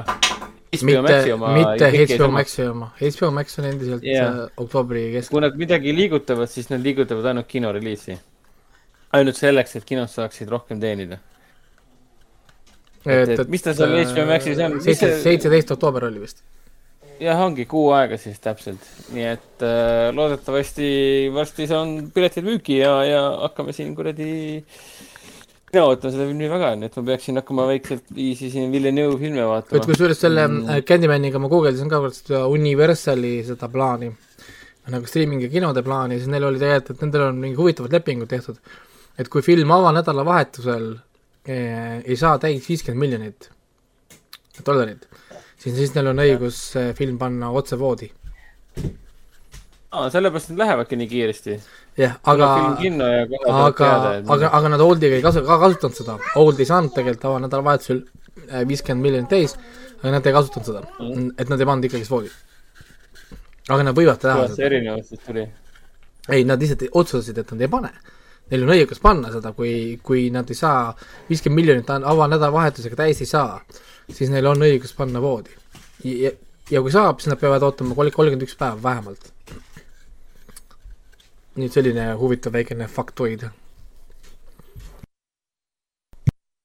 okei okay,, nüüd ma vähemalt siis tean. nüüd on, nüüd on meil siis on lepingut alustanud. läbi megapikk äh, saade jälle minu süü, ma tean. et, et, et aga midagi, äh, lõpetame ära ja järgmine nädal uuesti uued tuured, uued filmid, siis on juba koolinädal nii et äh, siis hakkab pidu, pidu, pidu pihta ja, ja, ja ma saan jälle, saan jälle nautida seda tasuta haridust, mis siis äh, on äh, kuidas see air quotes meil käib, tasuta ja, ja, ja vihikud ja pliiatsid ja, ja uued trenniriided ja kõik on äh, vaja osta ja kõike on vaja kohe ja, ja oh kooliaeg, oh kooliaeg. millal sina lähed, mul on juba, mu võimuskopp on ees mis asja et oh, aga, aga jah, samas ta läheb tegelikult nii kiiresti, et seda üldse nagu noh, ei jõua nagu keskenduda, kui juba on jälle mingi klass või kool läbi. jah, see nüüd vend läheb täna magama, ärkab hommikul üles, Tohver läheb kooli juba mm. -hmm. aeg, aeg läheb. oh, filmi idee, vaadake, otsite vaata oma lühifilmideks õudusfilmide ideesid, teil peaks olema need postrid ju kuskil äh, raamitud ah,. seal oli seal on mõned, mõned lühi, lühi, lühifilmi ideed ja sünopsised juba ju olemas. nii et tehke oma prillid, prillid, prillid puhtaks ja, ja õigus, jaa. okei, kuulge, aga tore, kohtume järgmine nädal jälle. loeme saate saateks ja tšau. nii, saate saateks.